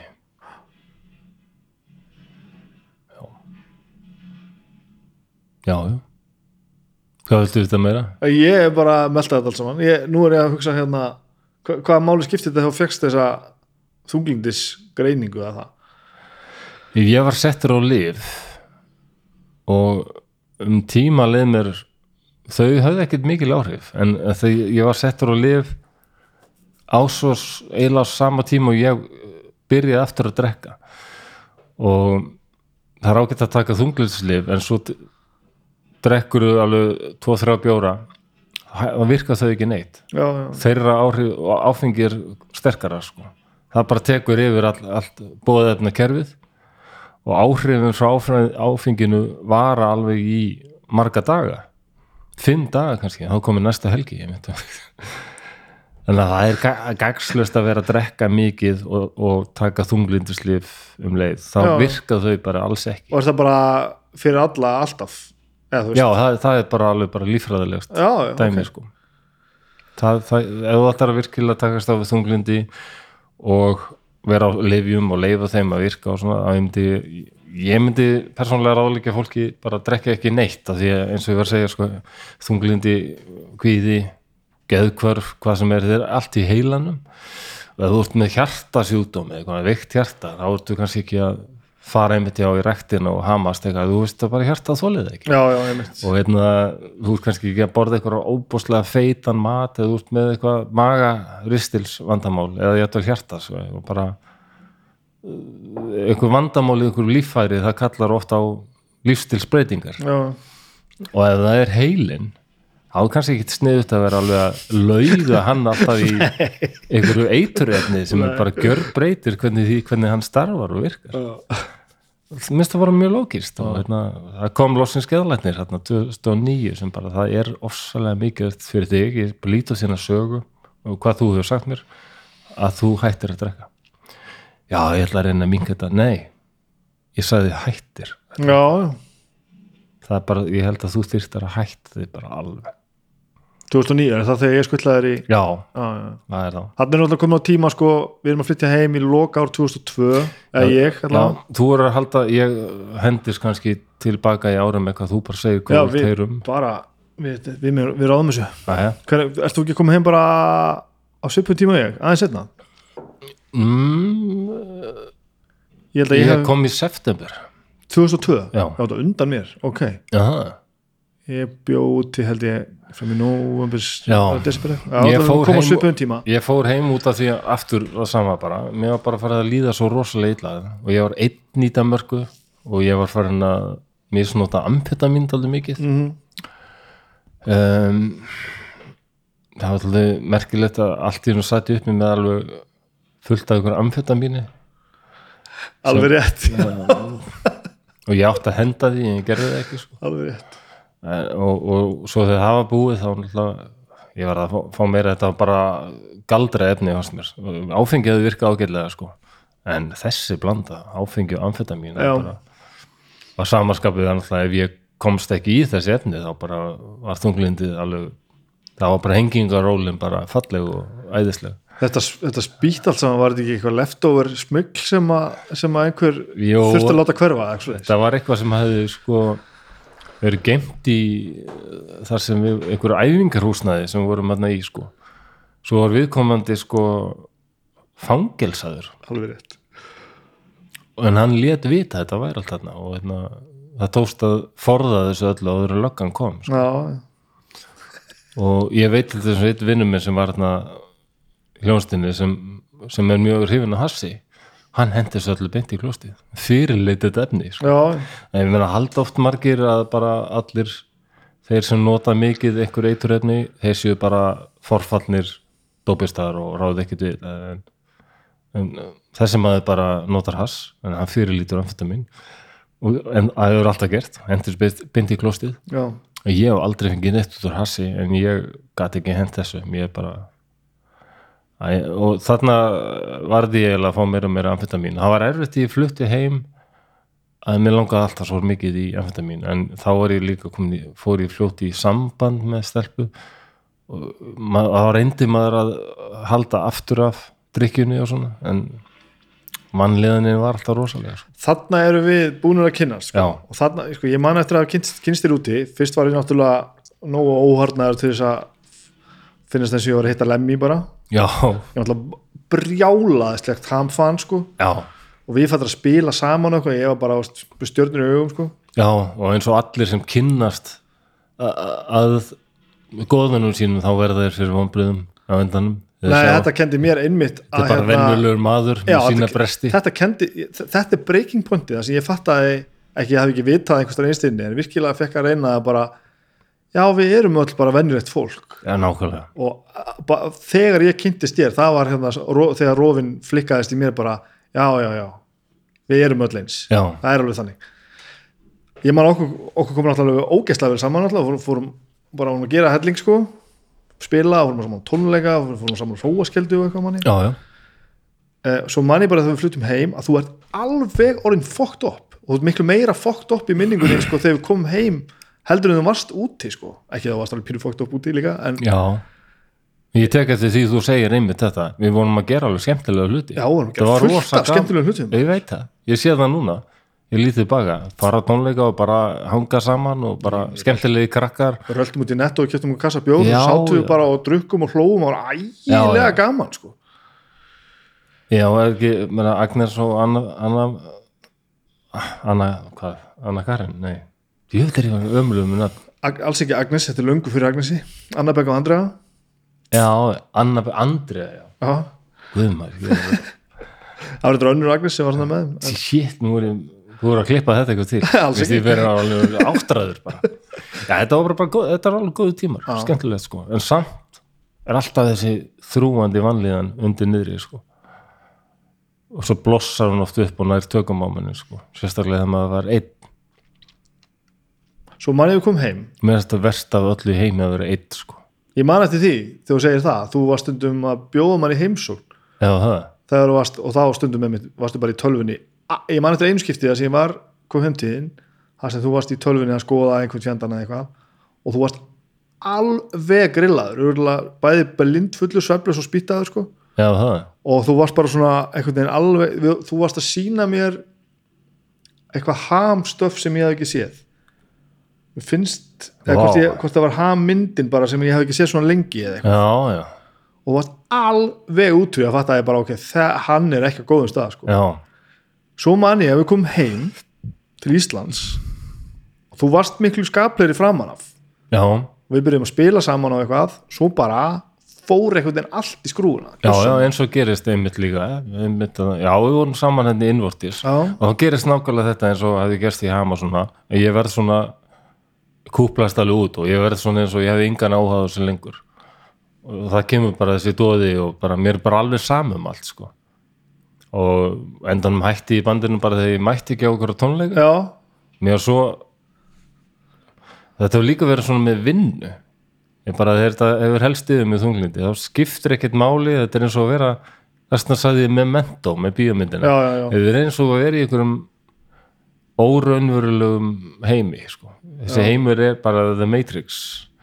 Þetta er ekki alveg þessi tilfinning verður svo sterk. Þetta spjall okkar núna að það skiptir engum alveg hvað þú gerir. Ég þarf ekki að mæti vinna af því þetta er ekki, þetta er ekki raunveruleikin hvort þið er.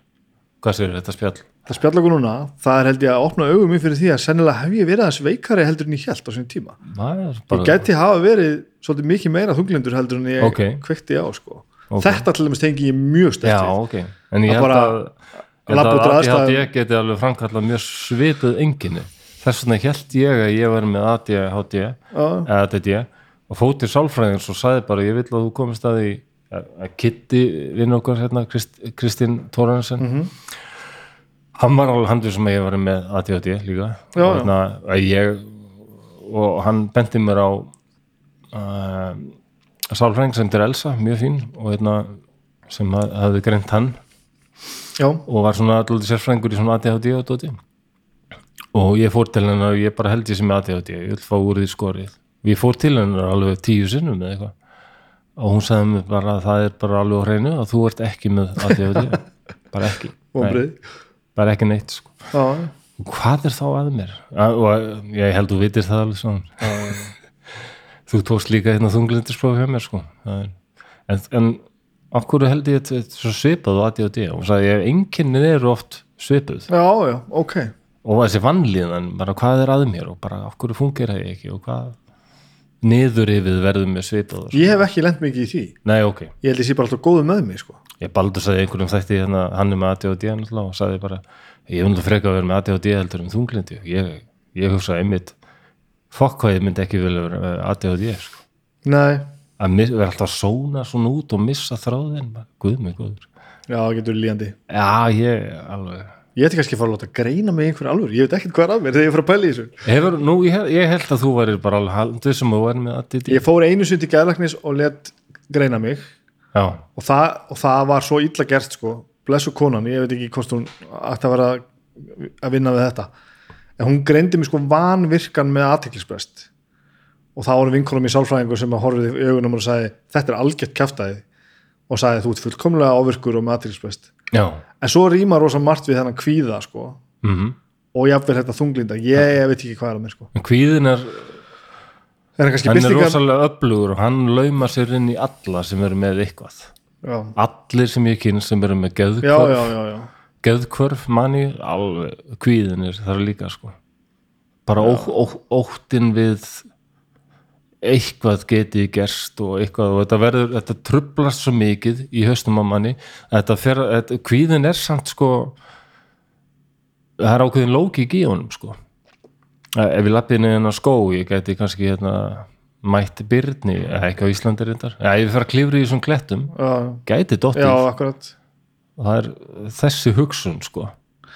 Ef, ef ég keiri og ég ætla að keira hérna 120 það er kannski hættulegt það geti og svona þessi kvíði eða uh, rökréttur kvíði ótti. Ég fæði þetta að sér að tala með börnum mín sko. ég fæði svona já, kannski e ef að ég fokk einhver upp þá gæti, sko ég, hef ekki hrædd, ég er ekki hrættur um að þau hlaupi fyrir bíl. Ég er hrættur um það að ég sé ekki hæfur í að láta þeim líða eins vel og þeim getur liðið. Já, ég er svona einn með börnunum mínum bara og sérstaklega því ég skildi í hvað þau sögðu sko. þá var ég bara, kannski er ég að láta hann borða eitthvað sem hann langar ekkert í og bara, æ, djúvillir í lélugur ég að vera faðir af því að, að, því að hérna, ég veit ekki hvað vilja. En það hljómar eins og þú sért opinn fyrir ykkur þarna niður yfi sem er ekki gott sko. já, en, kannski en, það er rétt. en sjálfur sér er þetta ekkit skrítið að finna til vannmáttarkendar sem eru í uppeldishlutverki held ég að því að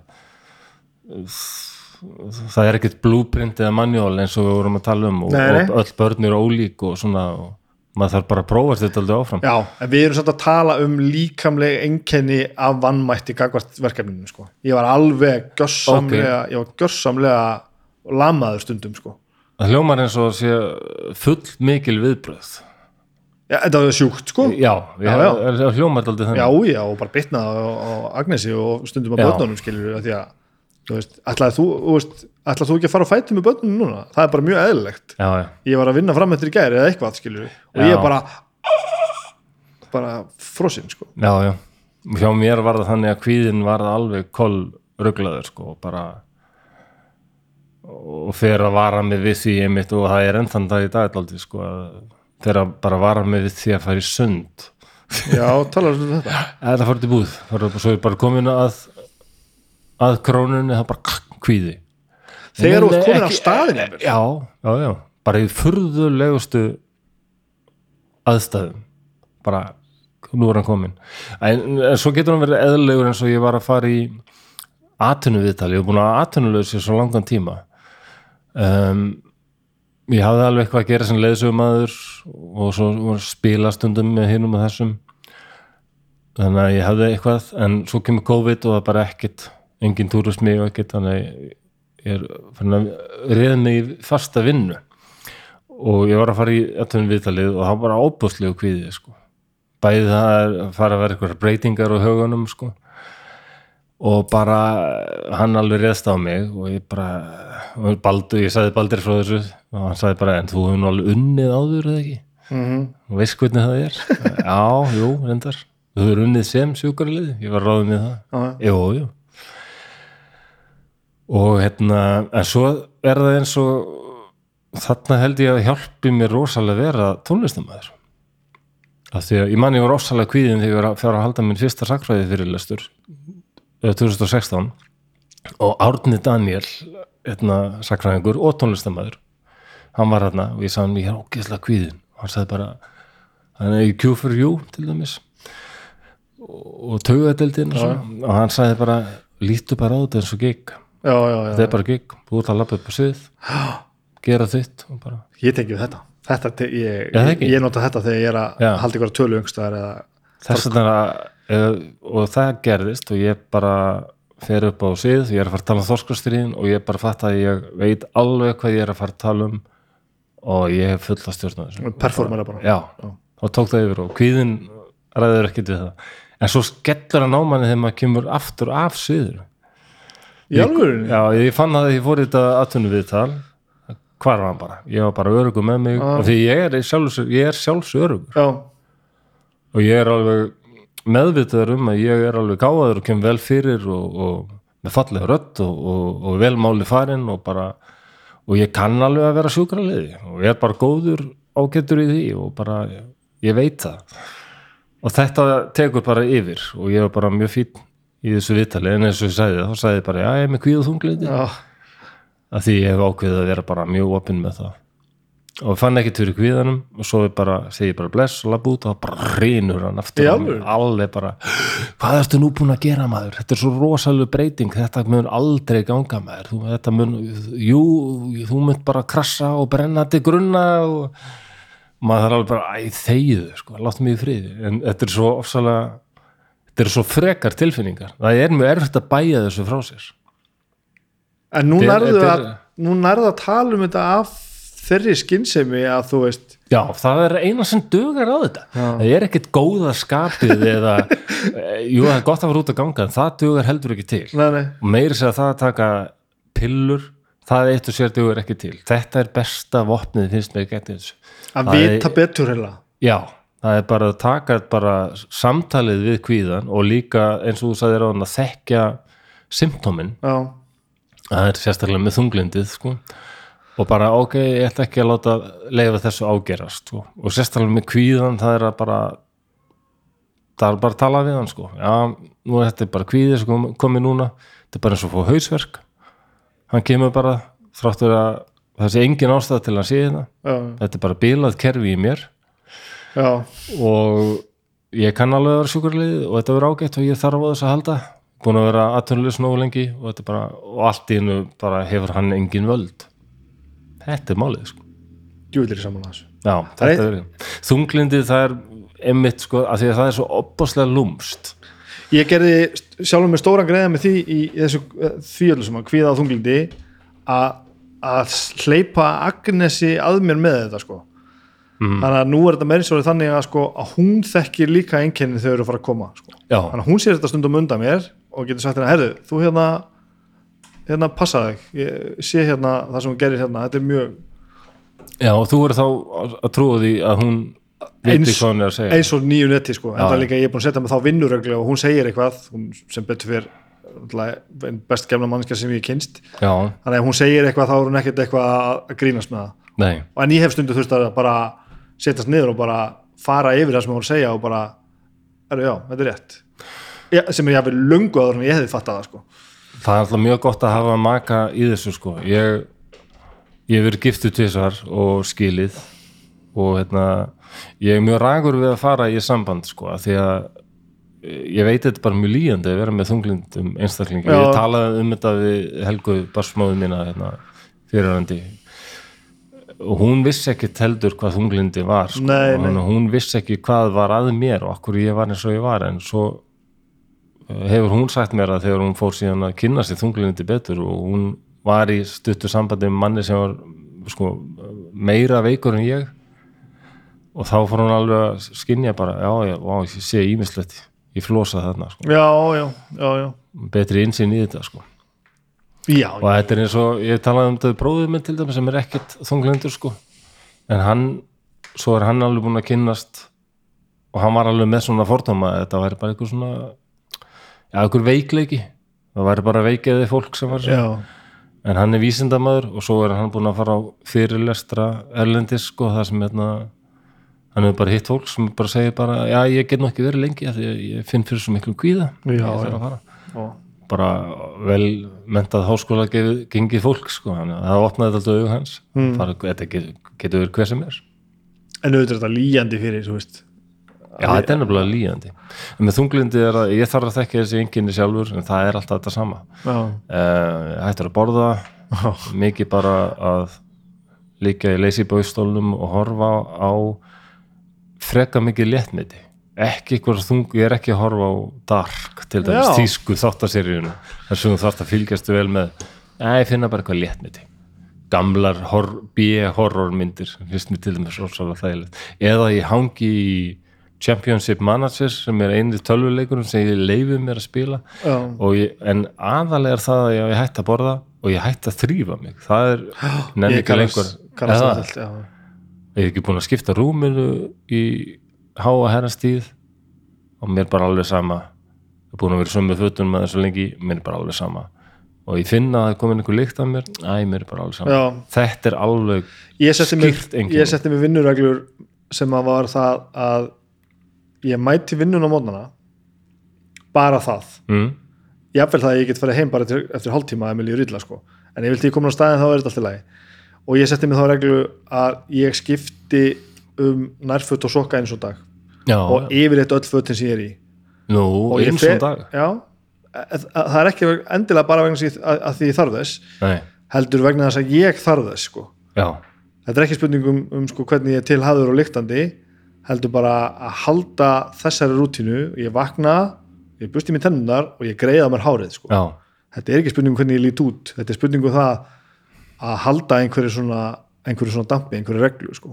Já, og mér, akkurat sama, sama hér og mér hefur líka tekist að koma þeirri hugsun inn í mig að þegar ég fer að hugsa um þetta, ok, ég er orðin frekar ógæslegur og ég ætti að vera búin að skipta á rúminu fyrir löngu síðan. Og þá kemur þessu hugsun manstu seinast þegar þú komst úr styrtu og fóst upp í rúm sem þú varst nýbúin að skipta á? Hvað það er góð tilfinning. Þá bara, á já, það er gott það er tvöföld Og góð þá tilfinning. er ég búin að segja, þá er líka minn allir komin með mér í lið. Já, já, já. hann bara, já, þetta er það er tventin við viljum þetta. Og þegar líka minn fyrir að bara við viljum þetta, þá er það mjög sterk, sterkur aðili sem komin með þér í lið Þa, það er þessi, þessi tvöfald af veljiðan það er þetta þegar að, að svo gott að fara upp í, reyn, í reyn- reynd rúm já, og hinn helmingunum bara herru ég fokkin gerði þetta sko. Já, það er það sem ég er að tala um líka við það að reyma, með skóna og fara út eitt er nú að fá blóðu á reymingu en svo kem ég líka heim mm er, teka með skóna og hugsa bara herru ég fór í þennan fokkin göngutúr. Þetta er eiginlega bara eins og með við vorum tala um síkópata að kenna þeim. Já, ég held að við getum kent okkur og lært já, bara kent líkama okkar bara eins og hundi eitthvað.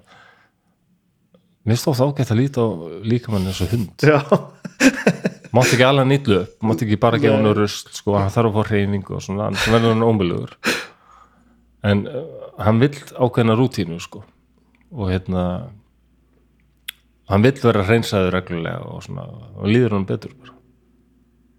Já, og ég bara, bara, muna þetta bara, já, þér líður betur þegar þú ert búin að þrýfa það eins ég bara þetta er svo, svo nákvæmlega sama og ég er að og ég noti þetta í allt sem ég geri maður.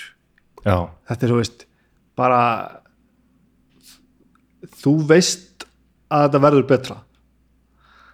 Já, það er ofta eina sem ég segi, segi sjálfum mér sko. Í staði fyrir bara að maður ánum að gera þetta af því að þetta, að ég áttu nú ekki svona, svona. Þetta er bara, bara svona grjótur skynsemi sko. mér langar ekki að hætta að tala við þig fyrir við förum yfir hérna því ég skuttlaðar að geta þeirra. Já, gerum að það þetta er, þetta er, þetta er, hérna sva, þetta er, þetta er svakalasta svona dæmi sem ég hef komið nálagt sko. er það? já, kannski að því við vorum svo mikið bara tveir sko. að því Já. ég var að skuttlaði frá Húsavík til Akureyrar já, í þessu, í þessu ástandi sem varst í þetta var, þetta var uh, í senn að margir viti og stórkostlegt sko. ég held að margir viti ekki alveg hvað gekk á þarna og að margir halda bara að ég hafi hætt með kæristunni og þá orðið brjálaður en það var ímislegt búið að ganga á undan og bara kærastan var búin, búin að gefast upp á mér. Ég, ég var bara opaslega þunglindur og kvíðinn og vildi bara reyna að vera alltaf að drekka, drekka og hangi tölvunni. Og það nennir engin að vera til lengdar með þannig mannesku sko. þannig erum við býtum við, þetta er sumrið til að húsa ekki sumar? Jú, þarna var ég enn og einu sinni bara að reyna um, við flytjum hérna, ég og kærastan til Húsavíkur 2008 það var einmitt svona mér leið bara hræðilega í, í bænum sko, bara, það gekk ekki neitt þráttur að vera hérna í sambandi með mannsku sem ég bara fannst alveg frábær. Bara þessi tilfinning, þetta þunglindi er öllu yfirsterkara. Svo var ég alltaf að stela áfengi frá henni, sama hvað hann bað mig ofta hætta því, bara ég gerði alltaf aftur og aftur og aftur. En svona bauð hún hérna vinkonu sínum upp á okkur að koktela vandamálið var bara þeir voru ógislegir vegna þess að ég var búin að drekka allan vodkan í vodkaflöskunni en það hefði sett vatn í staðinn svo hún tæki ekki eftir það var mjög það var mjög neyðalegt og neikvætt. Oh, skil ekki, hún hafi ekki bara dömpað mér strax þá en, ja, en hún fekk nú á þessu. Þá var ég allt í hennu aðleit sko og ofsalega berskjaldaður. Ég var alltaf að leita sem stað einhverjum svona einhverju, einhverjum til að hengja þessa króka mína í alveg síðan ég var barn og reyna að finna eitthvað svona akkir og stöðuleika og þarna og ég hefði hengt þetta aldrei á stelpur sem ég var með sem maður á ekkert að gera sko. Það er of mikið ætlast til þess að að makinn, kærastinn, kærastan eigi að vera svona alveg bara eigi að halda manni uppi. Að maður eigi bara að hanga í þeim alveg svona það, þau geta það ekkert. Nei, maður á að standa á eigin fótum sko. þau er ekki, er ekki, er ekki hérna til þess að vera eitthvað svona hægjur fyrir okkur sko. Þannig að þetta gekk aldrei hjá mér eitthvað svona sambönd sko. Og ég, ég líka varð fljótt bara með dofin og, og leiðilegur í þeim held ég en þarna var ég semst einn á Húsavík og fór þá að drekka miklu miklu meira og hafði sambandi að lækni minn og sagðist vera ógeðslega þunglitur og líða vel og drepast við kvíða. Já, þannig að ég fekk þá róandi efni áskrifuð eitthvað oxycontin dót og svona drakk það drakk bjór með því, það var ágætt. Hekki tölvunni og svo hitti ég einhverja vafasama menn sem gáttu skaffaði mér anfæða mín á Húsavík Nei, var það svoleiðis? Já, ekki vissi, einhverja farandverka menn hafði. kannski ef ég einhvern tíma vita þetta ég Nei, það var eh, skrítið hvernig sækjast þér líki Já, það er bara, ég var hérna fyrir utan baukinn og bara náðungi sem bara sá mig og hann bara horfði bara á mig og kom bara til mín og eh, ég held að ég geti verið með eitthvað sem þú er áhuga á. Vá, Já, já, hann sáðu bara strax þessi guður Já, já, við þetta ég held ég aldrei heist þetta. Nei, ég hef ekki sagt mörgum með það sko. Áhuga, en það var fólk sem sá mig með honum sem bara, ég varaði mig við því að ég óttir nú ekki að vera umgangast hennar sko. þarna, þarna man ég eftir sko, þarna erum við búin að þekkjast í er ekki 2009, Jú, þarna er ég búin að þekkja í sjö ár. Já, og erum búin að umgangast svolítið mikið já. þarna. Að á þessum tíma þarna þá ertu þá er óreglan orðin svo brjáluð. Já, var það sýnilegt alveg? Ef við tökum sko orðið óregla eins og það sé ekkert minnstur á neinu sko þú ert bara svona eins og þú sért á einhverju random þú sefur bara einhver tíman Já. þú ert bara einhver tíman einhver staðar já, og það er ekkert að stóla á neitt einhvern veginn sko. Nei, það ég man aldrei eftir sko, leiðilugum eða óþólandi neitt svoleiðis. En það er svona fullkomlega ómögulegt að stóla á nokkuð skapaðan hlut. Já þarna og þarna voru sjálfsvíks hugsanindar orðnar rosalegar, ég var alltaf að hugsa um dauðan sko. Hvernig, að- hvernig var svona fantasera um hvort ég get ekki sviðsetta einhvern veginn? Detta í klettum, það var alveg ég var alveg svona alltaf að spá í hvort það verki ykkur góður klettur, þannig að maður myndi nú öruglega að drepast þegar maður já, lendi en þetta gæti litið út eins og slís en ég var bara ekki þekktur fyrir að fara mikið í klettukleifum en ég veit ekki þetta í sjóun, ég var eitthvað æ, ég var ekki eins spennandi einhvern veginn. Það klettandi voru svona mest spennandi. Varst múin að lengi hu- hugsa um sjálfsmórið það já þetta var, fór alltaf að ágerast meira og meira sko. og bara dauðin, þetta var eitthvað svona þægilegur tilhugsun sko. Þetta er allt geð ekki. Þetta er það sem þetta er. mér fannst bara eitthvað svona gott að hugsa um dauðan sko. Já, og ég hlakka til þess að hann kæmi. En þannig á mann ekki lí- líða þegar maður er lifandi. Maður á að njóta þess að vera lifandi. Já, en því miður hann bara en það var tilhugsunin um börnin mín sko sem uh, stoppaði mig alltaf rosalega mikið sko. Ok. Ég var einu sinni hérna heima hjá mér var ég búin að setjast við hurðarhún og setja binda belti um hurðarhúnin og um hálsin á mér og var eitthvað að spá í hvort ég get ekki drukkið mig það er mikið ég myndi bara sopna og þá myndi ég líða svona út af og kapna það er hægt, mín fyrirvændi gerir þetta nú bara edru sko. já, ég sá eitt mann sem hefði gert þetta á geðdellin og bara mjög svona pró einhvern veginn. Við hefðum átt að sjá það eftir að higgja hann hann ég sá maður, hann getur maður. Hann var búin að búa um rúmur sitt í fyrsta skipti. Og bara brjóta saman föt og svona. Til í það. Já, og svo fannst það inn á klósetti bara með og veitna það var og með með headphone-an á hausnum bara.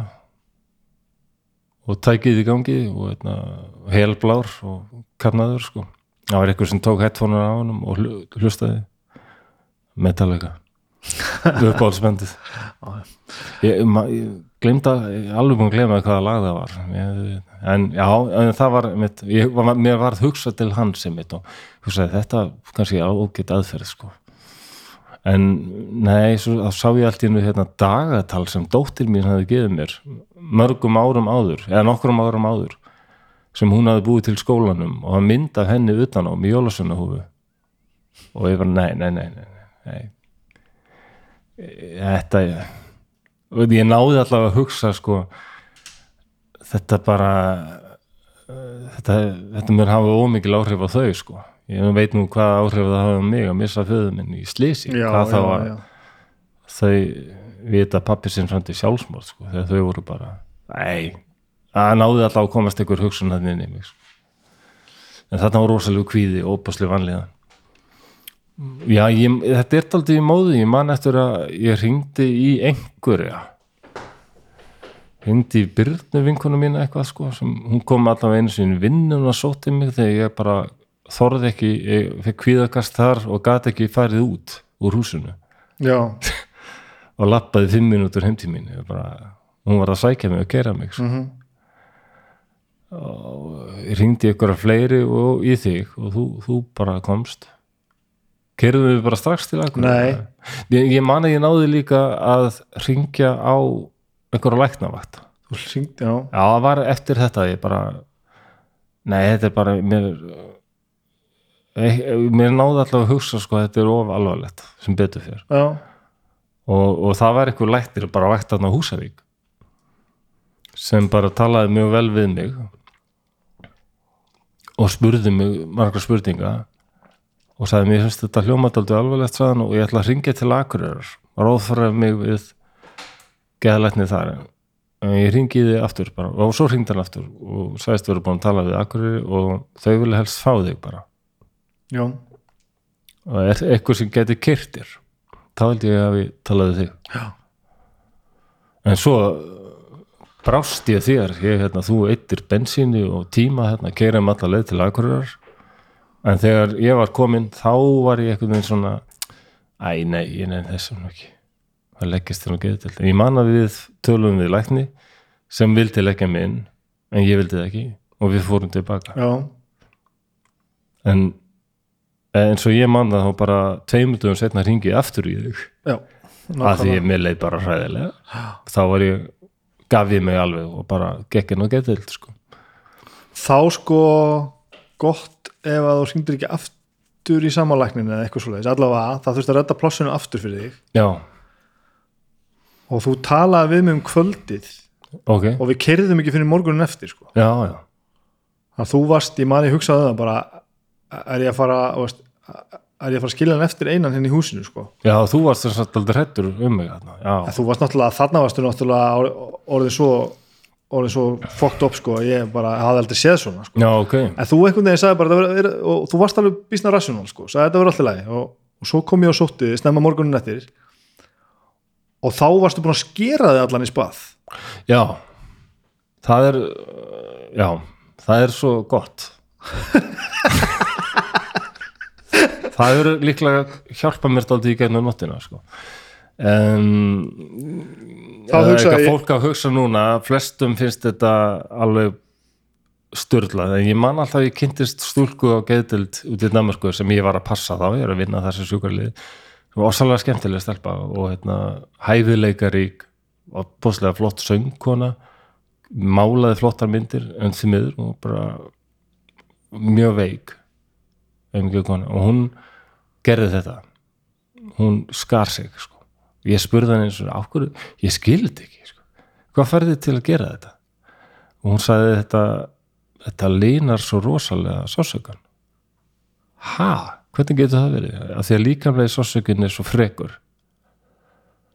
Að þegar þegar þú skerði bara og nokkuð vel þá kemur svona bruni og sviði og, og, og sásöki og það er miklu þægilegur sásöki heldur en þessi andlegi sásöki og ég man að ég var hérna um nóttina og það var dúkanýfur bara sem ég sá allt inn og ég var að hugsa um þetta um leið svo ræðilega sko alveg bara. Og það var allir þetta að sé satt hjá henni.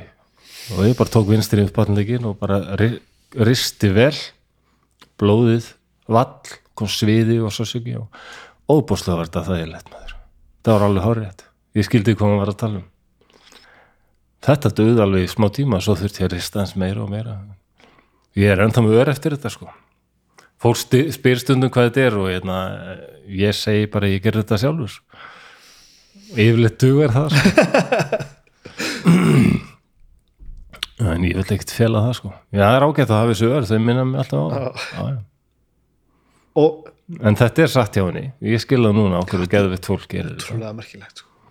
Þetta linar andlegu þjáninga þar. Líkamlegu sásöki. svo sótti ég þig Já, og þú varst bara bísna rassjónal sko. þú varst bara ansi góður sko. já alveg til ég að koma fórst bara, tókst töskuna þina og fórst í jakkan og við fórum bort í bíl og svo held ég að hafi upplifað allan tilfinningaskala sem mögulega hægt er að sjá hjá einu manni á, á þessum klukkutíma sem hann tók að kera Nú allt frá ofsa gleði nýri sko, nýri sko ofbóðslega svona hræðslu og reyði sko Já, já. Og sem endaði bara í einhverju svona panik, svona system shock einhverju, Já, það sem varst bara fann að skjálfa og bara rest ekki neitt við neitt sko. Nei það var, það gerist inn á getildinni líka sko, að ég fekk alveg ópsalegt svona kvíðakast og grét bara eins og smákrakki í fóstustellingu og bara fekk bara róandi og svona og þetta var alveg óðalegu tími sko. þetta var alveg merkilegt að að upplifa þetta sko. Já, ég, ég var orðin þetta sem sagt einn og mér bara ég, æ, ég sá bara einhvern rúmlega fertuðan mann í speklinu sem hefði enga mentun eiginlega og enga peninga, ég var á svörtum lista mér að segja, bara skuldaði. Já. og mér finnst ég bara eiga enga framtíð og vera búin að klúðra lífinu gjörsamlega. Þetta væri bara búið, ég ætti bara einhvern veginn að klára þetta. En ég, ég gata það ekki. Það heldur ekki, ég gata ekkert. Ég gata ekki einu sem drefið hversu mikill auðmiki gæti ég við þannig að og þetta var líka þá eitthvað hálmstrá þarna, hvort sem það er að flytja til húsækur eða dammerkur eða hérna, færi meðferð eitthvað, bara ok, þarna er eitthvað breyting.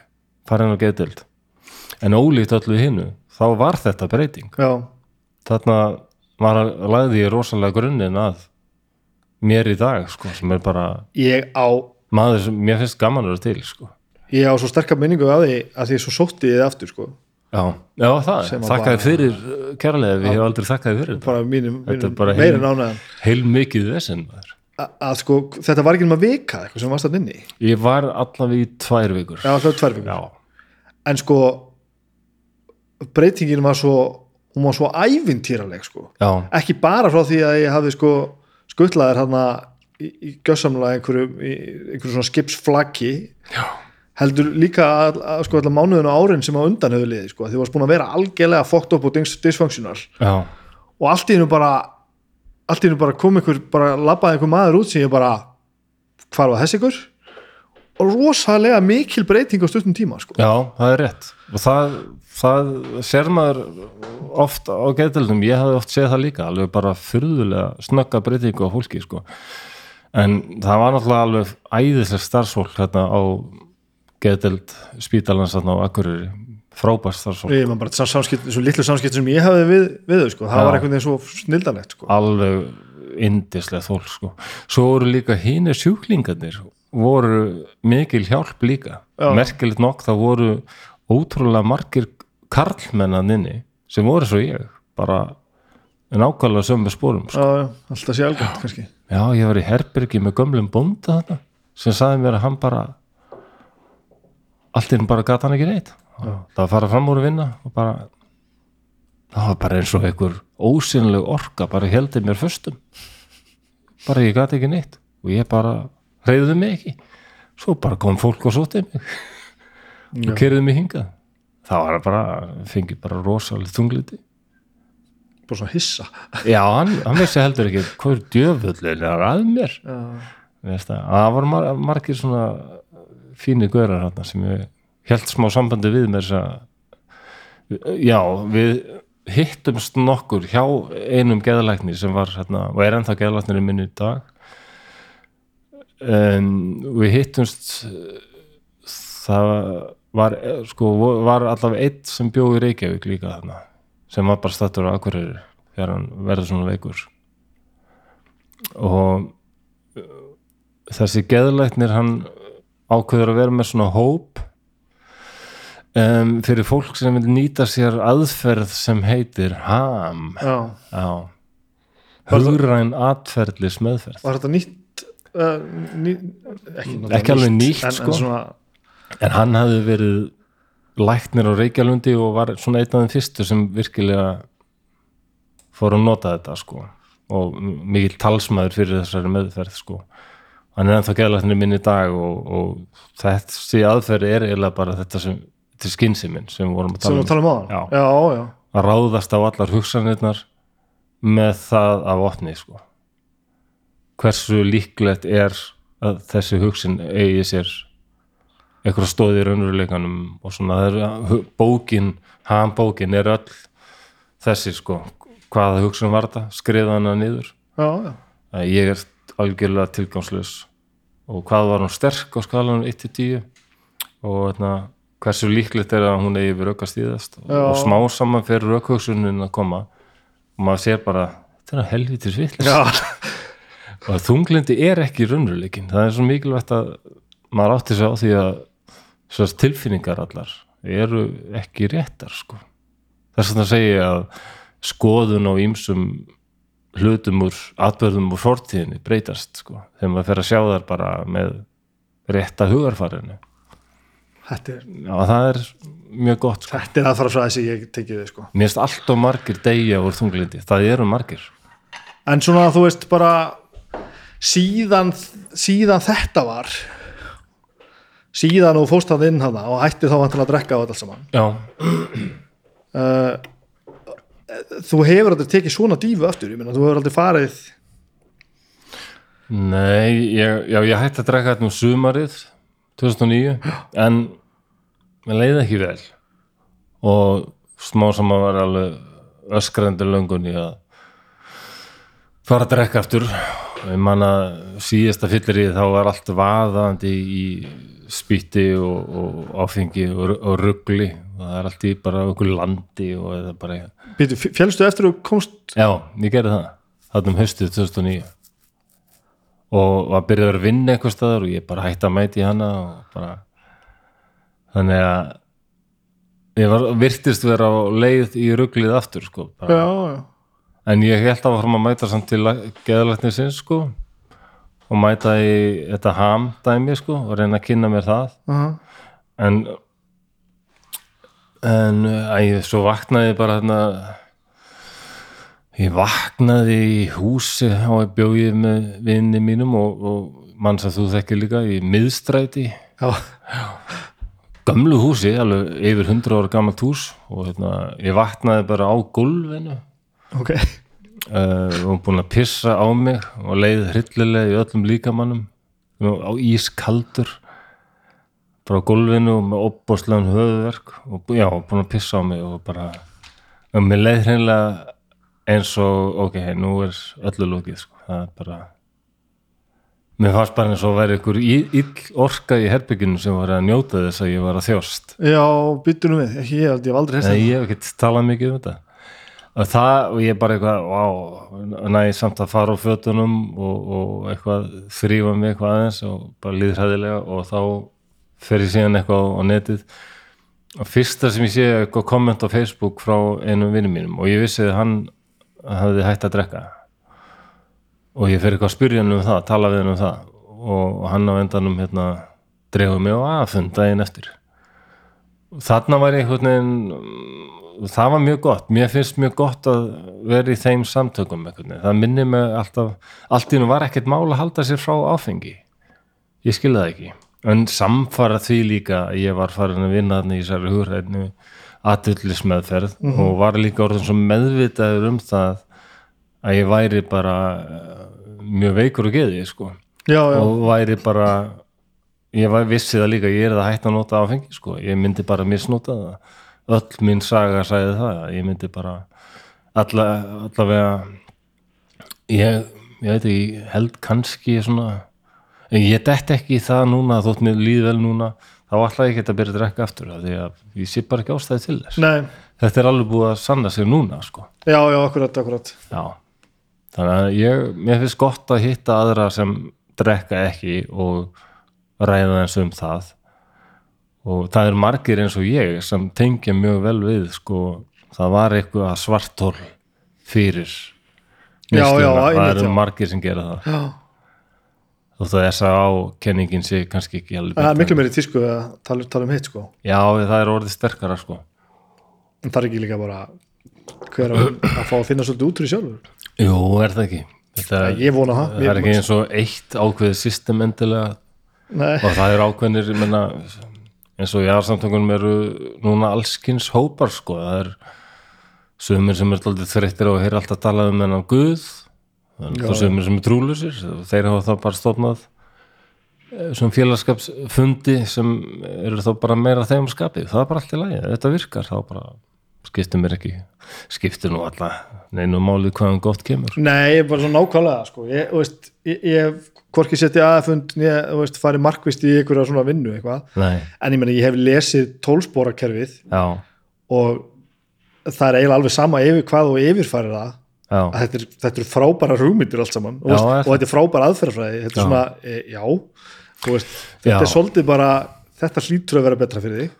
Já, þetta, allt þetta tala um Guð er nú meira bara til að fá mann til að sína smá auðmygt og bara þú ert ekki aðal snýst ekki allt um þig og bara myndu bara að þú varst hvert, hvert, hvar þú varst eða þú ákvæðst að leita hjálpar, Já, ekki gleyma því. Já. það er svona að halda sér bara á muna núlpunktinn sko. Ekki vera of langt frá hérna það er ágætt að muna hvað maður kemur sko. já, já, já, einmitt. Mun eftir myrkrinu og sásaukanum og vannliðinni já, einmitt. Já, ef maður gleymir henni alveg þá það er, ég held að það sé hættulegt Þetta er, eftir, eftir þetta spjallir þetta svolítið magna að því hún er búin að þekka svo lengi sko, ég er búin að setja þetta í allt annað samhengi allt saman, ok, að þú veist að því nú er maður búin að fylgjast með síðustu tíu árin þar sem að svona, manni fannst lóksins eins og eins og eitthvað væri byrjað að virka. Já, og þú veist, og nú er þetta búin, að fara gegnum, gegnum háskólanám og, já, og ég held að sá dagur myndi aldrei koma, ég er ekki einu sem er stúdarspróf en það var svona draumur að að klára það og líka losnaði sem svarta lista og það, ég veit ekki hvernig ég fór að því, ég Já. gerði það. Já, bara, það fór bara alltaf lagast einhvern veginn.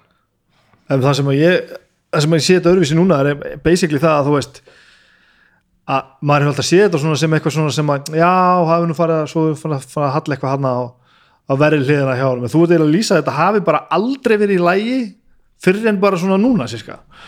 Já, ég upplýði þannig. Það er svolítið, svolítið harkalegt þegar maður Já, já En ég get ekkert ímyndað mér hvernig lífið hefði verið ef pappið ekki dáið og ef ég ekki orðið þunglindur. Er, ég get ekkert, þetta er eina lífið sem ég þekki. Já, já, það er eins gott að spila bara úr því held ég. Og reyna en, ég meina ég hef komið mörgum til að hlæja með því að tala um þunglindi Já. og vera þunglindur einhvern veginn, mín er alltaf skelli hlæja Já, Baldur sko, alltaf þegar hann spyr mig hvernig gengur, æ, ég veit það ekki. Þá fer hann bara að hlæja. Þetta er þetta það fyndið af hverju er þetta svona fyndið? Og mér finnst bara ágætt ef, ef, ef fólk getur hlæja, mér er Ísak vinnu minn hann sendið mér skilabó einhvern tímann að hlusta hlusta draugan og sagði bara að engin maður í heiminn sem kemur með að hlæja ég hef rosalega með því að tala um þunglindi eins og þú, ég held þetta var ekki hægt. Nei, þetta er briljant sko. maður verður, húmorinn ég tala um tónlist reyndar sem orsalega góða hjálp og áfengi en, en kynningáfa er æðisleg líka. Já. En eins og með þetta þú þarft nú samt að eiga svolítið fyrir því að með að fara að gera grína eigin þunglindi. Já, þú veist, að nota þetta bara sem einhvern flótta og einhvern svona það er ekki sniðut en ég held að manni finnist þetta svona frábært og, og fyndið eins og maður hlusta á einhverju draugunum sko. að hérna, að því að þú maður finnir svo mikið fyrir því að það er búið að vinna svo mikið í því að koma sér á þennan stað sko. þannig að Baldur spyrir hvernig hefur það æ, ég veit það ekki. Já, þá finnum maður meira bara svona þetta er allt í einhverju helvit steik en ég veit alveg hvernig þetta er og þetta verður allt í lagi sko. já, já. Það, er, mist, það, það er um að gera alltaf að reyna að sjá skondun hliðina á þessu, sko. Já. það er það. Að hvað, þú veist, sérðu eitthvað eh, vilt allra breytingur, allra gera eitthvað? Það er eitthvað, þú veist, þú ert orðin 50 eitthvað ára? Þú veist, Nei, jú, jú, það er ég meina draum að, að gefa út eitthvað músík eftir sjálfa mig. Já. það er alltaf stert, mér langar að læra þess meira kannski, Ok. meira háskólum nú Nei það er nei, það, annars er bara er bara mjög sáttur sko. Já. og það er tilfellu, þú, þú, ert, þú ert bara sáttur Já, já, eins og þetta er? Það er það. Ferðast meira kannski en bara reyna að nýta tíman og, og eftir því sem maður eldist þá er mikilvægur að finnst mér einmitt að vera í samskiptum við fólk. Já, mér finnst það eiginlega vera bara það mikilvægasta. Og ekki, það er fólk sem sendur manni næst sko, vini og fjölskyldun og svona. Ég mætti vera miklu duglegur í því að vera í sambandi. Ég er, ég er of lélegur í því og ég hef reynd að bæta mig í því. Annars bara já, hvíli klísja láta okkar um degi næja sína þjóningu já, sumir frasa að vera samt klísjur að því að það er svo mikið til í þeim. Já, það er marg tukir sannleikur. Það er pínuð þannig sko. Það er þetta er hansi góða ráningur með að lýsingarnar að að geta sagst vera sáttur í dag samt. Já, en samt er, er sko eh, þetta myrku verður alltaf með að sko, það kemur ég finn bara, vá, nú er ég greinilega orðin þunglendur ég bara hættur að þrýfa mig og það er bara En ertu einhvern tíma hrættur núna um að, að, missa tökina á sig? Þetta skemmi ómikið fyrir þér núna? Já, ég, ég finn alveg fyrir þeirri hræðslu, það er kannski ágætt bara að hafa þá hræðslu, Já, gleyma því ekki þetta er alvarlegt sko. Já, nú já, ég er uh, ég fór að finna fyrir kvíðun máðan bara, ég var að hugsa, já, núna í, í kvöld er ég að fara í mitt í stúdíu og alltaf taka upp einhverju músík. Og þá kom alveg bara, nei, ekki gera það maður. Nei, nei, vertu heima, nei, eitthvað hræðsla eitthvað kvíði, af hverju? Já, þetta er það sem ég langar að gera. En þetta hefur alveg haldið aftur af mér mörg ár sko, líka. Já, já. Ég finn að maður þarf sko, maður þarf stundum að passa sig að tippleiki í kringum eins og þig sko. Ég fór að hugsa með í morgun sko, já, hann var í aflýsingum í hérna dómstegi gær. Uh, var að fara í útvarsvittal í morgun. Svo vissi ég að þú varst eitthvað uh, sísla með einhverja músík og ég er að veiða hann eitthvað viðtal núna. Já, já, ég er svona, það fór maður svona ósverðast bara svona, ah, er ég að gera með einhvern óleik með þegar að vera? Nei, nei. Þá myndi ég ekki það að ég var svo mikið viljandi að búa það í fjóra tíma viðtal þetta áttu nú kannski að vera nei, meira, sko. ég, nei, ég maður ég mjög grunaði nú alveg þetta geti orðið langt sko. Þetta er alveg, já, það þarf að klippa mikið til. Eh, ég baldur sér á það, ég er svona venga tími það við skulum Nei. við því að þetta eru klippnett ok, ég við komum þetta með þetta sko. Já, já, ok. Er það ekki? já, en eins og við segja bara, já, þessi já, þetta kemur kvíðin þrátt fyrir ég vilji rosalega gera þetta, taka upp músík en bara þetta, stundum það maður einhvern veginn daldið að böðlast bara í gegnum þetta. Um leiðum að svona tekur á þessu með, með hérna rauk, rætni hugsun Mm. svo, þetta er mjög gott. Það ekki? jú. Takk fyrir að tala um mig vinnu minn. Já, það var bara mínur ánæð, takk fyrir að bjóða mér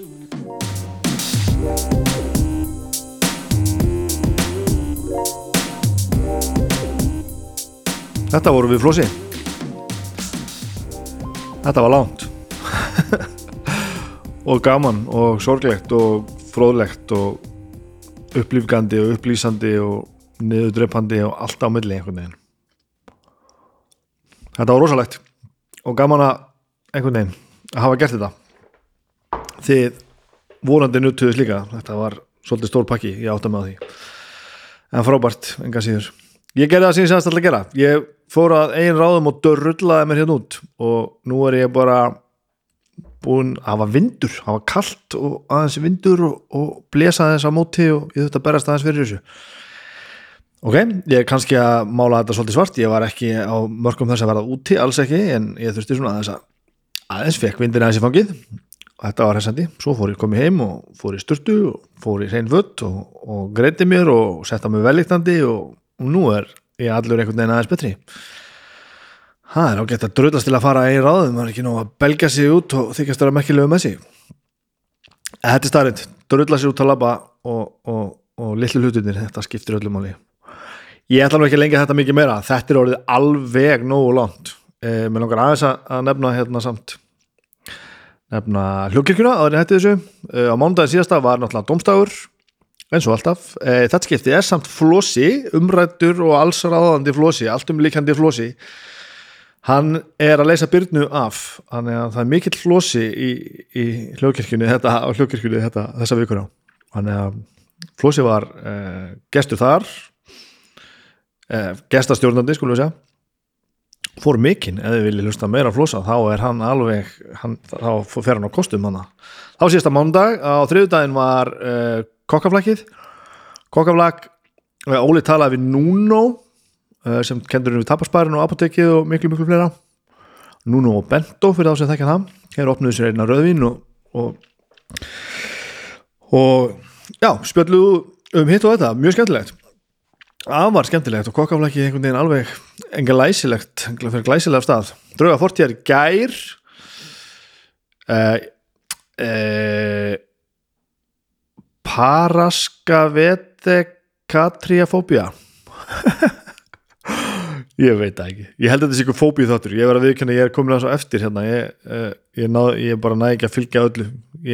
Það er svo mikið að gera hjá mér og svo mikið að gera hjá okkur. Ég næ ekki, ekki einu svona að komast yfir að hlusta á, á hlaðurpin okkar. Þannig að ég gaugust út um aðan og var ég bara að hlusta á, á, á, Finnlands stríði sko. Þannig að ég veit ekki hvað þetta er. Þetta er allavega held ég ykkur fóbíu þáttur og úrlega bara stórkostlegt. Flossi enn og aftur þar. Um, besta platan er á morgun. Það er, við erum ekki eftir búin að taka það upp. Þetta er hérna, þetta er eins og ég segi, þetta er tekið upp hérna rétt eftir hátegi á, á miðvikudegi og, og ég er að fara í kvöld að taka upp þrjá þetta en þátturinn sem fer í loftið á, á, á núna, núna næst er e, það er platan This is Acting. Söngkonan og stór listakonan Sia. Afar áhugavert umræðefni en í dag var það náttúrulega þessi þáttur hér snæpi talaði fólk og hann verður aftur eftir vikum ég ætla bara að kveða ykkur í billi ég held að þetta sé orðið alveg nóg. Takk fyrir flósið að vera vinnu minn, takk fyrir að tala við mig. Takk Agnes fyrir að börga lífið mínu inn í morgun. Takk fyrir að hlusta. Takk fyrir næst, bye